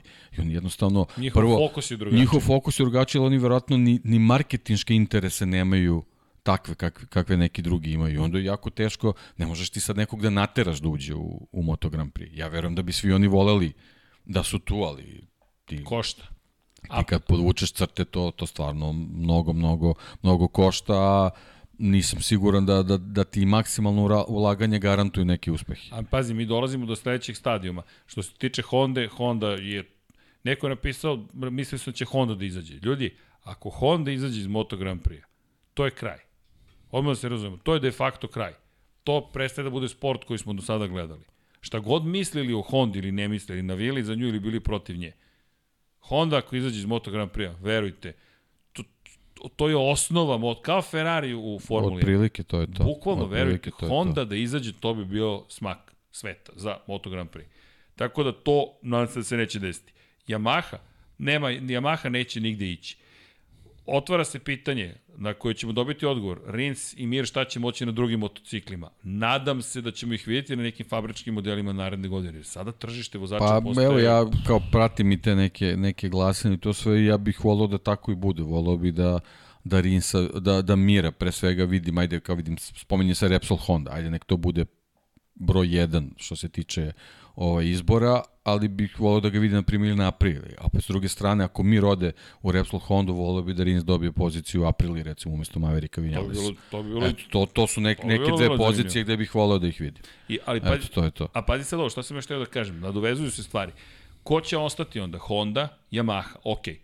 KTM i Ducati, koji imaju fokus na proizvodnju motocikala vrlo ozbiljan, ali nisu tako velike fabrike kao Honda i Yamaha po čistim brojevima, s tim što KTM kupuje Gas Gas, Husqvarna, CF, Moto, u jednoj drugoj vrsti ekspanzije KTM iz te perspektive, Ducati pripada Audiju koji pripada Volkswagen grupaciji. Nešto drugo je Audi. Pa eto, na primjer, ajde da povežemo sa Formulom 1 kad sve pričamo, ako Audi uđe u Formulu 1, šta će to značiti za Ducati? E, to je zanimljivo pitanje. To, to su, tu već dolazimo do nekih milijardi koji treba da se ubace u priču da bi ti pripremio sve da budeš konkurentan na, na nekom vrhunskom 1, nivou. Da. Ali opet, ovde budžeti kažu da su sada već oko 100 miliona. Dakle, mi sad pričamo o budžetima u Moto Grand Prix. Tako je. A ograničenje budžeta u Formuli 1 je 140 miliona. I sad, ti si tu kapirao budžet, to ne znači da toliko trošiš, trošiš ti mnogo više na ljude i sve No, ostalo. naravno, naravno. Ali, opet je skočio trošak značajno za Moto Grand Prix, a gledanost ne znamo da li će ići tim putem. U Formula 1 trend je jasan za sada i Liberty ima i sreći, dobro radi neke stvari. Kada je reč o gledanosti, a to je ono što je, inače imam utisak, ali ajde da mi ne pobegne misao, KTM dakle, Ducati postoju osnove zajedno sa Hondom, Yamahom i onda i Aprilia. I tri evropske fabrike ti sad odjednom imaš. Dve italijanske jednu austrijsku, pored dve japanske. Pazi ti taj potpuni preokret, potpunu promenu koju smo mi doživjeli u posljednjih 7-8 Pa dobro, da, ali to, to su neke, neke filozofije, mislim ti kad se vratiš na počet, početke motociklističkih šampionata, nisi ti imao japanske Oni su proizvođače 60-ih, tako, 70-ih. u tom nekom vrhu. Oni su, oni su samo šampionat iskoristili da postanu imena koji su posle kasnije Ali- neki svoj imidž su izgradili tu, kao što recimo Ducati iskoristio da izgradi svoj neki novi imidž. Tako su Suzuki, Honda i Yamaha radili negde, ta, ajde tamo 60-ih, 70-ih. Ali da to menja se odnos snaga. Pa menja se, uvek, Svakako. naravno se menja. To je Poznam što ti sad imaš, spominjao si, znači imaš Ducati za kojeg stoji Audi, imaš eh, KTM koji sam po sebi on, on želi da, da postane taj veliki konglomerat i onda imaš uh, Aprilia iza koje stoji Piaggio grupa. Mislim, potpuno je, potpuno je okej okay da oni budu ti koji će nositi nešto što je vezano za, za, za neka velika ulaganja. Yamaha i Honda su tu nekako same. Jasno. Oni, oni iz svojih nekih izvora moraju bukvalno kompletne budžete da, da opredeljuju. I ko će da nam zameni Suzuki? E sad pazi, Pa ja ne znam, u ovom trenutku stvarno mislim da, da, da ne vidim, ne vidim neku, neku marku koja će biti zainteresovan za tu priču, ali ovako nekako mi je realnije kao što smo imali u onom, u onom nekom prvom, uh, prvom odlasku, recimo Kawasaki, čini mi se kad je išao, da su morali sledeće godine da, da snabdeva jedan satelitski... Hayate. sti- Jel tako bilo? E, Hayate, e, tako. Marko Melandri, Znači, druga pozicija. vidi, na primjer, znači ako se ne bude, ako se ne bude nešto specijalno menjalo u nekim pravilima za sledeću sezonu, možda ova dva Suzuki možemo da vidimo sledeće godine kao rebrendirane. Mislim, mnogo je lakše nego tipa ovo što imamo u Formuli 1 sa, sa Hondom i Red Bullom. A pazi šta se priča. Ovo su priče koje trenutno kolaju. Između ostalog, Niki Kovač je to pričala, David Emmet takođe to rekao da mu je celoga vikenda govorila pre najave Suzuki-a. A to je da će navodno RNF da uspostavi saradnju sa Aprilijom i da bude fabrički satelitski tim Aprilije, a da će Yamaha uspostaviti saradnju sa Valentinom Rossijem za VR46 ekipu. I da je to silna želja Yamahe, da, jer to je onda rešava silne glavobolje svima. Valentino Rossi se pojavio ovoga vikenda na stazi i ukoliko ste obratili pažnju na njegovo oblačenje, ima duksericu hoodie bez jedne reklame. Ima crni kačket na kojem samo stoji njegov lični brend broj 46 i to je to. Nema Yamahe, nema Audija, nema Ducatija, nema Munija, nema nikoga. Nema šanse da Valentino Rossi je čovek koji ne promoviše nekoga ili ne nosi nešto što donosi prihode što njemu, što njegove ekipi. Nema teorije. I to je nešto što verujem da će i on želiti da reši. Pa Yamaha, dobro, možda je to i neka poruka I'm available. ba je, vidi, Dorna. Ne, Dorna, Dorna se, je Dorna ne. više, u više navrata pokazala za, za te neke stvari nema baš. Nema sluha. sluha, ovaj, pričali Rossi smo na početku, može da, treba da na, da, na da. početku podcasta, tako da to je ovaj, više, više do timovi do marki nego, nego do Dorne. Da, ali, Da ali prepoznaju. činjenica je da je Valentino Rossi u toj celoj priči veoma važan igrač, to smo sada i tekako videli, i ukoliko to reše, to je pitanje sada za njegovu automobilsku karijeru, to je najveće pitanje, ali u motociklizmu, ukoliko reše to pitanje, da je on, pošto Yamaha VR46 Master Camp ekipa je u Moto2 klasi, ukoliko po- postavi saradnju sa Yamahom, dakle onda su oni rešili sve. Valentino Rossi proizvodi odevne, odevne od- garderobu, proizvodi njegov, njegova fabrika proizvodi za Yamahu. Oni su onda objedinili sve praktično. Inače, i po pitanju energetskih pića, on je u Mon Monster kampu, dakle Monster već ima saradnju sa ekipom fabričkom, ima saradnju sa njegovom akademijom, ima saradnju sa njihovim, njegovim timom, oni tu završavaju posao. Tako da se priča da će čak možda i to da bude rešenje i da ćemo imati četiri aprilije št- i da ćemo ostati s istim brojem Yamaha, što do nekle rešava stvar, par stvari. Zašto? Imamo šest Ducatija, to je više nego dovoljno. Četiri Aprilije, četiri Yamahe, četiri Honda i četiri KTM-a. Dakle, možda, možda čak dobijemo šest KTM-ova, ali ja iskreno, ne zbog KTM-a, više bih voleo četiri Aprilije da vidimo i da imamo jedan balansirani zaista šampionat gde imaš i fabrički tim i satelitski tim i mogućnost da ljudi koji su u satelitskim timu povremeno i pobede, da se nominuju, kandiduju praktično za ulazak u fabričku ekipu i da dođemo do toga da zapravo ovo i ne bude tako katastrofalna vest kao što si ti rekao, već da se onda svede u stvari na pet proizvođača koji tekako imaju interesa da održavaju Moto Grand Prix na visokom nivou. E onda dolazi pitanje zvezda. Ali tu sa timovi moraju da rade I tu se slažem s Davidom Mm, Emetom. apsolutno, da, da, Oni ne znaju da. kako da promovišu sobstveni sport. Oni su i dalje inženjeri i trkači pre svega. Šta je doneo Valentino Rossi Moto Grand Prix? Donekle i Dorna iskoristila to. To je show biznis. Show biznis. I ono što si ti lepo rekao, on je puno radio na tom show biznisu. I to je ono što im nedostaje. To je kao Romano Albisiano. On će da napravi najbolju Apriliju. A ne zna da organizuje ljude. Dođe Massimo Rivolo, organizuje ljude. Šta im nedostaje? Neko poput, iako ga ne voliš, Flavija Briatorea, koji će da proda to pokretno reklamno vozilo i ono što je on pričao u njegovom intervju. Dobro, ja bi to, ajde ti, ti stavljaš Flavije, ja bi predstavio Edija Jordana. Može Eddie Jordan, okej. Okay. Ali to je ta poenta, da dovedeš... Znaš, Flavio je barato s tuđim novcem, znaš, a Edi ipak uh, morao da, da uđe u, u, u, u neku svoju priču, pa da onda privoli ljude da da ovaj da njemu da njemu ovaj prepuste financije da bi nešto uzdigao. Tako da ovaj pre pre možda tako. ok, vidi, može i tako. Vanja, hoćeš da staviš neku lepu fotografiju pa da središ sink. Stavi onaj Suzuki, to ti je kao light motiv, ispali smo iz sinka, toliko dugo pričamo da je, da je Black Magic rekao ne mogu da pratim više ove ljude, pa će to sad Vanja da resetuje. Ne vidiš da brineš Vanja, samo ti reci šta treba da se uradi. Zašto sam spomenuo Flavija? Flavio imao tu ekstremnu rečenicu u svom intervju na f1.com, čuveni šef, kontroverzni Benettona, kada je rekao, ne znam komu je tada bio uh, tehnički direktor, ovo je inače fotka iz Katara, pogledaj koliko je to lep motocikl. Prelep je. I izgleda brzo. Pa smo pričali sa Kenom Kavoućim. Ma, Srki, ništa tamo nije sporo, ti ako imaš ceo grid koji u jednoj sekundi. Naravno, naravno. Sve je to, sve je to brzo, ali, ali, ali nedostaju ali, te finese. To, to, to. I to je ono gde, gde verovatno moraš da potrošiš taj neki budžet, bukvalno sve da iscediš i Suzuki se verovatno umorio toga. Umorio Mislim, oni su imali ozbiljne udare ovaj, što se tiče ljudstva pre svega ovaj, odras, odlaskom Davida Brivije. Ja, ali nije on slučajno otišao, verovatno se i on u toj čitoj priči umorio i taj vrhu, osvajanje tih, tih, da, tih da. titula, to je bio taj vrhunac. Zašto je neko na vrhuncu svega odlučio da ode? On je vratio Suzuki, Tako je. koji se povukao 2011. On ga je vratio. Pričemu Kawasaki je otišao 2008. Na kraju 2008. tada je globalna kriza prvi put krenula. Znaš kako, oni su, ali... oni su u pet sezona uspeli da, da postanu svetski šampioni. Jest. Pa, Iskoristili su priliku da. kako je bila, sve okej. Okay. Ali opet sad sa druge strane ti imaš, ako neko i priča da postoje ekipe koje bi ponovo ušle u Moto Grand Prix, one sad imaju iskustvo da mogu da gledaju koliko je KTM-u i Aprili trebalo da se uzdignu, pritom nisu još nigde stigli. Tako je. Oni KTM, još nisu nigde stigli. KTM i Aprilija su otprilike došli na iste nivoe, s tim što je KTM počeo da pada. Jeste. April je sad u svom uzlazu znaš šta i nema, zanos. Znaš šta nema Pitanje je, mislim, ne, neću sad, sad uopšte da, da, da, da pričam u nekoj negativnoj konotaciji, ali da li će ovaj Aprilin uzlet da traje ili će proći kao KTM sad kad su ukinuti koncesije? Tako je. Ali vidi, šta ja mislim da nedostaje KTM?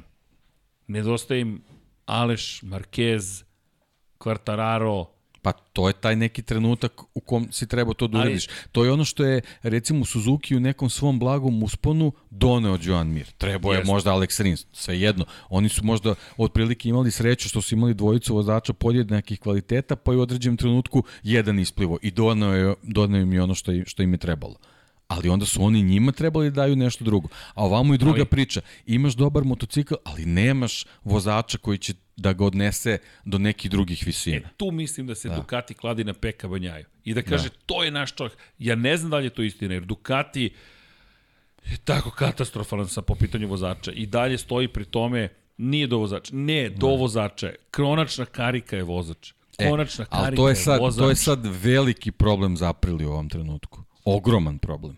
Oni sad imaju Aleša Espargara, koji je prezadovoljan svim I dovoljno dobar. i dovoljno dobar. Ali I ne- imaš, I imaš Maverika Vinjalesa koji nekako završava svoju Moto Grand Prix karijeru. Sam, sam radi ili stvari da, da, da jednostavno to tako da. izgleda. Ali nema veze.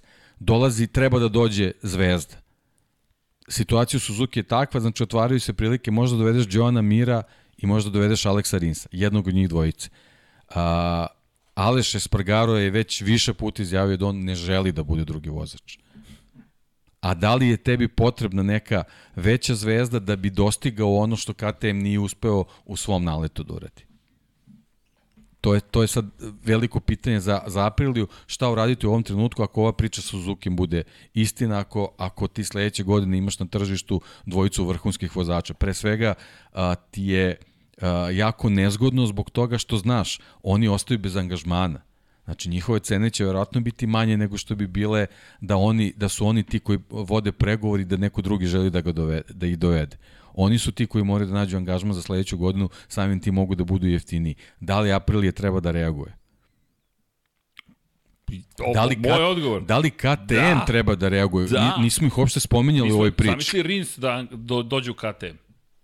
Ili Mir u KTM. Ili mir, sve jedno. Neko je napravio tweet, kaže, Binder bez angažmana sledeće godine, otprilike ko će sve da ispadne, Andrea Doviciozo i tako dalje. Ma dobro, to sad to su, ne možemo znamo, da uđemo, da, da, da. Ne, ne, to, to je suviše, suviše, da. suludo je to špek, ali, ali, ali situacija, saznanje da, da u jednom trenutku ti imaš uh, slobodne agente u vidu Joana Mira i Aleksa Rinsa, to, to baš tektonske poremeće može napraviti. Znači, ipak su tektonci. Da. Da, ali na jedan drugi način. Ali, ali vidi, ima sad još spojeva tu, sad u celoj priči. Honda je dala četiri motocikla. Do kada će Honda da kaže, ok, dajem četiri fabrička motocikla? Do kog momenta kažemo, ej, se vratimo na dva i dva satelitska stara motocikla. Da. Nema, nik, ovo nema više smisla. Ja mislim da će se to desiti. Niti dobro, niti loše. Vidimo da su prošlogodišnji motocikli više nego konkurentni. Ali, isto tako, pazi, apropo KTM-a, ja ne vidim ni Bindera, više ni Miguel Oliviru kao ljude koji su to, stalno na vrhu. Ne, oni su gore, dole, gore, dole, gore, dole. Remy Gardner, Al Fernandez tek su stigli, ajmo da sačekamo. Međutim, Takaki Nakagami, pobednik Moto2 trke, Ayo Gura, ljudi, ajmo pro, aplauz jedan za Ayo Guru, Ayo Gura, ljudi, kakva radost, prvi put u karijeri neko beleži pobedu. Ne, ne bežimo od Moto Grand Prix-a, ali da ne ulazimo sad svaki ko je, gde, šta, kako bio. Da, proći ćemo i kroz to, ali Ajo Gura je zabeležio pobedu u Moto2 klasi na dominantan način. Ajo Gura je odvezao baš pravu Moto2 trku. Od početka do kraja vodio, držao prvu poziciju, nije se postavilo pitanje. I bio sam ubeđen, ako blago poveća prednost, to je to. Ajo Gura samo u njegovoj glavi. I ovo je njegov način da pobeđuje. Deki, Evo krugovi, 42-1, 2-1, 1-9, 1-9, 2-1, 1-9, 1-9, 2-1, 2-2, 2-0, 2-0, 2-3, 2-3, 2-0, 2-2, 2-0, 2-1, 2-0. I ovde već bio kraj, 2-1, 2-3, 2-5, 2-8. I 2-8, čak i poslednji krug ispod 1-43. I ovo je nešto što treba da zabrine, ta, zabrine Takakija Nakagamija. Jer to je ono što je Japancima bilo potrebno, to je Hondi, da ima vozača koji iz Japana, koji je pod njenim okriljem, a u Dimicu Hondi Aju gura, koji može da kaže, ej, dođi vamo. Evo, Pa da, ali vidi kakav kadar. lepo je, lepo Deki je dolazi to. sprema na čas, pa ne, šta vam je? A, lepo je to, ali ovaj e, moraju onda da ustali ovakve rezultate. To je činjenica, Ovo je, ali... ovo je sad da kažemo njegova pobjeda karijere i to je, je. to, ali sad, sad Ej, prvo, ovaj, prvo u karijeri u svetskom šampionatu uopšte. a koliko to god zvučalo lepo, to onako može da bude i prilično nezgodno, sad od tebe očekuju da, da tako i nastaviš. Tako da, ovaj, Šta misliš? Pa ne, on je pokazao, mislim, kvalitet, ali ona, ona njegova neka osobina koju smo primetili još iz, iz prošle pretprošle sezone jednostavno nije, nije vozač koji voli da kreće u napad. I ovo je bila takva trka, on ovde nije imao potrebe da napada, on je ovde Nikoga, samo imao je, potrebu da, je. da vozi svoju trku. E sad, ovaj, Damon a, Hill style. tako je, Ako, ako, povedem, tako je, tako nećete je. me više vidjeti. Pa da. Pa dobro, mislim, eto, vidimo, savremeni motocikl je ta priča, ali ko ume da se bori, to je onako nekako uh, veći kvalitet, pa ćemo vidjeti kako će on sad da pregure, evo sad i on je skinuo tu, tu taj teret, pa da vidimo kako to sad može da izgleda posle pobjede. Dobro, tu čekamo, ali vidi, lepo Da. je. I povezuje mi se s ovom pričom. Ono što je još jedno veliko pitanje, kada pričamo o, o da kažeš, mogućnostima određenih vozača. Alex Marquez. Znaš, Alex Marquez, ja mislim da je on i tekako ugrožen u cijeloj priči. Zašto ne bi Rins završio u Lučiće Kinelo Racingu?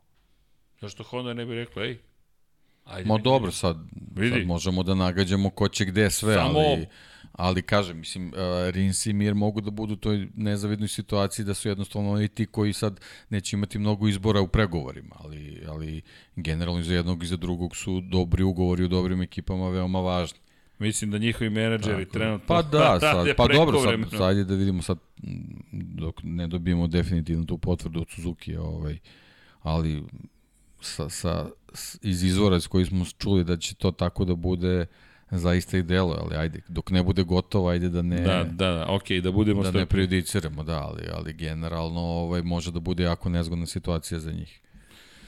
U svakom slučaju, pratite, da. pratit ćemo svi zajedno šta se tu zbiva. Ne znam, meni, meni je bio šok, iskreno mnogo to. Inače, ja sam taman dremnuo malo. Malo sam dremnuo, da nikad ne spavam popodne. I u tom trenutku ja kažem, ja odoh ljudi da spavam, ja više ne mogu. Palim telefon, pakao.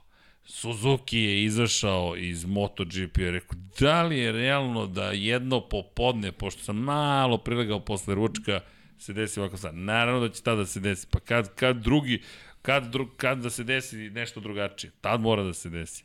Ali, Ali ono, ono što si ti rekao, mislim, eto da zaključimo, znači najveći šokovi u tom smislu mogu da bude neko kaže Honda ili Yamaha izlaze iz Moto Grand Prix. Ovi svi ostali, uključujući Ducati, meni to nije ništa, ništa spektakularno. uključujući Ducati. Uključujući Ducati, da. Ok, ovo me, ovo mi podsjeća na Pajnu, Honda izlazi iz Formule 1. Pašću u nesvest ako se ovo desi, nadam se da grešim. Ne, ne, ali... mislim, ne, ne, ne govorim Ne što da se desi, nego jednostavno, i kad bi stigla ta vest, mislim, meni to nije ništa, ništa, Ništa mi ne bi strano. bilo spektakularno. Dobro, Da. da. dobro, ali u svakom slučaju... da Funkcionis, funkcioniše, funkcioniše će taj šampionat i bez njih, ali kažem, Hoće. bez, bez Yamaha i, kon, i Honda mi bi, onako, mi bi bilo baš onako tanko, ali Ali dobro.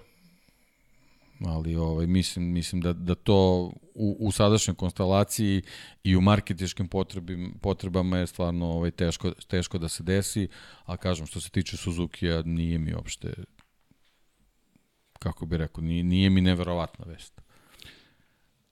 Apropo Suzukija, Rins četvrti u šampionatu, Mir šesti u šampionatu. 20 pojena zaostaje Rins za kvartararom, 33 pojena zaostaje Joan Mir i dalje tu šanse postoje. Tu su, ali, ali vidi se iz tih vožnja, oni, oni mogu da budu konstantni, ali će stvarno biti potreban veliki napor da urade nešto više da bi više bodova osvajali. Vidi, što više Fabio je- bude napredovao i Peko bude napredovao, da. oni će morati više da. da rizikuju na tom Suzuki. Ono što je pitanje, Tako je. da li, šta, ti rekao da mi kaže da će sad odjednom Suzuki da razvija svoj motocikl i da ulaže silne pare u to da ovo bude šampionski motocikl do kraja sezone, kao što je Honda uložila u Formula 1.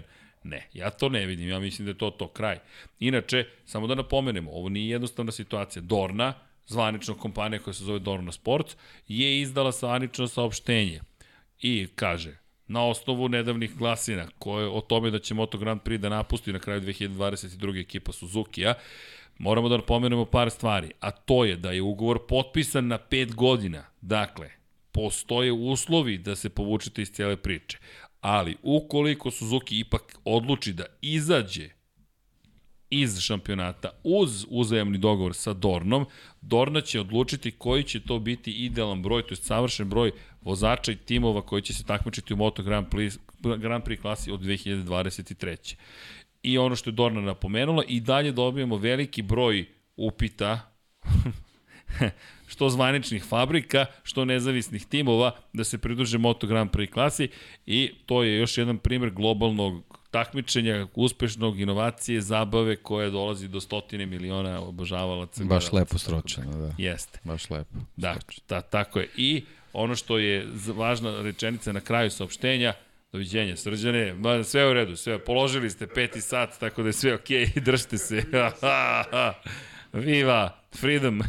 Ćao. Ali to je, dakle, zainteresovane strane, te navedene, su potvrdile još jednom svoju zainteresovanost u prethodna 24 časa. Ok, to Ma moraš dobro, da saopštiš sve, ako sve si okay, Dorna. naravno i moraš, to. to je jednostavno ne smeš da da to, ali, ali sport. to vezano za taj čvrsti ugovor i to sve, mislim, koliko smo puta pričali o, o, o Japancima i njihovom ovaj, mentalitetu i načinu organizacije, ako je, ako je procena će manje koštati da se izađe nego da, da, da razvijaš neki motocikl za koji uopšte nisi siguran šta možeš da uradiš s njim, mislim, stvar je potpuno jasna, tako da ne može tu Dorna nikakvim saopštenjem nešto da promeni.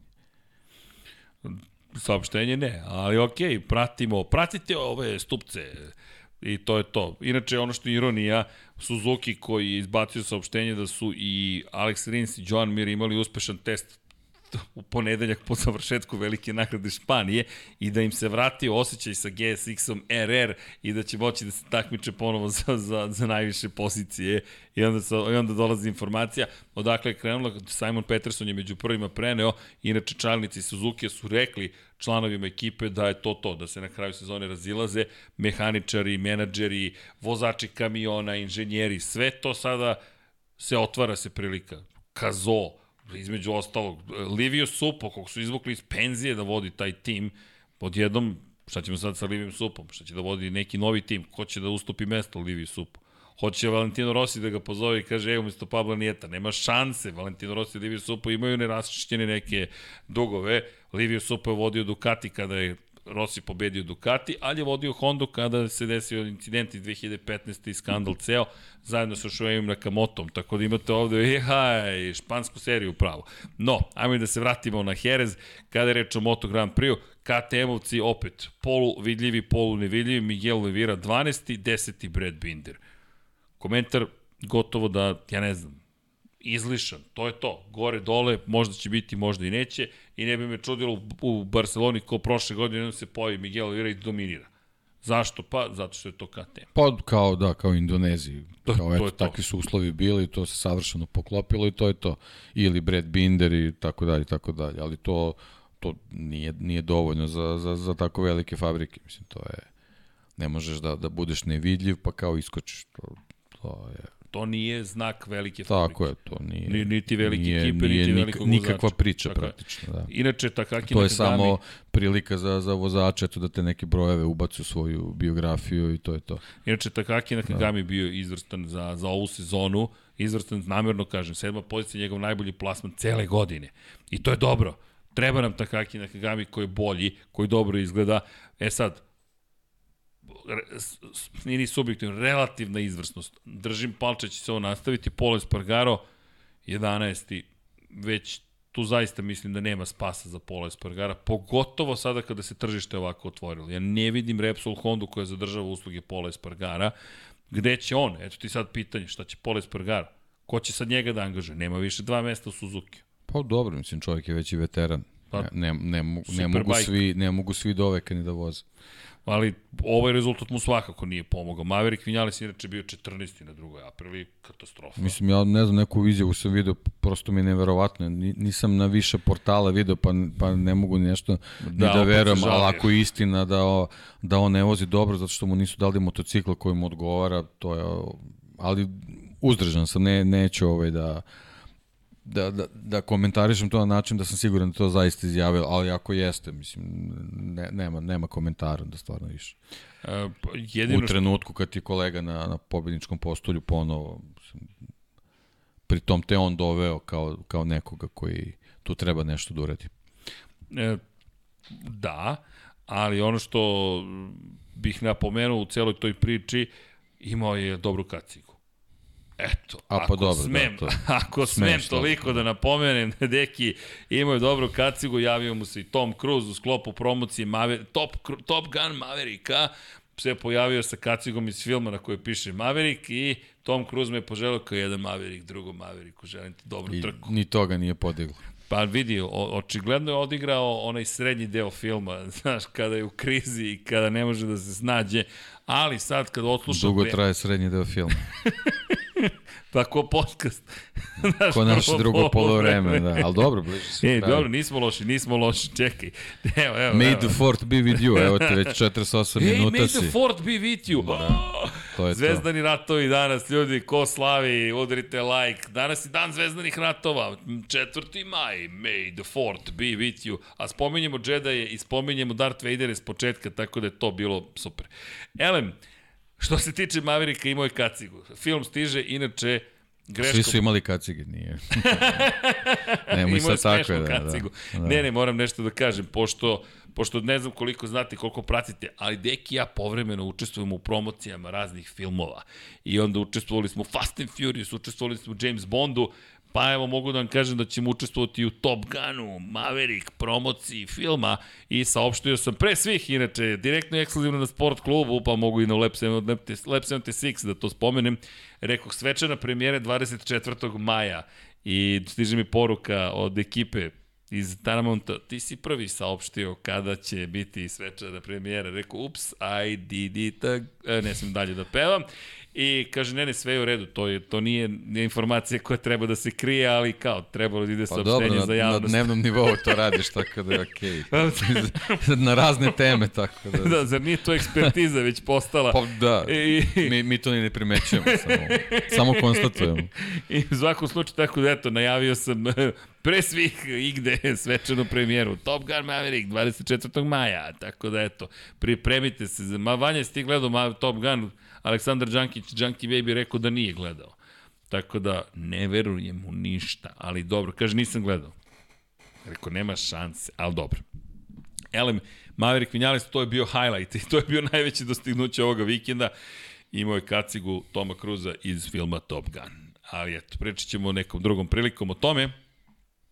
Što se tiče ostalih vozača, Novajlije, ljudi, Marko, Bec, Škorpion, Beceki, molim vas, deveta pozicija, više nego dobar plasman. Da, da, za Novajliju, polako ali sigurno, na prošlogodišnjem Ducatiju i zaista izgleda dobro. Drugi put ove sezone Beceki na devetom mestu. Među top 10 u ovom Grand, Moto Grand Prix biti skidam kapu, svaka čast.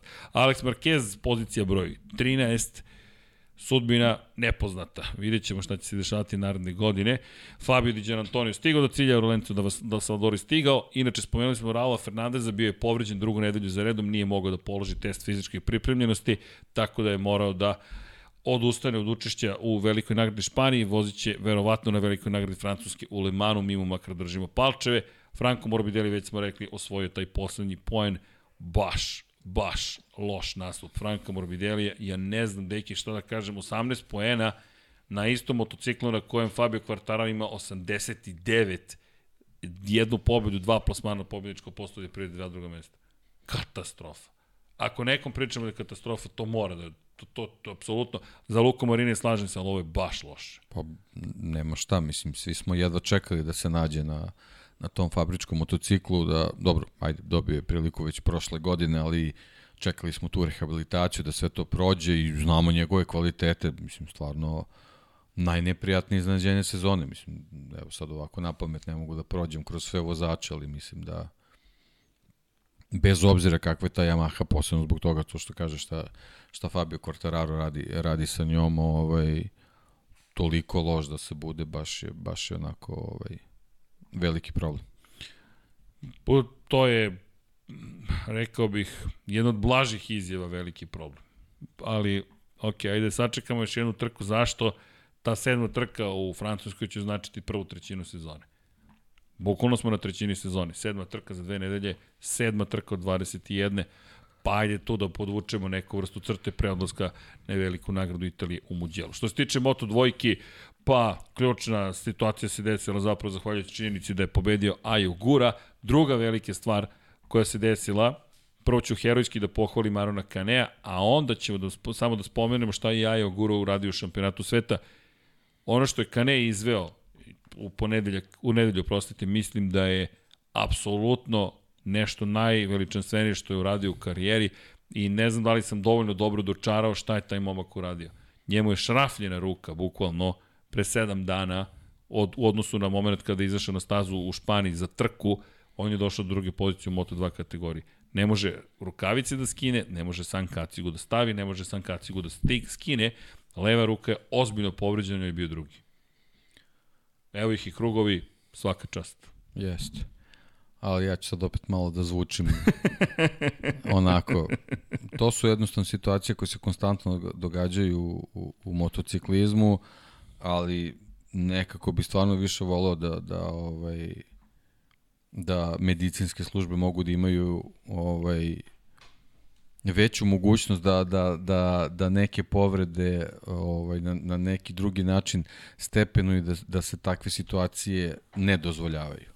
Bez obzira na, na uspeh ovaj, Arona Kanea, ovaj, a sve u svetlu tih povreda koje Mark Marquez ovaj, zadobio u slučaju da se nešto desilo sa Aronom Kaneom neki pad ili, ili, ili neki kontakt, sudar, veliko je pitanje ovaj, kako bi mogla njegova karijera da se nastavi. Mislim, u svetlu ovog rezultata apsolutno svaka čast, ali u svetlu odluke da se nastupa na trci mislim da ovaj da to ono jeste jeste hrabrost, ali ali opet to je to je već već neka stvar koja se graniči sa, sa, sa ludosti i, i to smo već ono dugu, dugi niz godina svedoci ovaj, da, da, da se dešava.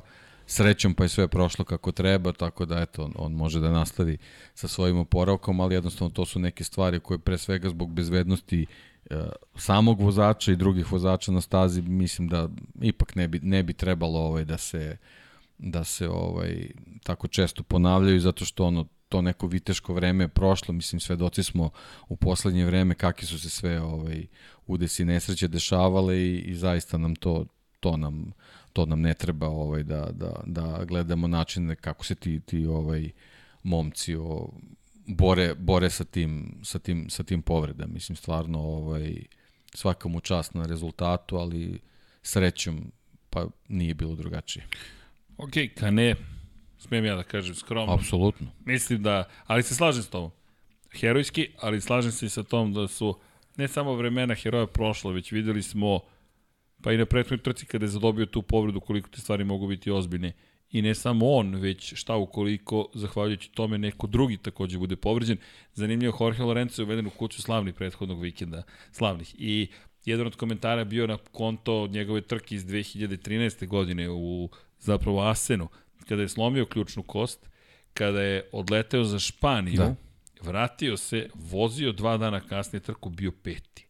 I Jorge je rekao, ljudi, ja nisam ni planirao da se vratim. Ja sam samo želeo što brže da se operišem, zato što je Dani Pedrosa bio u takvoj formi da sam se plašio da će osvojiti titulu.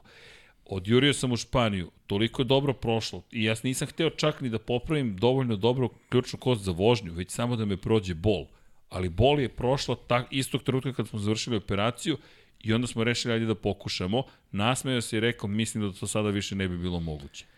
I ne bi bilo moguće. Ili ne bi trebalo da bude pa, moguće. Da, zato što to isto što je on rekao, to je isto bila situacija s Markezom. Oni su u tom trenutku plašio forme Fabija Kvartarara, pa je požurio sa svojim oporavkom. I eto, on je imao nesreću da, da se to izdešava šta se izdešavalo, drugi su imali sreće, ali jednostavno to ne bi trebalo da bude stvar sreće ili nesreće, nego jednostavno stvar nekog zdravog razuma, posebno u tom, tom modernom motociklizmu kakvog trenutno imamo.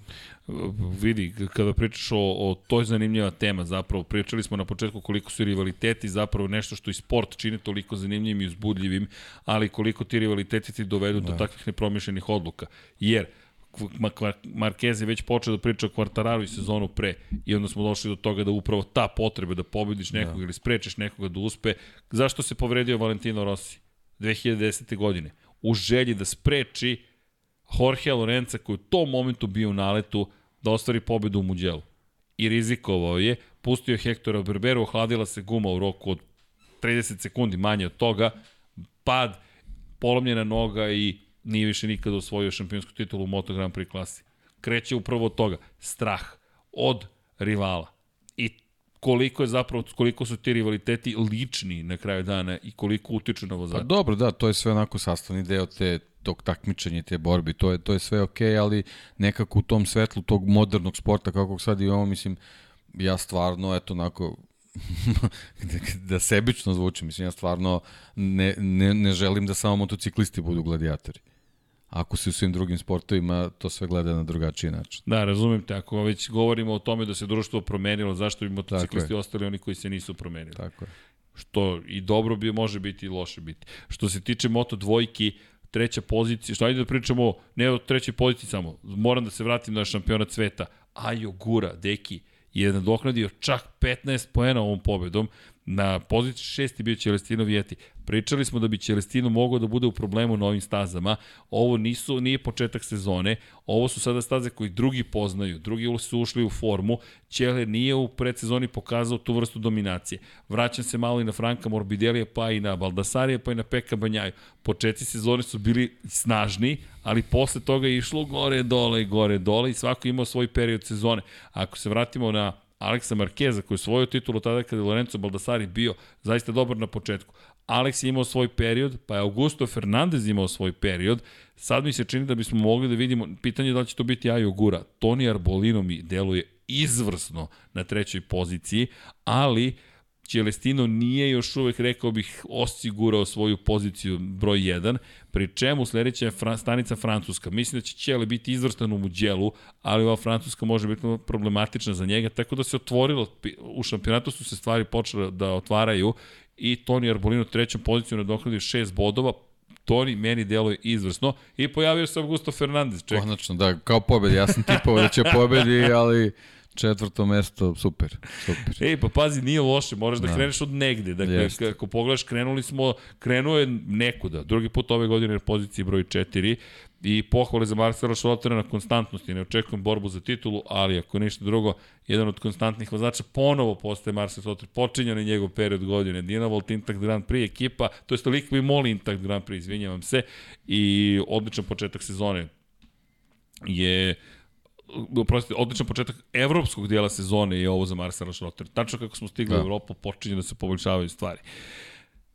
Što se tiče ostalih vozača, Boben Snyder standardno već postoje čovjek koji je na poziciji broj 7. Joe Roberts posle pobjede vraća se tamo gde ga je očekujemo. Treće, osmo mesto ove sezone. Rekao bih da to jasan pokazatelj standarda. Najveći podbočaj uslovno rečeno jeste šesto mesto zapravo Celestina Vijetija ali to smo predvideli, nije, nije nešto neočekivano, pa sad, ja, odjednom drama neka se tu stvorila, naprotiv, Albert Ardenas osvojio poene, Jeremy Alcoba osvojio poene, zaista pohvale, Pedro Acosta, period učenja se nastavlja. Nastavlja se, da. Ponovo da, pada, je... ali, ok, podigo, motocikl završio trku, pohvale. Da, očekivali smo više od njega, pre svega zašto je Jerez, ali eto, sad su tu te evropske staze, imali još prilike tu nešto da uradi, ali definitivno ovaj, Ajo ekipa u Moto dvojkama nije, nije baš na nivou, čini mi se. Ovaj, Ove godine ne. Pa da, možda je, možda je eto tako nezgodna situacija promeniti dvojicu vozača, ovaj, pa jer ti praktično imaš i Augusta Fernandeza koji jeste iskusan, ali on se privikao na ekipu, onda s druge strane imaš Akostu koji je potpuni Novajlija i ovaj, onda to malo, malo vjerojatno bude nezgodna kombinacija, pa se možda ni čitav tim nije nije ovaj privikao na tu priču i onda onda ovako malo te zatekne taj početak sezone, ovaj nespremne, onda malo i, i pehova, loša sreća i sa vremenom i tako s nekim pozicijama, neki ne, ne, nezgodni padovi i tako prođe časkom par trka i onda onda shvatiš da si da nisi ni blizu ove prošle sezone, tako da biće oni sigurno nekim trkama bolji, ali uh, vidimo već sada da su, da su daleko od, od, od ekipe od, prošle sezone, tako da ima tu još dosta da se radi što se njih tiče.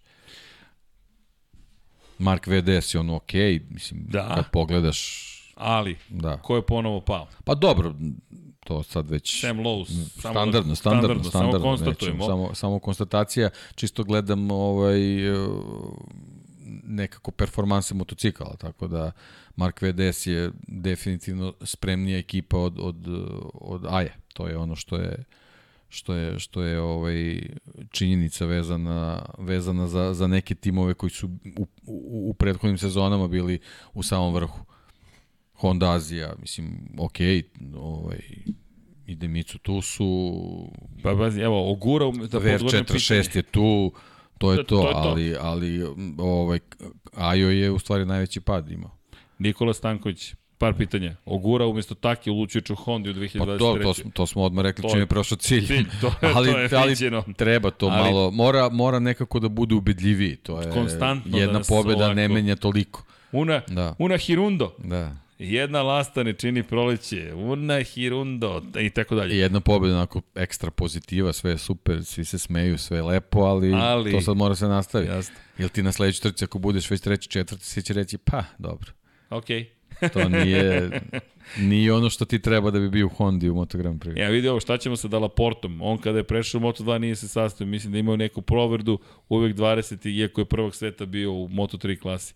Ljudi, Pa to što si prvog u Moto se 3 ne mora znači ne da će navikne, biti prvog u. Moto 2. Da. ne naviknete se, ne, ne Da. pronađete tajnu, ne sklupite se sa ekipom, da. on je u Ital Transu godinu za godinom, pitanje je koliko Ital Trans može da vam pomogne. Pa rekli smo Ital Trans.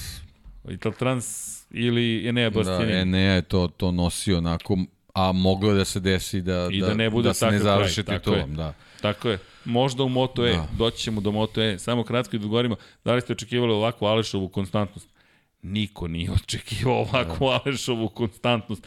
Inače imate celu kolumnu na raznim sajtovima, ne jednu. Da li smo svi pocenili Aleša Espargara? Da. Apsolutno. Čovek je za mene most improved player ne sezone, nego Ma, kog ja znam po meni nikada. ne samo zbog tih rezultata, nego generalno, to sam rekao i prošli put, čovjek je napravio taj motocikl. nema, nema tu šta da, da mu se oduzme, ovaj, zaista je zaslužio sve to. Ne znam, meni Kažem, sad je samo bitna ta igra, ako se napravi taj korak gde, gde, gde, gde moraš da dovedeš igrača koji može sve, sve da pomeri ovaj, što se tiče tih rezultata, kako će Aleš to da, da, da primi. Kako će da primi? Pa mislim da zavisi od toga koliko će da ga plati i koliko će još Pa pobjeda to ostvariti. Znaš, mislim da Aleš, jer Aleš je bio pred penzijom. On je bukvalno rekao da, da nije došao Massimo Rivola, on je već bio spreman za penziju, on je rekao svojoj ženi, ej, vidi, imamo dovoljno para, znam ja da radim i druge stvari, nisam ja samo motociklista. Znaš, imam, znam, imam, znam i neki, imam i neke druge znanje i neke druge veštine. Međutim, došao je Massimo Rivola i rekao, ej, veruj mi, možemo. I evo ga ovde, i sad dolazi do čega. Ostvario si prvo pobedu u istoriji Aprilije. Da, pazi, niko nikad, više nikad to ne može da ostvari. Postoji samo jedna osoba i to si ti. Ti koji ide u zlatni ram u fabrici. Zasluženo potpuno. Zasluženo. A još je veseljak, jedan pristojan čovjek, znaš, sve se uklopilo i imaš dovoljno novca, plaćen si, aj čao. Znaš, po tim, mislim da je on prešao na drugi nivo sada i da, pa da on rekao, ja i dalje mogu se boriti za titulu. Ali, da se mi vratimo borbama drugim za titulu. Moto, trojke, deki i imamo i Moto E, ali ćemo pokušati da budemo efikasni. Mada smo dobili kritiku prošli put. Zašto niste detaljno analizirali Moto 2 i Moto 3? Ej, Pa, da, da, Moto Grand Prix nas je povukao. Ne zamerite, ali Moto Grand Prix kraljevska kategorija. Ali da, treba, treba pridati značaj naravno svemu, zato što tako treba da bude. Ele, Moto trojke. Moto trojke, standardno uzbudljivo, kao i uvek što jeste u Herezu, bar znaš uvek da ćeš tu dobiti mnogo uzbuđenja i pobjeda Izana Givare prva ove sezone i prva baš prava pobjeda. Kaže, ej, ljudi, prošli sam prvi kroz cilj, nije bilo pravilnika, nije bilo incidenata kao prošle godine u Americi. Drugo mesto Sergio Garcia, dvostruka pobjeda Gas Gasa. Mislim da čak šampionat konstruktora je mnogo interesantniji. Ovo uvek imate neki spisak ljudi koji su tu, prvi, drugi, treći i tako dalje. Jaume Masija, treća pozicija. Pobjeda, drugo mesto, Tu je, treće. tu je. To je, to je važno za njega. Da je, Tako to, je. da je to. Ja sam na njega tipovao, ali Asparovcima svaka čast. Baš su Mislim, se ti uvek pripremili. kažeš gas, gas, ja bih rekao Aspar. U pravu si. Aspar. Aspar. Koji onako na više frontova stvarno se trude ovaj, da, da, da drže sve na, na nivou, tako da svakim čast. Inače, i za Deniza Ondža pohvale, ostaje na točkovima, ne pada, ostaje, vidi, deki, Ali na ivici. Ivici na Na Ivici na ivici. Sad je imao pobedu u rukama, ono je njegova greška. A, nije to samo greška, to su tragovi prošlosti.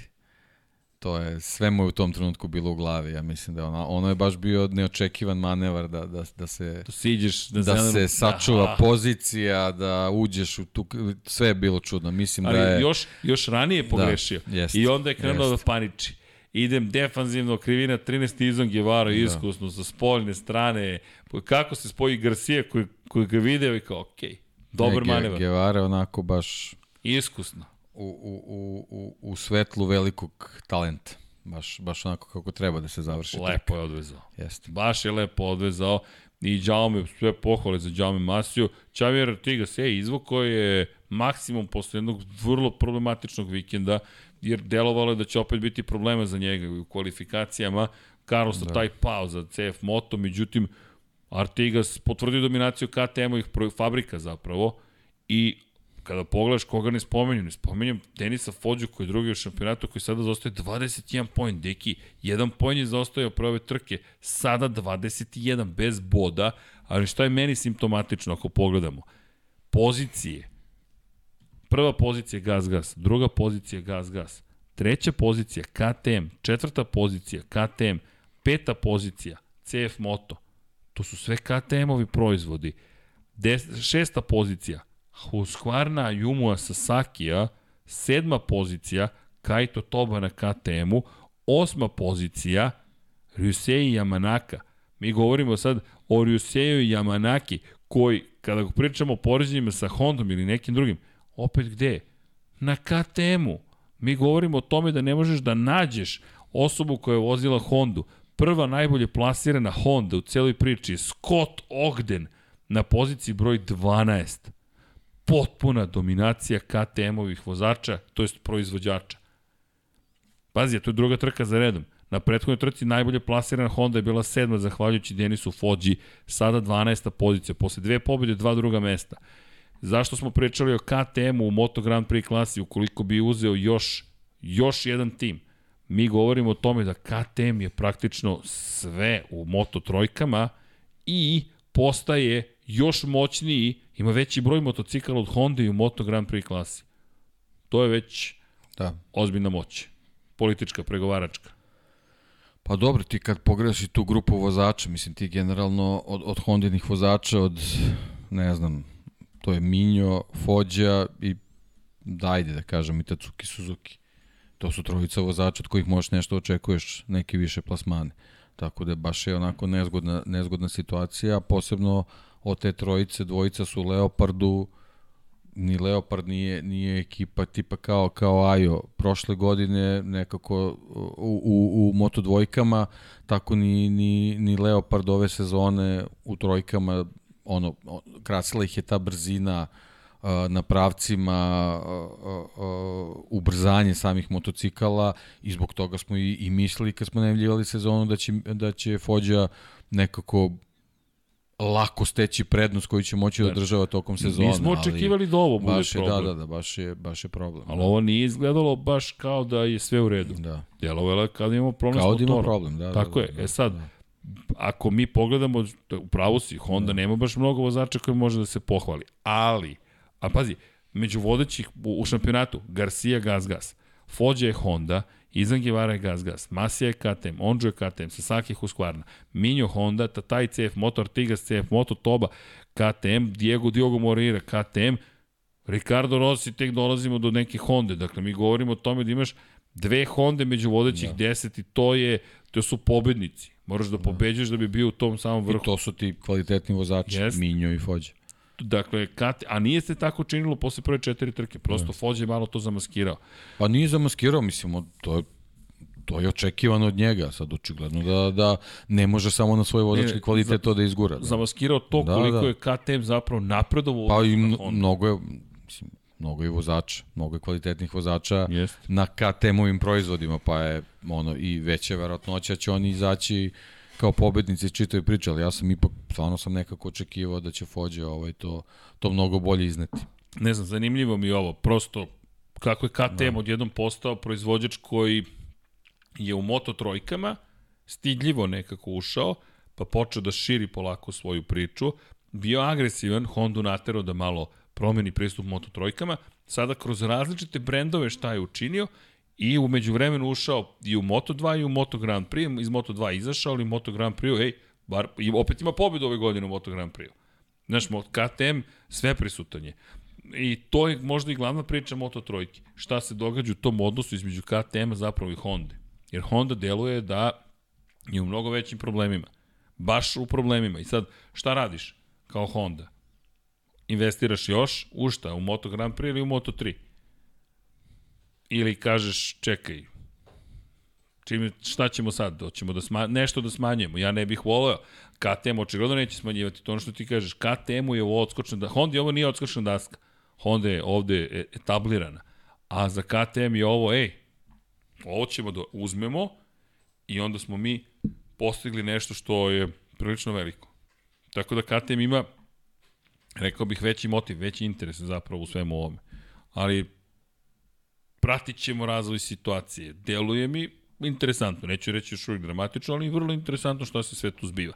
Inače, pored Ayumu Sasaki, Ayumu Sasaki isto možemo da pohvalimo, kažnjen, poslat Ne, odlična trka, odlična trka. Dugi krug odvezao i opet bio šesti. Da. Svaka čast. Mislim da bolje od ovoga zaista nisi mogao. I sad ajde, ako ćemo tako, i Rossi bio super do pada. Jeste, jao, koliko mi je krivo. da. Jao, koliko mi je krivo, moram da ti priznam. Pogotovo što je Sić 58 ekipa, a i volim tako neki vozače da se istaknu. I krajem prošle godine je baš došao do nekih pristojnih pozicija i izleti da, sa staze. Da, eto, ajde da mu poželimo da, da u nastavku sezone bude četvrti vozač na Hondi, može. za kojeg ćemo kažemo može, može, da, je, može. da je taj koji može bolje. Može. Mo, apsolutno da. podržam. Inače, da. Ryusei Yamanaka pobedio Dioga Moreiru.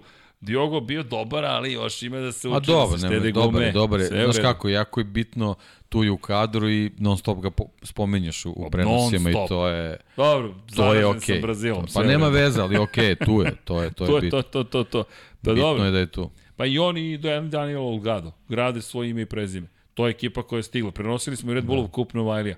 Smejao sam se kako je tamo i uvek to potpuno ludnica, ali gledam 14 godina ima klinac koji je pobedio i razmišljam, ja čekaj, već je profi, hvala lepo, želim da se zahvalim mami i tati i svima koji me podržavaju, a brzi, brzi, a uf, opet, ali vidi, on će da čeka 4 godine, dok, ne, 3 godine dok stigne do, do svetskog šampionata. Pa dobro. Porašće, sve je u redu. Život je pred njim, pa lako. Tako je. Tako je. Ne mora sve preko noći. Ne, ne mora, sve je u redu, lagano. A Morira u svakom slučaju deseti na kraju. Lepe poena osvojio Diogo Morira. E, Andreja Minju, inače, apropo Hondinih problema, bio 14. Dakle, ozbiljni problemi za sve praktično na Hondi. Još uvek čekamo Johna McPhee, da ne zaboravimo da spomenem Johna McPhee-a. Držim palče će se čovjek oporaviti, to je mnogo, mnogo ozbiljnija povreda nego što se inicijalno verovalo. Povreda kičme, ali držim palče će se John McPhee nekako vratiti. Inače, pohvalio bih i Matea Berteleja, koji je 11. poziciju svoj najveći broj poena i 5 poena i možda to deluje kao da je to sitnica, nije, to su super stvari i Scott Ogden mi se dopao. Scott Ogden znao sam da će biti brz cijelog vikenda. Na kraju 12. ali tačno vidiš kako klinac poznaje stazu i kako ima tu borbenost. Joshua Vetli se nažalost povredio. To je ekipa koja nam i dolazi iz Britanije, Vision Racing ekipa, ali okej, okay, sve ima, ima napretka. I dobro, Ivan Ortola, tu sam slab na broj 48 zbog što je to mi zave, mu eto, držimo palčeve. I poslednji poen za Stefana Nepo, čisto da napomenemo. U svakom slučaju, Garcia 21 poen s prednosti u šampionatu sveta, Izan Gevara je već van jedne pobede. Denis Vođe je jedini koji je u jednoj pobedi u odnosu na Garcia, tako je bilo, ali sada smo već na nivou toga da Garcia može da ima pobedu u prednosti. Moraju da vode računa njegovi rivali, zašto? U šest trka, dve pobede, dva druga mesta, jedno četvrto i jedan pad koji je neko drugo, drugi prouzrukovao to su šampionske sezone. I ima 103 poene. I ako vas zanima ko je ko su dva čoveka koji imaju trocifren broj bodova ove godine, Celestino Vijeti 100 i Sergio Gasea 103. Ali, ko ima 50 maksimalnih iz dve trke, dami i gospodo, Dekijev favorit za osvajanje titule, Erik Granado u Moto E kategoriji, super zabavne su bile trke. Jedini koji me ne izneverio. Niste izneverio. Uključujući kvartarara. Doći da. ćemo do kvartarara da. i fantazija. Jao, Fabio, Fabio, dao sam ti 300-tku ubrzanje za ovaj vikend, očekivao sam dominaciju. Kad ono, Peko je rekao, polako, momci, neće to tako moći. Ali, moto je, produžen šampionat. Ja samo da dodam isto kao u fantaziju za Formulu 1 i ovde se prebacujem na sledeću sezonu. potpuna sam katastrofa, tako da... Ja nisam potpuna okay. katastrofa, ali nisam da... Ne, sad sam već izgubio sam dosta i, i, i novca i jednostavno ne, ne mogu da, da uzmem bolje vozače, tako da pravim tim za sledeću godinu. Dobro, deki. Dobro, deki. Ja sam ti inače 252. u Srbiji, a 194. u Lab 76. tan, tan, tan, tan, tan, tan, ali možda sam potrošen 300 da bih napredovao, katastrofa. Rins mi je među zlatnim vozačima, još sam tipovo, Alex, bit ćeš četvrti, peti, sigurica, poeni, Enea mi je u srebrnim i Marko Beceki. Kud Marka ne stavih u zlatne, znao sam da će biti dobar, zlatni Marko. Njega ću da skinem u Italiji, tamo će mm -hmm. da pogreši 100%. Ali dobro, 50 poena maksimalnih za Erika Granada u električnim motociklima. Ljudi, pratite električne da. motocikle, zabavni su. Potpuno drugačija taktika Tako nego je. prošle, prošle godine. Ovaj, uh, prošle godine je trudio se da ima dominaciju od, od početka svake trke i onda se to uglavnom završavalo padom, zato što definitivno gume ne mogu da izdrže, bez obzira što je mali boj krugova, velika težina motocikala, očigledno da, da, je, da je tu ključna, ali izgleda da je on naučio tu lekciju, dve veoma strpljive trke ovaj, i onako egzekuciju finišu uz meni stvarno jako važan detalj, neverovatna vožnja kroz 13. tu krivinu i zaista bih volao da ga vidim na, na motociklima u, u, u, ne znam, dvojkama ili trojkama, živo me zanima kako bi rešavao tu krivinu, pošto ovo je bilo stvarno onako impresivno što se mene tiče. To mi je onako utisak, utisak tog trkačkog vikenda što se tiče Moto E. Da vidimo ovde, čekaj, da neko prati Moto E. Evo je, pozdrav iz Tuzle za najbolju podcast ekipu Nedim Tufikčić, pet bosanskih maraka. To vam kaže, ajmo drugari, udrite like, ko je još uvek sa nama, pa čekajte, Dakle, 1 i 20, ko je još uvek tu, udrite like. Može i join, subscribe, može i neka donacija, nećemo se buniti. Burek čekamo samo ujutru i tako dalje. Dakle, da vidim, e, Srki, nek si na malo prodrmao Boška Desničića i Branislava Devića. Ne znam šta sam ljudima učinio, ali evo, krenuše da udaraju. Nešto, nemam pojma. Bez brige, drugari, tu smo. A vi ste zbog svaja opalili po peku. Ma nisam opalio po peku, ljudi koji opalio po peku. Ishvali smo peka, ali ja i dalje stojim pri tome. Čekajte da vidim peko da li može da se bori za titulu šampiona sveta. I to je to. A Fabio, ne, Fabio još nije vanzemaljac, ni blizu još nije toga. Polako, ide ka tome, ali polako. I tako dalje, tako dalje. Neće like dva puta Boris Trutin. Neće like, ali može donacija. Nisam je video. šalim se, šalim se. Ne pozivam vas da, da to je samo provokacija. Boris se, znamo se. Vi u biblioteku da nas vodite. Elem, da se mi vratimo u Moto E klasi. Ljudi, obavezno pogledajte električne motocikle, verujte mi. Evo što da slušate. Zvuk naravno, ali kada? Ulazak u krivinu. U krivini broj 1 I čuješ kako koče, čuješ kako gume rade i ono što Marquez kaže, čuješ ni slajdere. kako prolaze kroz krivinu i onda pun gas.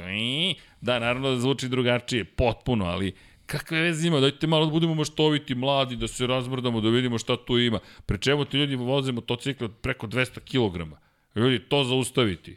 To je mrcina jedna. To, podići. Podići to bukvalno. Videli smo situaciju, ako baš A kad padnu, simpatično izgleda. Da. ne, kad padnu to ne, pet pa, redara. Da, nema. Ne, gotovo da nema pomoći. I vidi, pomislim se sad upravo na Igora Markovića zašto. Rukavice, gumene, ko stvarno za trolu dovde kod redara. Jeste, pa to su te. I, mora, to su te. Hvataš visok napon, ajmo, sedi, dečko, vozi, vozi, pun gas.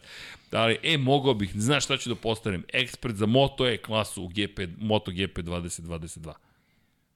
A? Uključiš automatiku kod ovih, to je to, kakva je razlika. Ne znam, ali no. Erik Granado svaka čast. I da, promena taktike. Dominik Egerter malo se iznenadio u drugoj trci, e, mislim da je pocenio konkurenciju, Domi je drugi u šampionatu, 33 poena, Miguel Pons, bravo, kažnjen za incident iz prve trke, ali borbeno, Lučiće Kinel Racing, Najzad pobeđuje Erik Granado, inače dobio otkaz u svojoj ekipi, do, nije dobio otkaz, nego su ga angažali u Lučiće Kinel Racingu i evo, Pobede su tu, branilac titula Jordi Torres tek 6 i 5 je bio. Da, LCR uzima ovaj dobru startnu poziciju za, za taj budući šampionat. Za Ducati. Sa novim motociklima. Tako da, je, da, tako da, je. Da, da. Inače pohvale, Mateo Ferrari dobro vozio. Kubo, Hi, o Kubo Hikari, to je Hikari o Kubo da. je dobar zaista bio. I peti, šesti i peti, ok, to su neki lepi rezultati. Matija Kasadej u prvoj trci problemi, ali u drugoj na poziciji broj 3. Garzo inače nije završio drugu trku. Četvrtu Dobro, ali. Garzo, Garzo uči i dobro osveženje za šampionat. Pa bitno, da. je, bitno je da imamo takvog, takvog Vratio se, vozača. Da, vratio da, se. da, Pre da, dve da, godine da, je bio da. dobar ovde, u Moto dvojkama je bio prosečan, ovde mu je mesto. Ej da je, i poseban pozdrav Lukasu Tuloviću, koji je došao da vozi umesto Bradleya Smitha. Bio je na poziciji broj 10 u prvoj trci, 12 u drugoj, nisu spektakularni rezultati, ali opet pohvale, treba da vozi evropski šampionat, mi Dobro, želimo bodove, brzo okej, oporavak, super, tako je, super. i konstantna vožnja. Ima tu još nekih zanimljivih momenta i pohvale za Mariju Hereru kao jedinu damu koju imamo u Da. Moto E klasi. 3 poena. Da, 15 imala je, i 14. imala je jump start, čini mi se, pa Jest. je bio dupli krug, Dupli ali krug, super, ovaj. dobro, to je trka. I to je jeste. Borba, da. I oni trka. čini mi se, tako, oni voze odmah sad i Francusku. Da, oni Tako, voze Francusku. Da, da, da, da, nastavlja se, ovaj, nastavlja da. se. E, Imaće voze- priliku brzo da, da, da ponovo bude na stazi. Jeste, vozi se i u Muđelu. Eto, meni će biti super da vidimo sve to e, po, dva, po dve trke tokom trkačkog vikenda. 14 trka, to mi već liči na stvarno šampiona. Da, da. Znaš, pet, ne, to je šest trka u prvoj sezoni, sedam u drugoj, sedam u drugoj. Da, sa malo kruga, ovo je sad već, već je bolje. Tako je, ovo već ima smisla, inače da. samo podsjetnik za, za ovo su sad, ovo je možda jedan od važnijih perioda, maj, sve tri trke u maju se voze što se tiče Moto E klase, onda pauza do Asena, Inače, ako sve bude ok, bi trebalo bi da budemo u Asenu, pa da uživo najzad vidimo kako to sve izgleda, zvuči i tako dalje.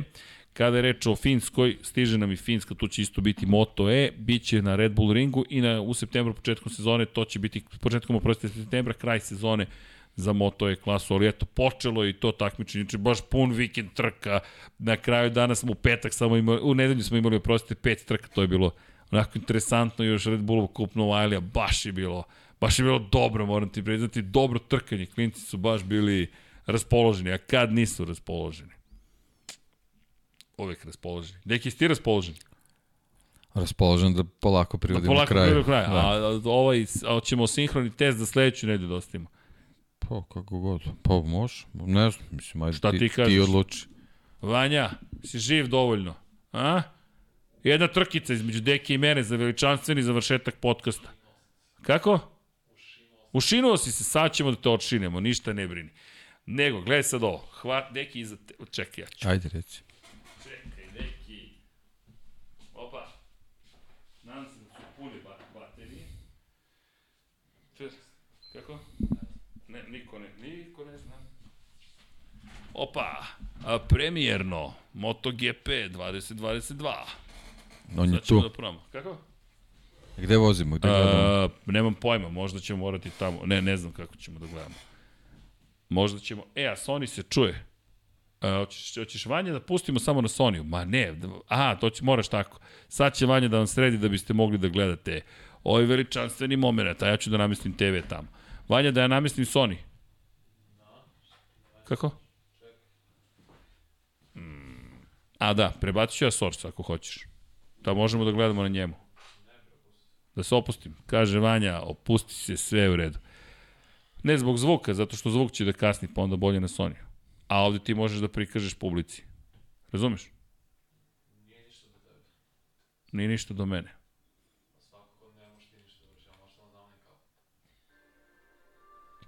Opa.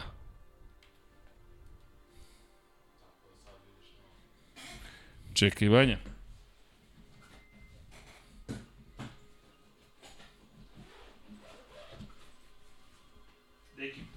Pričajte kolega nešto. Sad ćemo mi to. Kako je prebacio? da, kako molim šta? Kako si prebacio na mene? Kako sam prebacio odgovornost? Da. Odgovornost. Dežan. Dežan potkonjak. Da vidimo gde smo. Baterija na 2%. Kuku, ko će sad ovo da organizuje? Opa. A? Pa mislim da je prazno. A, evo ga. Izvinjam se, samo da vidimo mi ćemo uspeti. A, kod Deki je. A, kod Deki, kod tebe. Notify after 24 hours. To je to. Uđite tu, dragi kolega. To je to. I GP 2022. To ti kažem, deki. Opa, dame i gospodo, MotoGP 2022. Da ne kažem MotoGP samo 22. Nešto smo propustili. Uf. Dobro. Milestone, udri X, neki, udri X. Neće, dobro. Ajde. Da vidimo kako to izgleda. Ne, u redu je, mi tu možemo da čujemo, može malo tiše to. To je jače, ali i to je u redu. I to je u redu. Ajmo da vidimo. Čisto da znate, inače, igrica je onako, napredak je, za mene baš veliki napredak, moram da priznam. Možda samo zato što ja ne znam da igram. Pa je to možda odgovor na pitanje. Uh, deki, samo udri continue. Kontinuar. Tako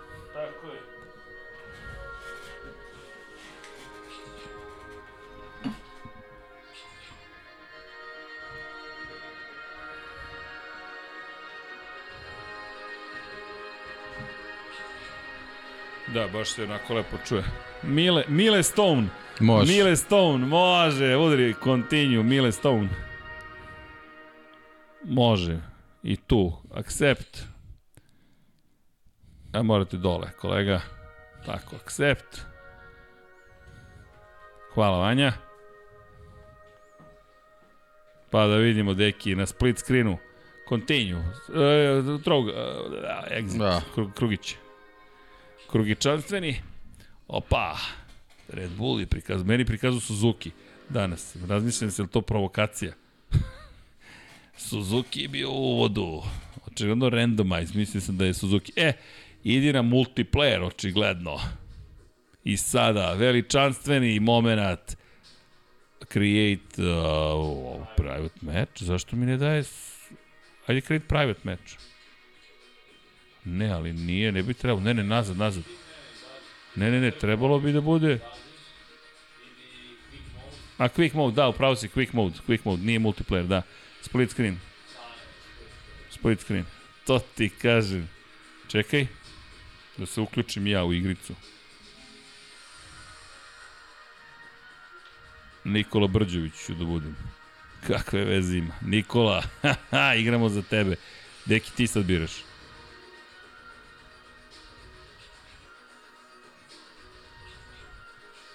Ajde da te vidim s kim ćeš da voziš. Sa Frankom? Mhm. Opa. Uh, ready. Samo ideš na ready. Ready? E, sad ja. Select Rider. Select Rider. Jao.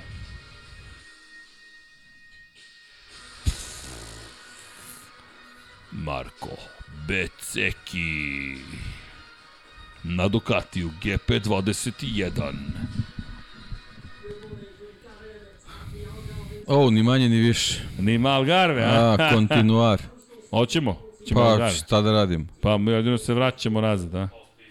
Pa, Jesmo izabrali, a? Hoćeš neku drugu? pa ili Jerez ili Le Mans. Ajmo, ajmo, pa ne, morat ćeš samo continue pa ćeš onda da izađeš. E sad, možda options odmah možda. Nema veze, ajde. Ne veze, ajde. Ajde, vozi. Ajde, continue. Mada bolje bi bilo da smo Herezicu, ipak smo... Bolje bi bilo. Ajmo, ajmo Herez, a? Udri. Options. A, vozi. Pa nije vam to fora, dragi kolega. Pa fo, vozi, ne vozi, menjaj, ne menjaj. O, ovo ima automatsko kočenje, nije ovo dobro. Pa i sviri neki. I sviri neki. o, nećeš mi pobeći. Opa, nije automatsko. Ili jeste automatsko? Pa deluje mi da nešto je automatika ovde. Dobro, Ne, ovo je pa Filip je. vozi ovog vikenda, čekaj. Imaš čak i ove tačkice gde treba da se koči. Ali to je više za mene nego za tebe. X ti je Nije, zadnja uf, ovo je baš, baš nezgodno, da. X ti je, uf. Ovo sad treba malo ući u što, baš je drugačije od 20 keca. Da, da, da, drugačije, drugačije.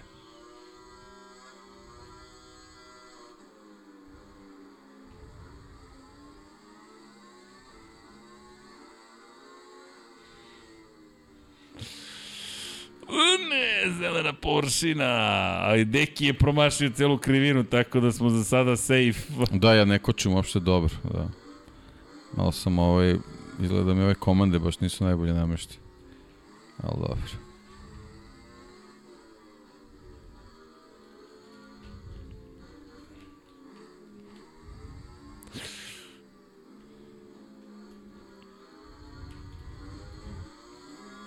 Opa, idemo deki, a?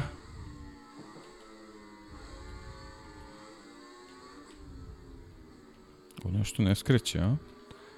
E vidi, ja sam u, do nekli izlučio, ne, srđane, ja pobego sam bio.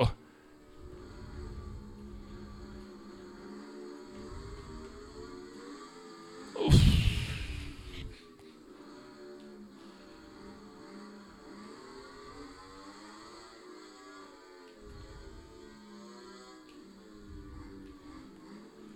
Ah.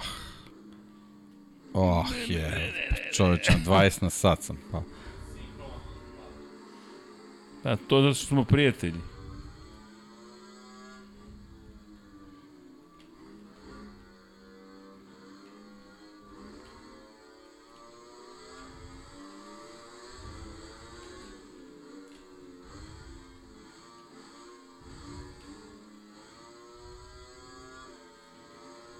Je Remy Gardner style.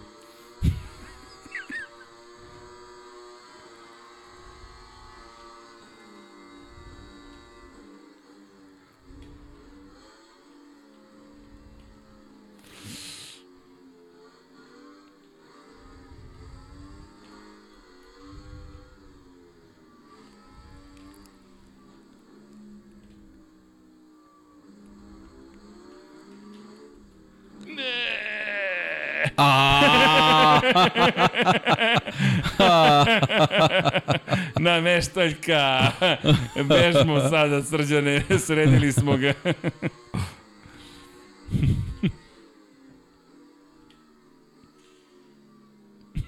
A, dugi krug. Ne, ne, ne, ne, opet neki, opet neki, slobodno padni preko mene. Neću se ja buniti.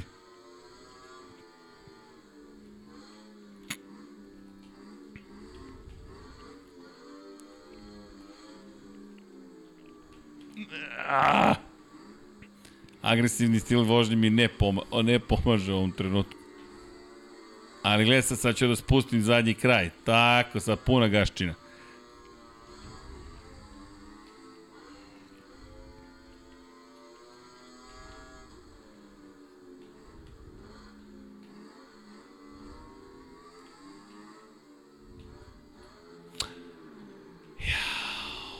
Bio sam precizan.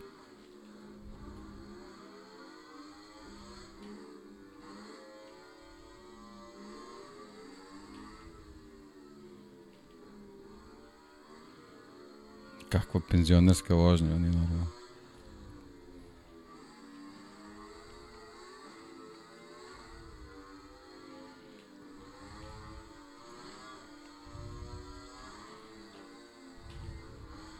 Opet Remy Gardner, ali ću sad da padnem. Da.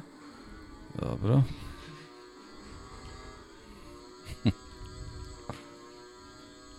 ne mogu, ovo baš mi je naporno. Dosta mi je. Psihički mi je naporno. Ne može, ne, ne, neki, Ne mogu, možeš ti to, možeš ti to. Mnogo mi je naporno. Aaaa! I meni, i meni, prekidajte, prekidajte. Kad to komaršal? Kako? Srki Milerovo neki.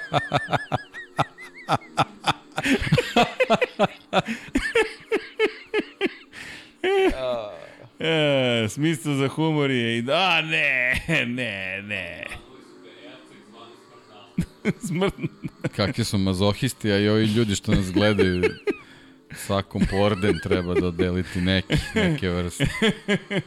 Jer ludilo je kompletno. Pazi, naučit ću ja da skrećem, pa ti vidi, deki. Opa, pa, a? I opet obaram. Koliki problem imam sa ovom krivinom, ovo nije normalno. Au.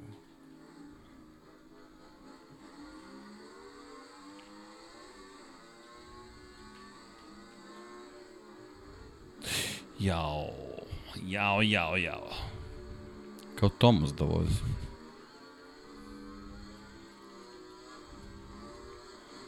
Ah, Dobro. Postoji samo jedan cilj. ah. Dobar sam, ovaj, dobar mu je kombinezon. Na koju stranu idem? Ne, moraš sam da nađeš stranu, to je nova fora. A, Da. propusti. Koga da propustim, čoveče, bože. Za ceo krug te sustižu. Au. Pak ja.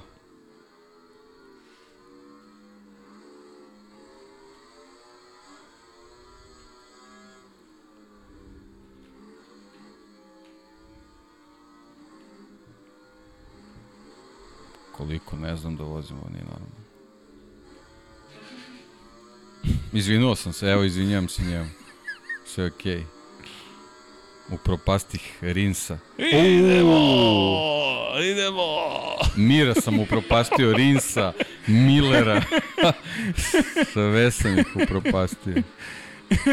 Jadni ljudi, šta se doživaju. Reci Vanja, zar nije vredelo?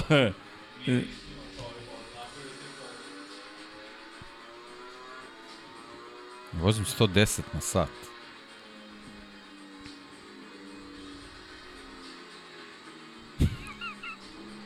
Dobro, bar si spustio zadnji kraj. Ili jesam? Jesi, jesi, pritisnuo si trougao. Idemo, deki. Koliko je ovo naporno bilo. Hm? Prezvojio sam se katastrof. Ništa ne valja GP22.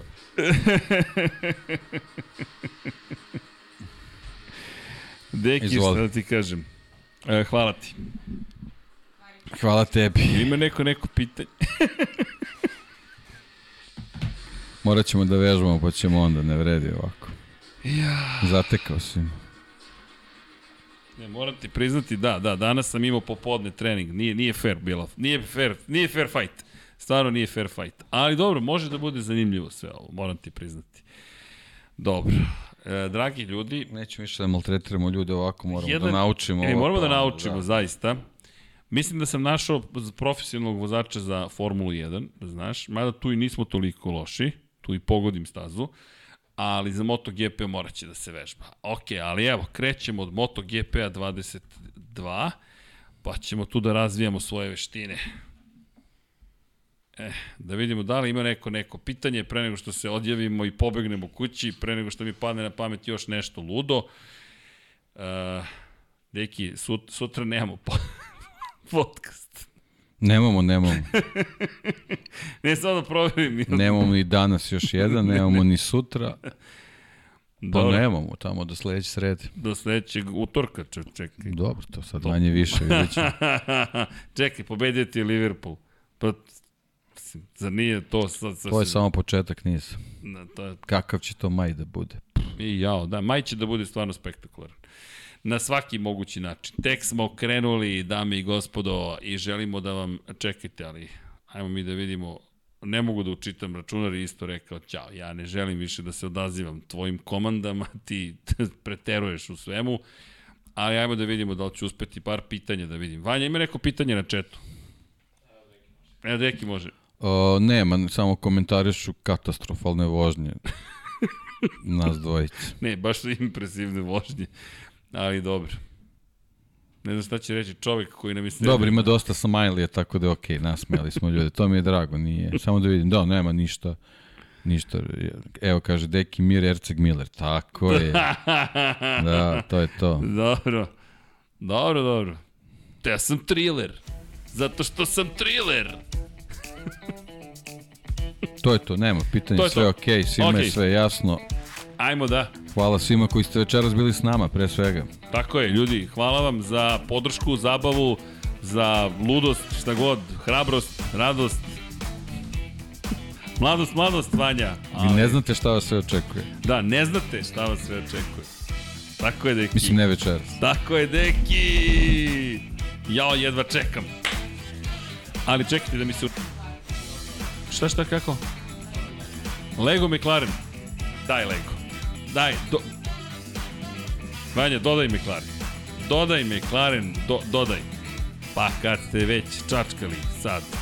Krećemo, okej. Okay. Kako? Samo tu stavite, stavite tu na sto. Pružit ću ja ručicu, nemojte ništa da brinete. E. Uf. Morao sam, jesam pričao da me zvalo knjigovođstvo da pita zašto smo kupili, jes?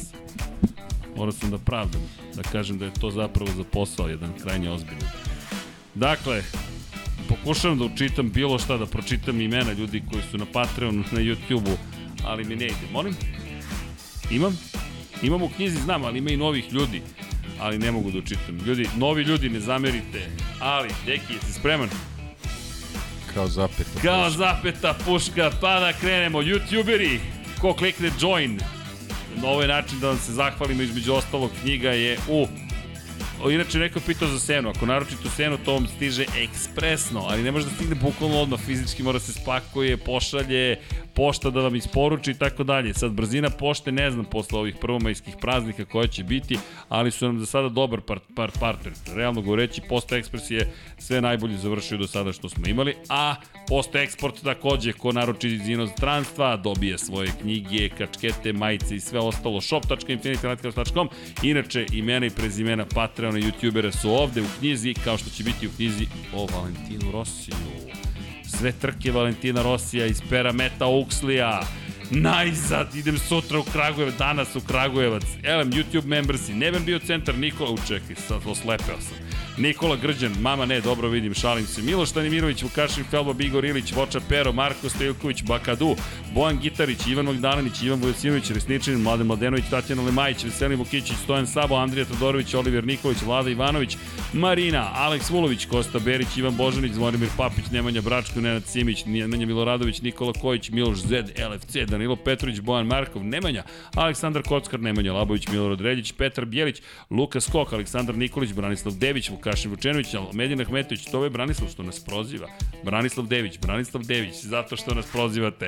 Marko Bogavac, Mladen Dukić, Jelena Jeremić, zatim Ozren Prpić, Jelena Jeremić, ponovo Jelena Jeremić, Jelena Jeremić, da li je ovo paralelni univerzum? Jeste, pozdrav poseban za Jelenu Jeremić, koja se i joinovala i Patreon je. E, to vam je posvećenost. Šalno na stranu pozdrav za našu dragu Jelenu.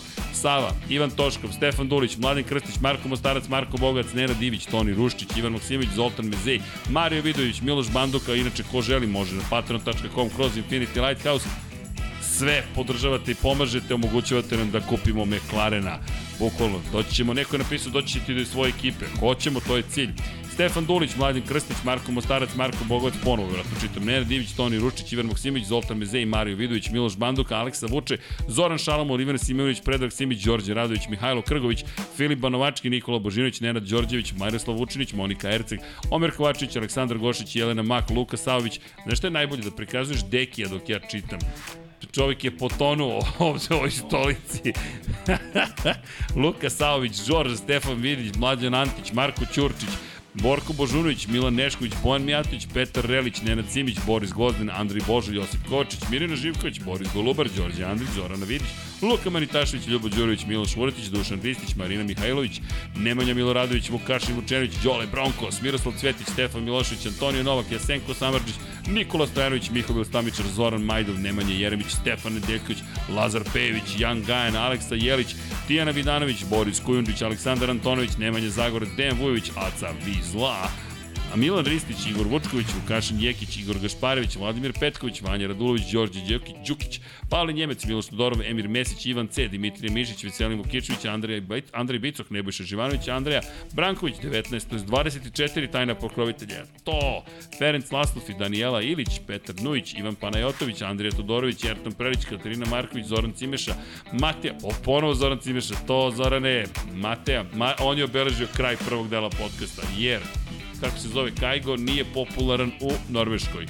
Ne, od sada Zoran Cimeša Kajgo nije popularan u Norveškoj. Matija Rajić, Boris Erceg, Ognjen Ugljanović, pozdrav. Inače, Zorane, hvala za podršku. Alen Stojičić, Stefan Stanković, Grgo Živaljić, Miloš Radoslavljić, Jovan Đodan, Bojan Markov, Bakter Abdurmanov, Garbran, i pre Kodi Garbran fan, čitam malo počke pa malo pobegnu. Aleksandar Banovac, Stefan Janković, Vlada Ivanović, Strahinja Blagović, Dejan Đokić, Branko Visački, Žarko Milić, Aleksandar M, Vladimir Filipović, Aleksandar Jurić, Nenad Pantarić, Jugoslav Krasnić i naravno drugari, drugarice, ljudi, prijatelji, dame, gospodo, kogod, gde god, vreme da se oprostimo i da vam kažemo may the fourth be with you, deki, hoćemo, a sad imam drugu troku, krenemo od 4, pošto je 4. maj, 4, 5, 7, 6.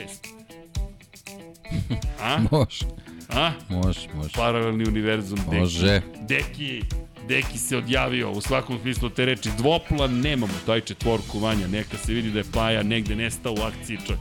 Nema četvorku, gasila se. A, zato što si stavio Sony. A ovo vreme je za novi switcher sa osam kamera. Elem, dame i gospodo, u ovom čudnom dvoplanu ćemo se oprostiti dok gledate šta Deki surfuje. U to ime, Deki, hoćemo, šta smo rekli? 4, 5, 7, 6. Ćao svima!